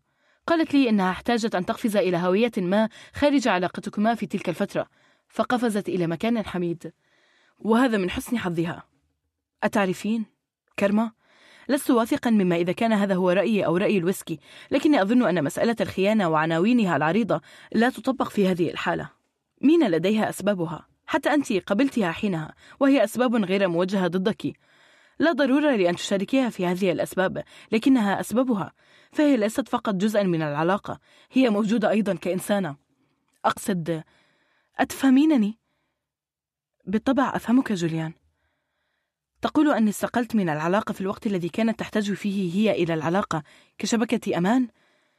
نعم ولكن استقلت من العلاقة لما في الاستقالة من مصلحة لي أنا فأنا أيضا إنسانة ألست إنسانة يا جوليان؟ أم أنه الويسكي الذي يسأل؟ وفيق سبعون عاما ليك يا عمو الحرب بلشت قضية وخلصت جريمة. أنا دايما هيك بقول بلشت قضية وخلصت جريمة. بدك كذب عليكي؟ ما رح كذب عليكي. أنا قاتلت وحملت سلاح. مش رح أقلك مع مين. قاتلت وقاتلت كمان. كنا شجعان. كنا عم نحط دمنا على كفنا كرمال القضية. مش رح أقلك أي قضية. بس مع السنين خلص. لعب المال ولعب الدول وصارت الحرب بلا مستوى. صارت جريمة. أنس واغتصاب. قولي ما كتير صار في اغتصاب. أنا بأول الثمانينات انسحبت. تركت كل شي ورحت على كندا. تعرفت على مرتي هنيك وتجوزنا و رضا الله على هديك الأيام. بلشت قضية وخلصت جريمة. عليا ثلاثة وستون عاما. يه رزق الله على هديك الأيام يا طنط. شو بدك بالحكي؟ صحيح كانت الدنيا حرب وما فينا لا نروح ولا نيجي بس كان في ألفة. كانت الناس تحب بعضها تخاف على بعضها. بيطعموا بعضهم قبل ما يحطوا اللقمة بتمن والولاد شوفي الولاد كيف كانوا بيلعبوا سوا مثل الإخوة. أنا ابني رامي وحيد بالحرب كان عنده يجي شي عشرين خي.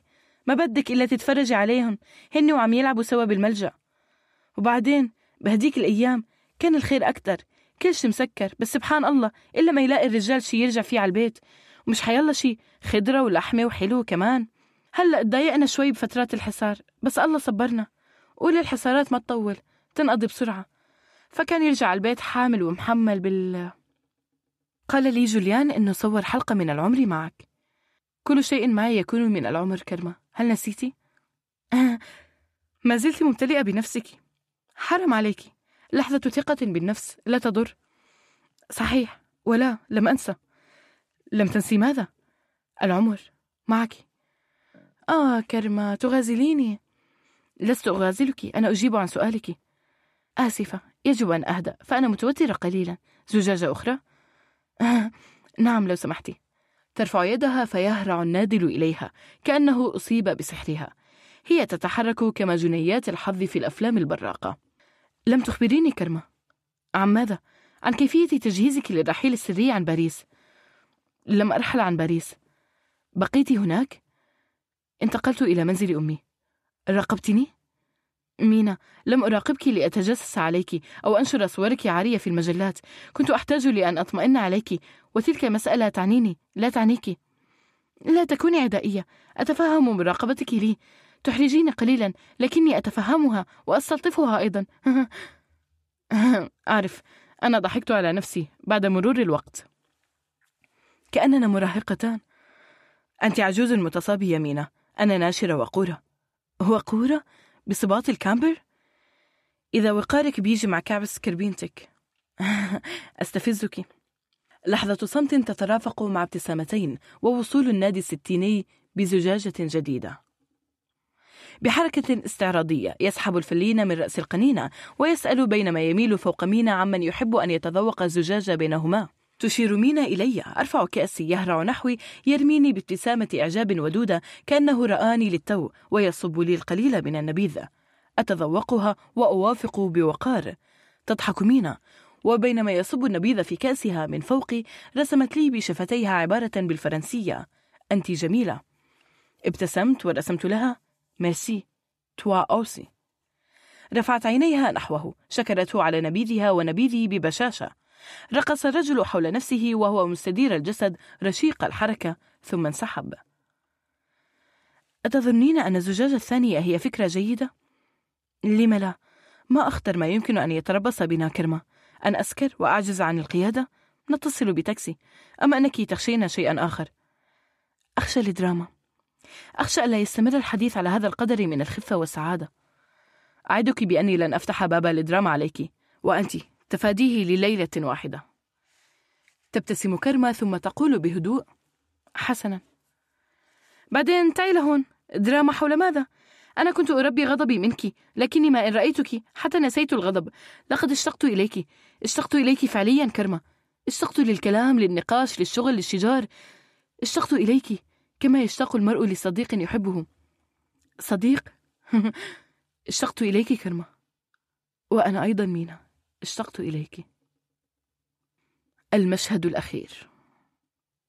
ألسنة النار حرة تتحرك كما تشتهي بالتواطؤ مع الهواء. الجسم الذي تأكله لا يتحرك ثابت كما الجماد. القش يمد النار بما تحتاجه من زخم لتحرق. تحرق الجسم المثبت على خشبة. هذا الجسم كالخيال يلوح من تحت النار لكنه حقيقة كالشبح لكنه لحم ودم. تسعى العين للتخفف من وطأة حرق ما يشبهها. تفشل. فالجسم يحترق وهو كجسمي. أقول لنفسي هو الشر وأنا الخير. أحرقه لأنمو فأنا الخير. يجب أن أنمو. لكنه كجسمي ولو بقي بلا صوت لا يسمع له صوت فصوت النار آسر. هو قليل من صوت الشمس. السماء مشرقة الجمهور جامد عدده كبير. دائرة تحيط بها تقفل عليها وهي تحترق وسطها. تلك الساحرة. التباس ما بين الغزال والأسد ما بين مينا وحتشبسوت ما بين مدينتين قطتين أزمنة. سينما وخيال شخصي واقع وخلاصات يومية تتراكم تتشابك. زحمة تعوق الرؤية كخيوط الكهرباء في المخيم. السير بينها ليس بديهيا لكنه المتاح الوحيد فالسير هو الزمن الراهن. هو ما يعيشه المرء تباعا وهو قصته. ربما بعد عشر سنوات سأفهم سبب تصرف أو سلوك لكني الآن أتصرفه أسلكه وغدا سأتعامل مع التبعات وبعد غد سوف. تلك هي قصة العيش والقصة تصعب المساومة عليها حتى ولو وجبت أحيانا. في المساومة تجد أناسا ينخرطون في أحلام يمدهم بها الواقع تلائم جميع التسويات فيه فينصهرون بها. وهي في المقابل تؤمن لهم إحساسا بالحياة ومنطقا لها. كتلك الحروب الصغيرة الأسابيع التي تنفجر فيها بلادي بالأشعار والرصاص والتضحيات. هم يسمونها تضحيات لكنها الأكسجين قهر فرح نصر هزيمة حماسة غضب كلها مشاعر يحتاجها المرء في حياته فيأخذ المتاح له منها في حياته.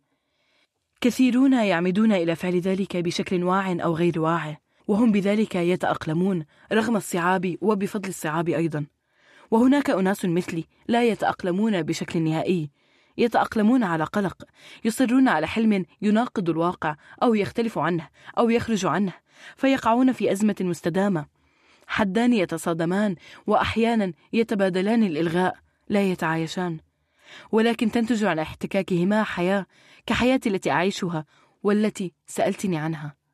حلم يخرجني من واقع وواقع يشدني إليه كأني أحيا في مكانين رمزيا وفعليا تماما كما الواقع والسينما. على فكرة هناك كثيرون مثلي. لست فريدة. تضحك. تضحكان لضحكتها في شاشة الأمس. لقد سافرت مينا إلى كان وفازت بجائزة مهرجانها. وحملت لقب أفضل ممثلة لذلك العام. وقد أحاطت بها دهشة إيجابية وحيوية هناك أو هذا ما شعرت به حينها على الأقل. كان من المتوقع أن تلقي كلمة أمام الجمهور هذه المرة بعد فوزين صامتين. لم تلقيها طبعا.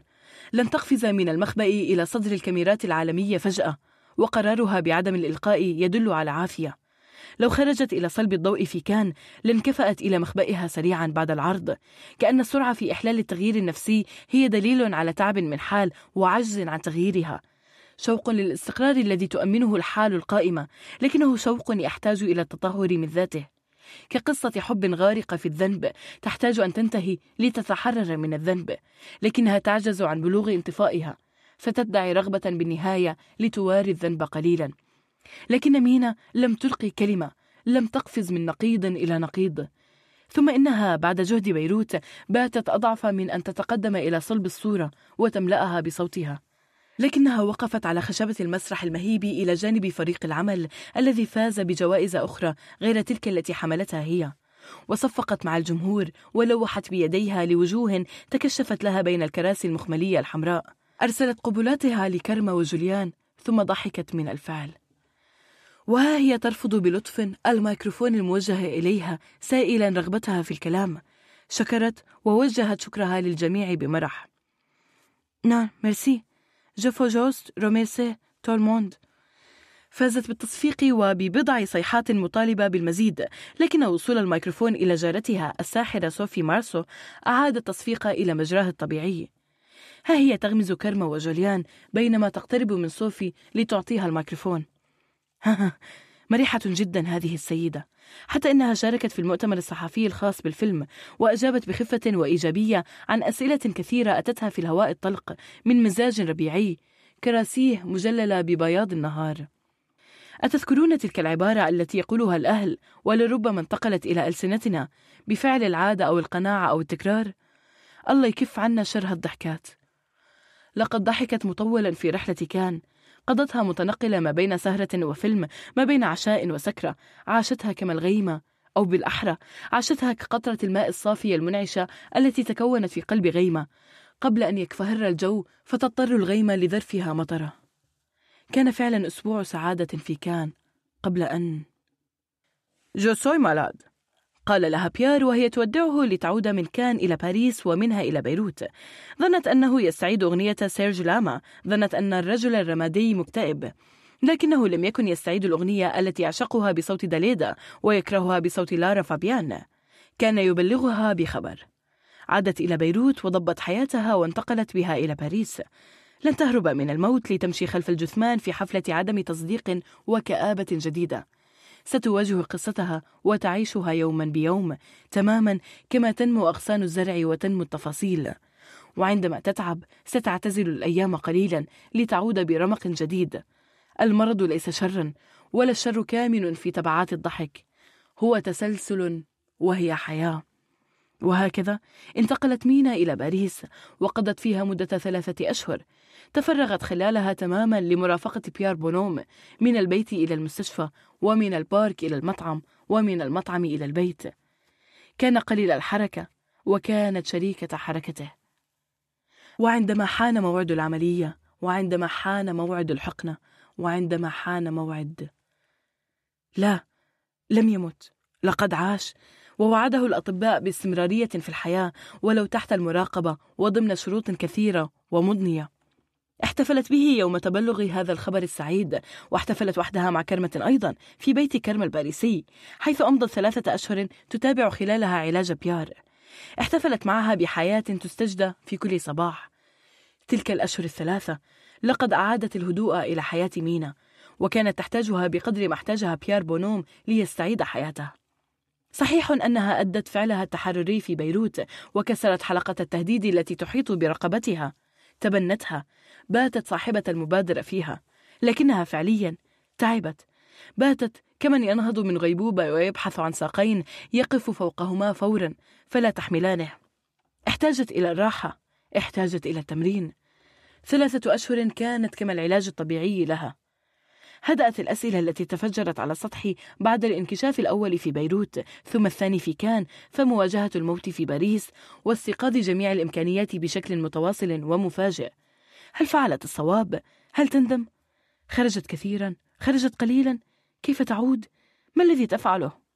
أسئلة وأكثر اشتعلت فهدأها خريف باريس أقنعها بالتروي وبالضرورة وبالإمكانيات أيضا لا ضرورة لأن تستمري في مسيرة الكشف. لا ضرورة لأن تحيي في العلن يمينا أبلغها خريف باريس بأن التتمات تنتظرها لكي تكتبها هي. يمكنها أن تبتعد متى شاءت. يمكنها أن تنصهر متى شاءت. هي حرة ولو بينها وبين نفسها. فعلت ما احتاجته وهي لن تجيب عن جميع الأسئلة تباعا وفورا. لن تفرض ذلك كله على نفسها دفعة واحدة. الخريف يمهد للشتاء الذي ينهك فيلد ربيعا يختمر صيفا. بالأمس فعلت الآن تسمع غدا تجيب وتحفظ لكل يوم ما يحتمله من أسئلة وإجابات. هناك تعبت وهنا تعبت وهي تحتاج إلى قيلولة من الزمن قيلولة في خريف باريس. لم تكن لتقبل دعوة الإقامة في بيت كرمة ولا كانت لتخرج باحثة عن بيت لها في باريس لو لم يمرض بيار كانت لتعود من كان إلى بيتها في بيروت وتبقي كل القصص معلقة بما سيحمله الغد من تطورات أو من انعدامها. بيار وضعها أمام أمر واقع ولم يطلب منها أكثر من الرفقة كأنه التقاء مصالح فالمصالح تتلاقى على الخير أيضا. وقتها معه كان كالوقت خارجها وبرفقتها في آن واحد. وهو غني لطالما اشتهت قضاء الوقت معه. لولا لولا ماذا؟ لا شيء. هناك أناس في العالم تحبينهم وتتمنين لو تقضين الوقت تمتصين ما بنوه في عقولهم وأرواحهم من معرفة وغنى ومشاعر. لكن هناك شيء ما يفصلك عنهم. يبقي تلك الابتسامة العالية الود معلقة على الشفتين تنظرين إليهم بعينين فاغرتين ولا تخطين نحوهم أكثر من مساحة الإجابة عن سؤال. أحيانا تحل لحظات تعجنك بهم مثل مواقف كثيرة عشناها في أيام التصوير. أحسست به حينها كجزء مني لكنها لحظات تبقى كالوقت المستقطع. نعود إثرها إلى ابتسامة التواطؤ الودودة. تلك كانت علاقتي ببيار. لكن مرضه وتعابي قربا أحدنا من الآخر بلا افتعال. لم ننشد الكلام إلا عندما راقه أن يحل. لم ننشد الضحك إلا عندما صادفناه على الطريق. لم ننشد أكثر من الرفقة خارج اليوميات في موقع أقرب من النفس. خرجت من مرض بيار أقوى وهو بدا راضيا عن ذلك. هذا الرجل الستيني كأن والدها سلم إليه الشعل عند رحيله المفاجئ. أي شعل مينا؟ شعلة تأمين حاجتي من الإحساس بأني ملك وملكة في آن واحد ولا أقل من ذلك. عند عودتها إلى بيروت اتصل بها بيار ليبلغها بحجز نفسها خلال الربيع المقبل لبدء تصوير فيلمه الجديد. فوجئت وترددت. أحيانا بعد المرور بتجربة صعبة يحلو التوقف عن الإنتاج قليلا لحين استعادة التوازن. وهي لا تحكي عن نفسها هنا وإنما عن بيار. سألته ألا تخاف؟ ألا تشعر بأنك قد تقع في خطأ سببه عدم وضوح الرؤية والتأثر بالتجربة التي خضتها؟ أجاب خطأ؟ اقرأ النص أولا تستدرك أعتذر معك حق يتفهمها ويكمل لكن دورك لن يكون رئيسيا هذه المرة ستحرقين سريعا مينا أحرق؟ لماذا يا بيار؟ هذا جزائي على فعل الخير تجاه رجل مريض؟ بيار؟ اسمعي ستحترقين وسيبكيك العالم لكنك لن تحصلي على جائزة أفضل ممثلة. دورك لا يتخطى الدقائق الخمس. مينا أتراهن أني سأحصد الجائزة على الدقائق الخمسة هذه؟ بيار منذ دقيقتين كان الفيلم خطأ من أخطائي والآن فازت مينا بجائزة عن خمس دقائق تمثيل فيه. هذا كله وهي لم تقرأ النص بعد. مينا ضاحكة تخاطب شخصا محددا أو تتوجه إلى التاريخ؟ بيار يلا نهارك سعيد وانتبهي عند السير في الشوارع. لقد أصبحت مشهورة. صيد الساحرات. كانت قصة تطهر الإنس من الجان الشرير الذي يركب النساء يبعدهن عن الوظائف المختارة لهن ويحيلهن كائنات جنسية مشاغبة. نساء غرقات في الخطيئة وسيغرقن المجتمع فيه. فيحرقن لحماية المجتمع حمايته منهن. فلولاهن لكان المجتمع قد غطى في الخير.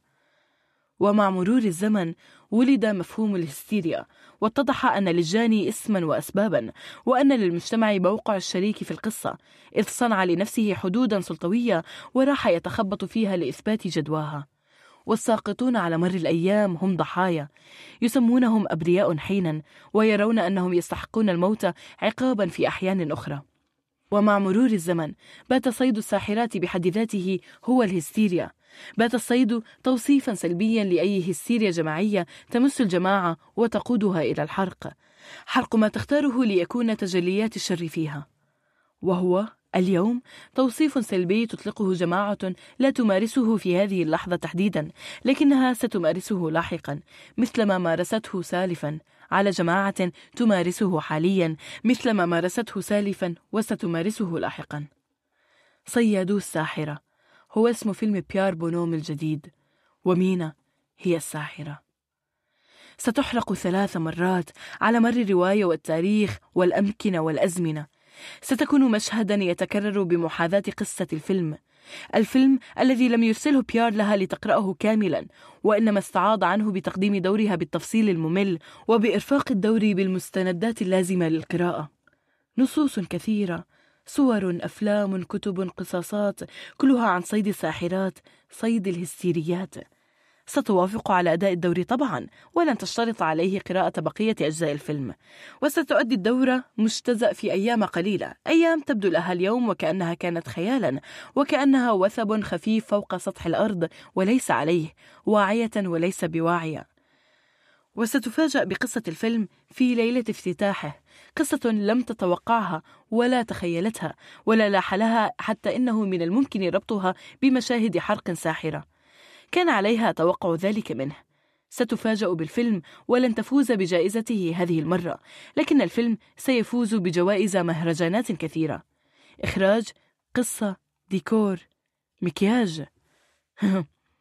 الدجاجة لا تزال تبيض ذهبا. لقد صارحها بيار بعد العرض بأنه كتب القصة منذ عشر سنوات لكنه لم يكن جاهزا لإخراجها فيلما آنذاك. قال إنه فقد إحساسه بها إثر كتابتها. عندما خرج من المرض أراد أن يعود سريعا إلى عمله. بالصدفة تذكرها. أعاد قراءتها. ووجدت إحساسك بها هذه المرة؟ تسأله مشاغبة. يضحك بينما يحتضنها في وسط بهو عريض. يتجاذب المدعوون أطراف الحديث فيه بينما يحتسون الكأس التالية للعرض الأول. أحبك يا بنت عديني بأن تبقي بخير. ومينا مينا ستبقى بخير. تحيا برفقة كرمة متنقلة بين عاصمة وأخرى. بيروت وباريس مخرجان ومدخلان لقصة واحدة. وكرمة آه كرمة سعيدة أيضا. تتنفس. تختنق تبتسم تغضب تهدأ تتصاحب تحب تكسل تخفو تدخن تتوه ترقص تسكر تقرأ تضحك تتعب وتنام في السرير. نعم كرم بخير ومينا أيضا؟ مينا بخير؟ استمعتم إلى مينا. قرأته لكم صوفيا حجازين. تأليف سحر مندور. صادر عن دار الآداب للنشر والتوزيع. تم إنتاج هذا الكتاب الصوتي من قبل Storyside سنة 2022 لمنصة Storytel. جميع الحقوق محفوظة.